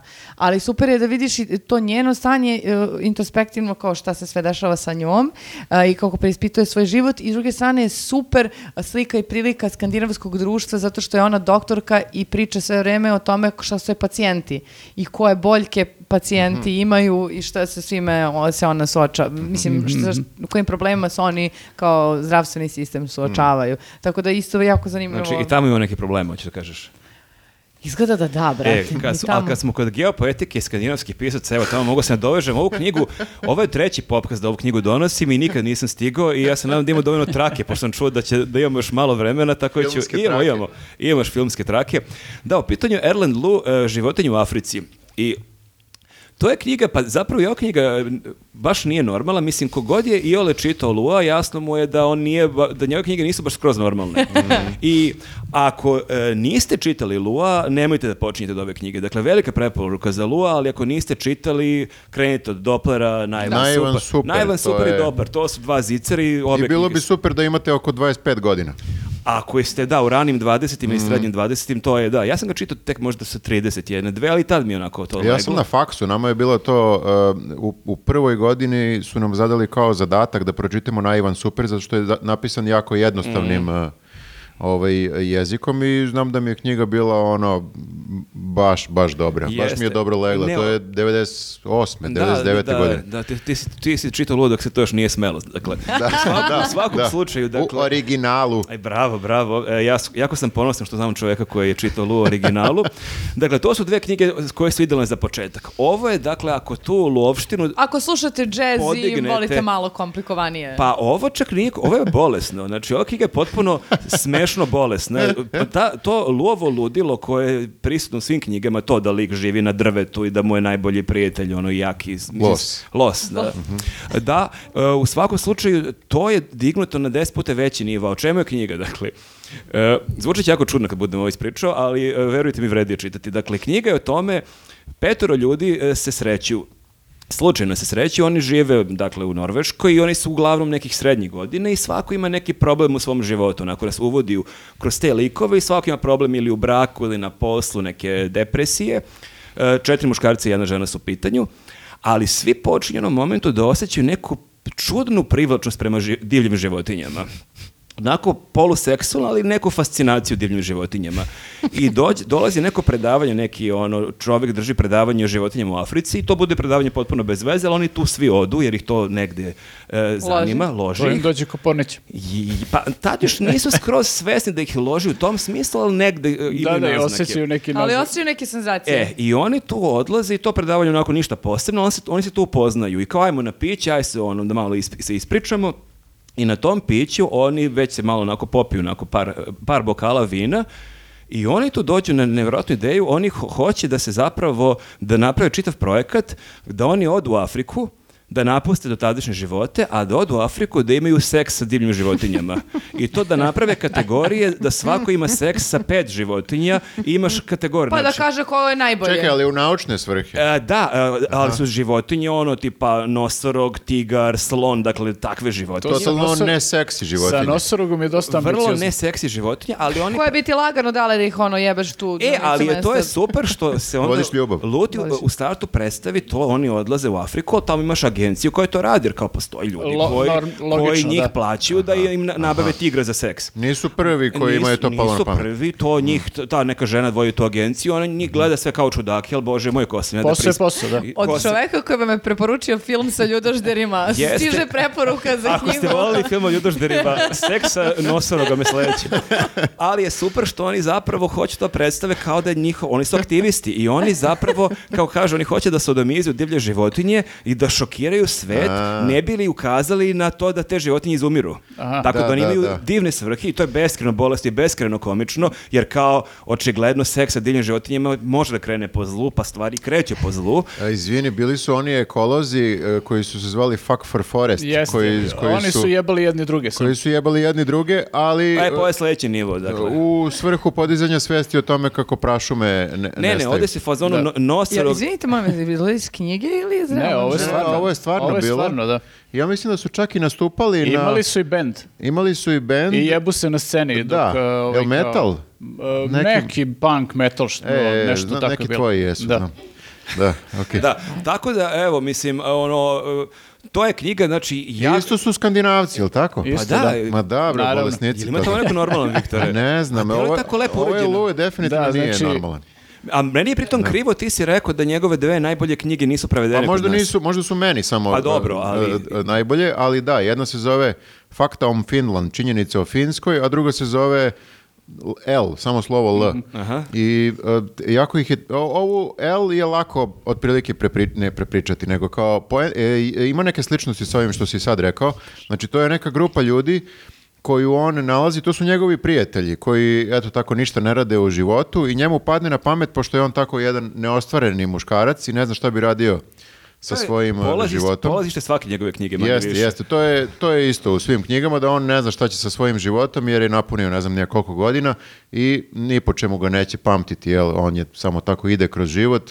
E, I poenta je u tome šta današnji muškarci, odnosno šta današnji ljudi mogu da urade kad je sve već otkriveno, sve je već urađeno, e, nema više istraživača poput Kolumba, Magellana, ne- ništa ne može da se otkrije i, i to njega jako nervira.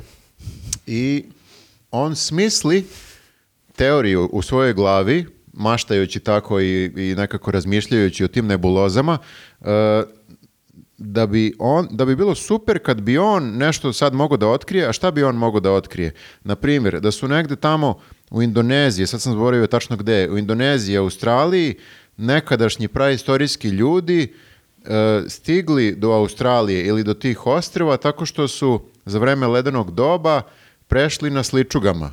I sad sigurno e, da bi dokazao tu teoriju, on mora da ode tamo i da traži sličuge. U nekom od tih ostrava, u, nekom, u, u toj nedođiji ako tamo. nađe, da, ono- I on okupi grupu svojih prijatelja istraživača da sa njim i dobije pare od ne znam nija koje norveške agencije da ide tamo i da traži sličuge po tim eh, divljinama Australije, negde blizu Ali obale. jel imaju seks sa životinjama ili to? Ne, Ok. nemaju, nemaju A seks. sa sličugama? Sa sličugama. Ali ovdje ima dodatni nivo knjige zato što je on stvarno okupio u pravom životu, okupio ekipu svojih prijatelja i stvarno su otišli uh, u neku nedođiju tamo uh, džunglu, da, ne da traže sličuge, ali da se otprilike provode i da se slikaju dok on piše knjigu. Tako da imaš ti Lepo. fotografije njih Aha. kako tamo ne znam ni ja šta rade. Mislim, ne znam da li ovdje, ovdje nema ovaj kako jebu. Ne. Nema, nema, to je, to je skuplje izdanje, to je tvrdi povez.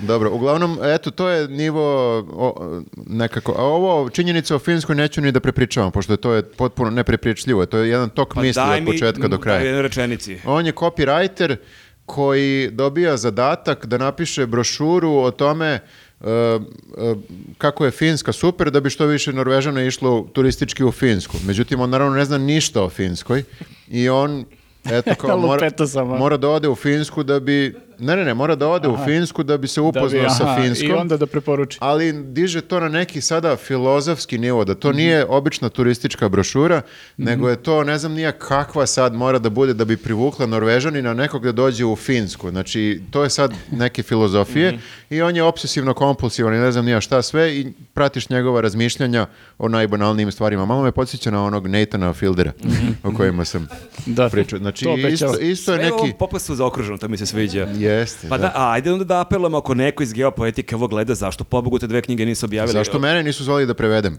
Pa da, lik se dalje seća Da. skoro Ja- svih reči. u Ja i dalje pomalo znam norveški. Ako da. pozovu tebe da prevedeš, Da. Ali- možda će naša deca Ali pročitati ne te znam u čemu je fora. Lu je kod nas jako, jako čitan. Pa pazi, možda je seks sa životinjama kod nas e, popularna tema. Moguće, E, moguće. nije mi jasno, na primjer, za ovu činjenicu o Finskoj mi je donekle jasno jer je jako teško prevesti, znači, Mhm. zato što je tok misli i rečenice su, traju ne znam nija koliko. Ova druga L je jednostavna za prevođenje. Laka. Laka je. Tako da, eto, ako neko iz geopoetike... Dobro, znači- Evo, this guy. Ovaj čovek, te, ovaj za 100 evra prevodi celu knjigu. Da. Ovaj čovjek će sigurno prevesti samo u kom roku. Ako A nije možda su i hitno... prevedene, nego ja nisam video. Pa ali, ja nisam Moguće, vidio, da. ja stvarno ali mislim... ako nismo vidjeli, onda verovatno Pa sigurno bi do- okačili dobro. negdje i rekli E, preveli smo. preveli smo jednog od najvećih Da, pisaca. ako smo se ogrešili, onda nam Dobro. okačite link i pošaljite nam tu knjigu. Dobro, da pročitamo. Mene dobro. ovo baš jako zainteresovalo. Dok- Ne, Dobro. super su knjige obe, stvarno. Znači, da sumiramo, ova knjiga govori o tome e, da ljudi hoće da podignu svest o ubijanju životinjama, životinja tako što će da ubiju životinju od seksa. Jeste, jeste to, ali dosta toga kreće po zlu jer iz nekog razloga nosorog baš ne želi kao da ga siluje. Nije baš raspoložen. Da nije u fazonu, pa da, tebe A čekam muški cijelu- ili ženski nosorog? A, nisu to čak ni definisali. O, oni kao te životinje... Kao da je bit. Oni, oni, te, živ- oni te ži- pa da, ti si Dobro. ono, oni te životinje omame, ta agencija, ali shvate u nekom momentu da ta doza možda nije baš bila dovoljna ili da je seks se ili da je seks trajao mnogo duže, da su oni omamili nosoroga na pola sata, ovaj dva sata kao ovaj nosorog se u nekom momentu probudi ili Znam da li si tigar. manji ili veći bolesnik ako tražiš ženskog nosoroga. Nosorog je u fazonu, dođi ja tebe da nabodem. Da, da. Tako da eto. Ali mislim, da, da, da, da, spečeš ubijanje životinja tako što ćeš ih silovati premise je zaista... Ne, ne, ne, podigne, podigneš svest. Podigneš Ti- svest. ti- Da. Pa dobro, ali... Pa ček- Ponovila si samo glasnije. Ali čekaj, ili sad, znači ti o nosorogu ne razmišljaš. E, kad bi videla neko ko ima seks sa nosorogom, Mm. ti bi pomislio, wow, nosorog i onda ajde malo proguglam i vidiš koji su problemi danas sa nosorogom. Ali ja bih žela da spasim tog nosoroga koji biva silovan. Ali bi onda spašavali ostale nosoroge. ali dobro, je li tom nosorogu bolje da uh, budu ubijeni mi, da bude malo veruj mi, silovan? možemo da Slušaj, popričamo na tu ovu temu. knjigu nisam ja pisao. Znači, ako imaš problem sa lom, ti pozovi lova. Okej, okej. A, a za nilske konje, šta kažu? A, zaboravio sam, mislim da se spominju nilski konji. Mislim da ih, ili možda nema nilsko konje. Sad sam zaboravio koje su sve vrste životinja, ali ima ih pet za ove kategorija. koji vole obline. Da, da. Uh, nego da pričamo, uh, pa- pazite E, ovako. jel mogu samo, samo da, e, setio sam se nečega što sam zaboravio ovdje da kažem jako brzo. Znači, film Crni bombarder je delimično inspirisan E, ja sam ovim, hteo da, ovim, ja, hteo sam da kažem ovaj, u jednom momentu kao zazvučalo mi je ovaj, kad si opisivao, je li to crni bombarder? Jeste, jeste. Da, da, to Ovaj- je Crni bombarder je delimično inspirisan, znači Aha. lik e, crnog bombardera je delimično inspirisan e, flekom. Tako A, da ima eto, samo to da zato što mi je baš možda zazvučalo kad si Super. pričao ovaj, na, na to. Uh, u nekim komentarima se u prethodnim podcastima, popkastima uh, komentarisali kako bismo mogli da vam preporučimo i neke podcaste uh, koje Pa, mi slušamo. evo.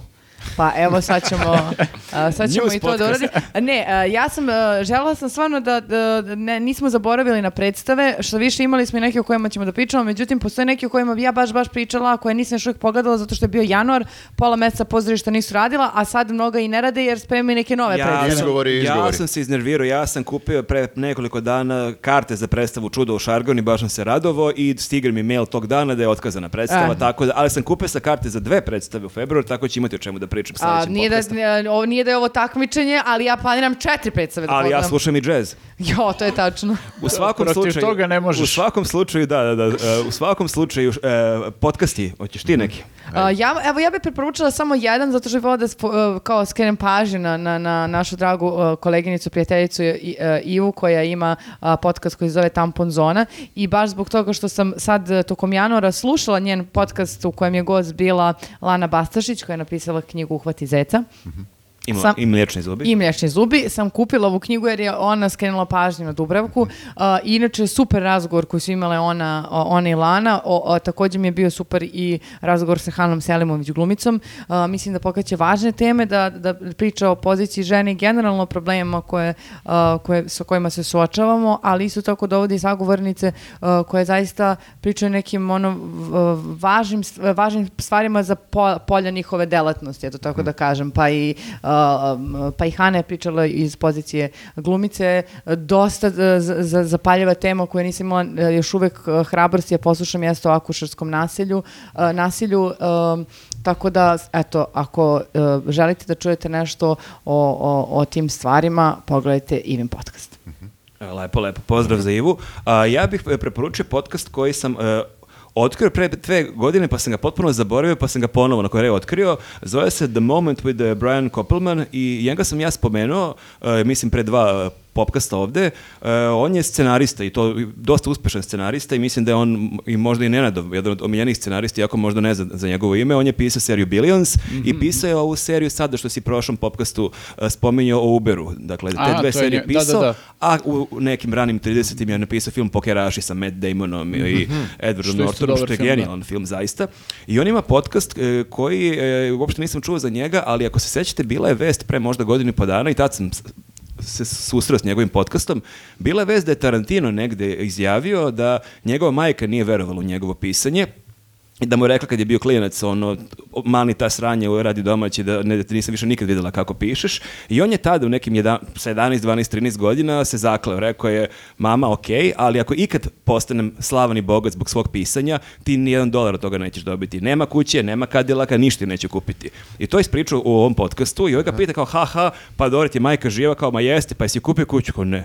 Kao, molim, kao, ne, ništa nisam kupio Podržao je reč. podržao, kao jesam nešto sa poreskom imala neki problem, tu sam joj malo pomogao, nikad joj ništa nisam kupio, kao žao mi, jer kao postoje kao posljedice izgovorenih reči, ja kao to nisam zaboravio i ovi kao si ti lud, pa kao, kao kaže, kao buy, buy her a fucking house, kao no way, no, no, no, kao žao mi je, postoje, ona je to izgovorila, nije verovala u mene, bože moj. E, ali pazi, izvini, samo te prekine, mala digresija. Znači, e, postoji scena u ovoj seriji o Uberu gde ovaj vlasnik Ubera e, odjebe brata ono, u fazonu kao ovaj brat u nekim dugovima i nemam pojma šta, ali nikad e, nešto su u lošim odnosima i, i sve to nije verovao u njega i ovaj u fazonu kao čak mu je brat i tražio, zamolio ga za pomoć i ja rekao kao ne dolazi Pa obzir. da, jer Tako ovo, ovo je bilo pre godinu i po dana. Setio- Mo- moguće da, se ovaj moguće toga. on stvarno tokom pisanja te serije imao taj razgovor sa Tarantinom i na stranu sad to što je Ta- Tarantino izjavio, to gostovanje je sjajno. Mislim, no, tad je Tarantino tek objavio ovu knjigu Once Upon a Time in Hollywood, pa pričao je tome, ali i o drugim nekim njegovim filmovima.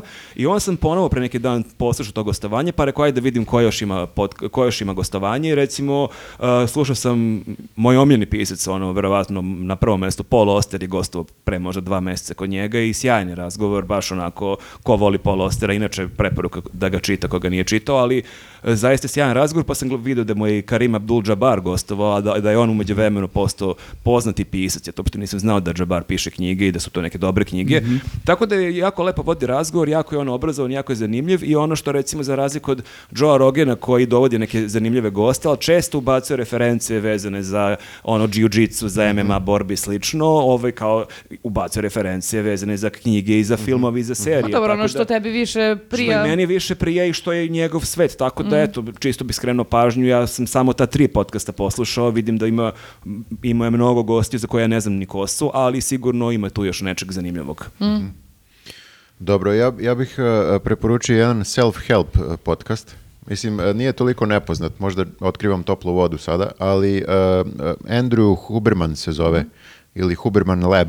Aha, da mu se znam, zove. oni bradati... U posljednje vreme je postao prilično popularan zato što uh, nekako uh, te stvari o kojima priča, kad kažem self-help, mislim ima gomila tih, tih sad podcasta koji ti nekako uh, tvrde da ti pomažu da budeš uh, bolji čovek i da imaš bolje zdravlje i da ne znam nija šta, se bolje osjećaš u životu, ali većina njih je bullshit i većina njih ne znam ja, su onako malo prodavci magle. Ovaj lik mi se za sada čini kao da nije prodavac magle, jer često ima te reference na prave naučne radove koji, jeli, kao, potkrepljuju to o čemu priča i sam je neki doktor, ne znam nija čega, na, na ovaj, e, nekom, nekom fakultetu, tako da e, generalno mi se sviđa taj način nek- neke, e, nekog metodološkog prikazivanja šta treba da radiš, kao kako bi se na kraju krajeva samo barem malo osjećao bolje.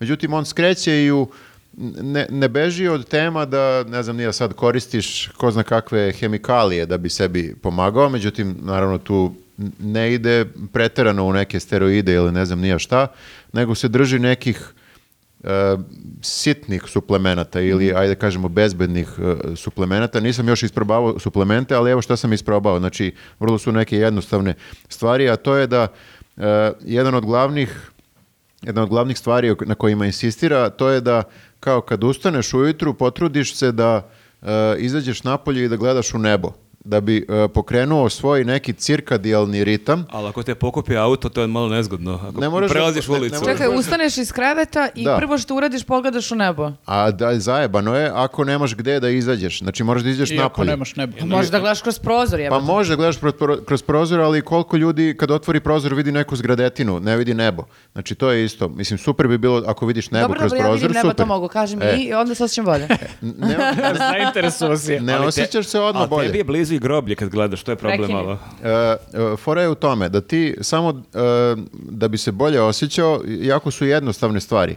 Ti e, moraš da spavaš bolje, moraš da jedeš bolje, ako, ako baš mo- možeš, možeš i da vežbaš, to dosta pomaže. Ne mogu, idemo To dalje. otpada. Ali je naučno potkrepljeno da stvarno pomaže. Pomaže, jeste, Da. pa dobro.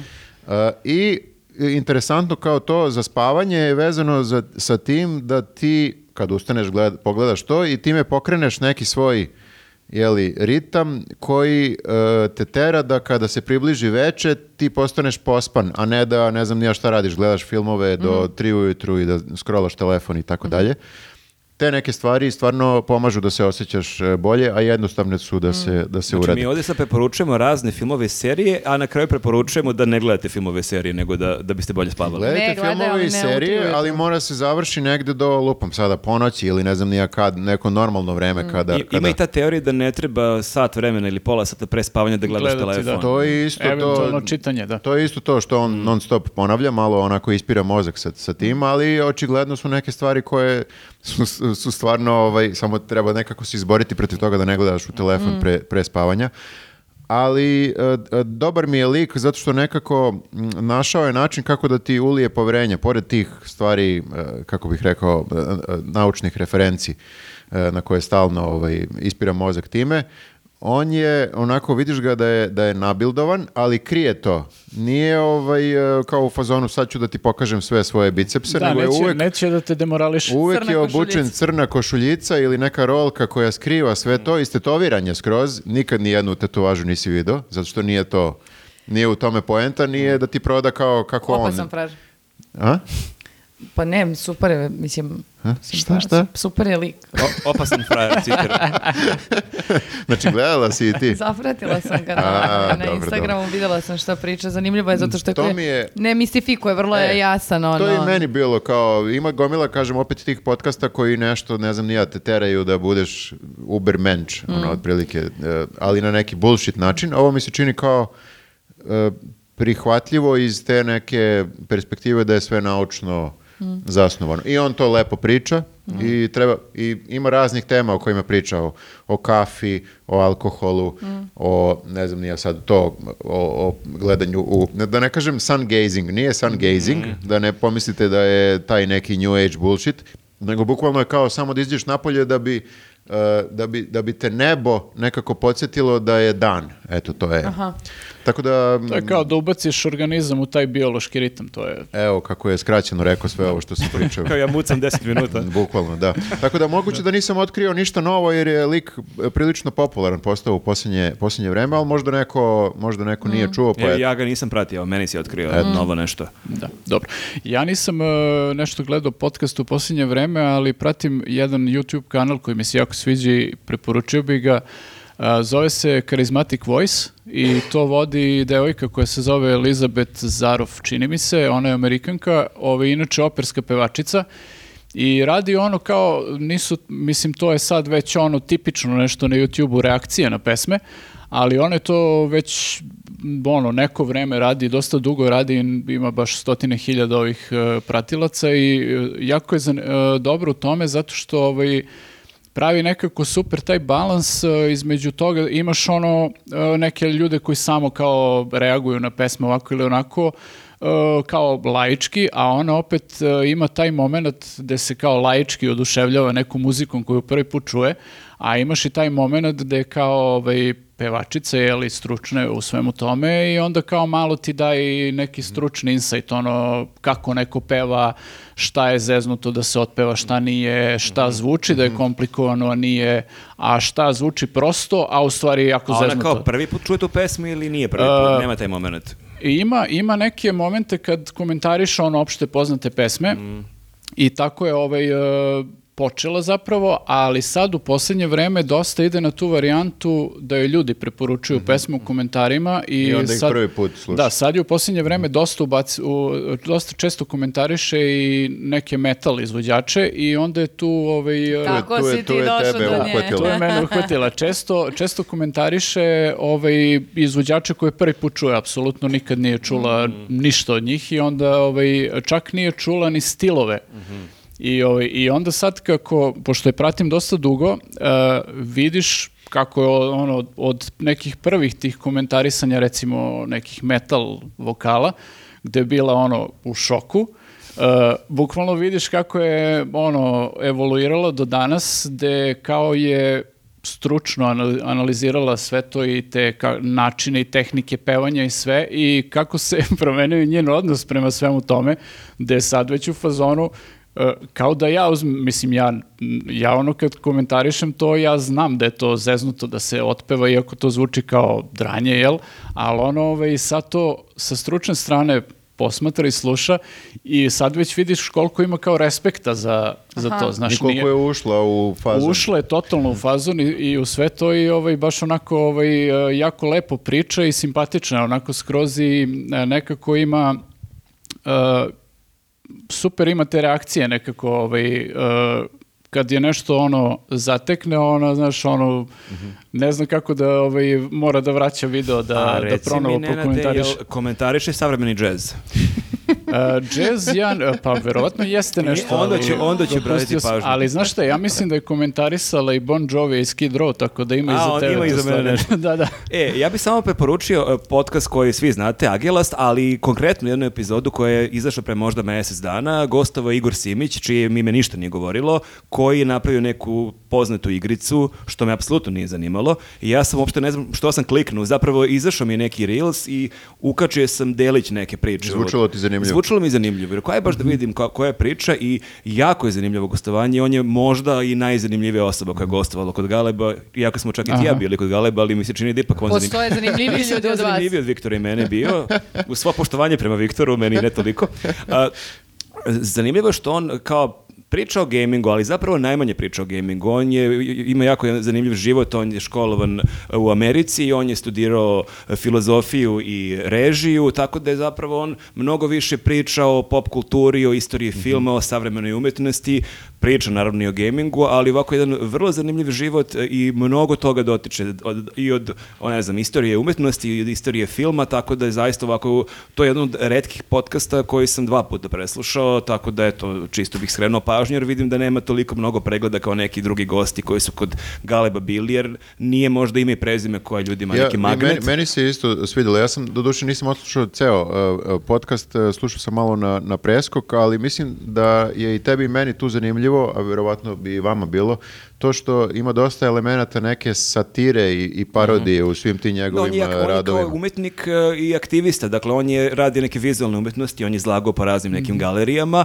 i kroz i čak i kroz te igrice on zapravo ima neku poruku. Dakle to ali nije na samo igrica radi neki igrice. smeš, duhovit način, prilično. I tako meni da. je bilo zanimljivo što sam shvatio da, uh, jer ja sam uvek negde verovao da ljudi koji, se, koji su u gaming industriji, da su to neki likovi koji su pod sjedan igrali igrice, pa su vremenom napravili, napravili svoju igricu, koliko shvatam iz priča, nikad nešto nije bio bog zna koliko navučene igrice, uopšte Mhm. nije toliko iz te priče, ali eto, ima neke drugare s kojima je bišao matematičku gimnaziju, pa su onda oni realizovali neke njegove ideje. Tako da zaista ovako jedna jako zanimljiva priča i ono, obratite pažnju. E, dobro, pošto nam sada doslovno vreme curi, sad je već ono 10, Mhm. 9, 8, 7, a, došli smo do kraja Sve što smo epizode. pomenuli, sve što smo pomenuli, dole. bit će u uh, opisu ovog videa, ako ste nešto propustili, pošto jako brzo pričamo. E, a, hvala vam što ste izdržali do, do, do, do ovog... Ako ste izdržali. Epski pop- a, popkast. E, epski popkast za, za, malo na stranije, ovako. ljude šalim. Ali za razne interesovanja. E, a, Jeste, baš, baš razna. I vidimo se sledećeg, a, a, sledećeg meseca, znači februar, pos, pr, Po, posle- poslednja pone- poslednji ponedeljak u februaru. Ma kad, 27., ma kad 27.. vidite notifikaciju, kliknite šta je, sad mi govorimo koji dan. subscribeujte se, to je to. Ćao ljudi! Ćao. Ćao.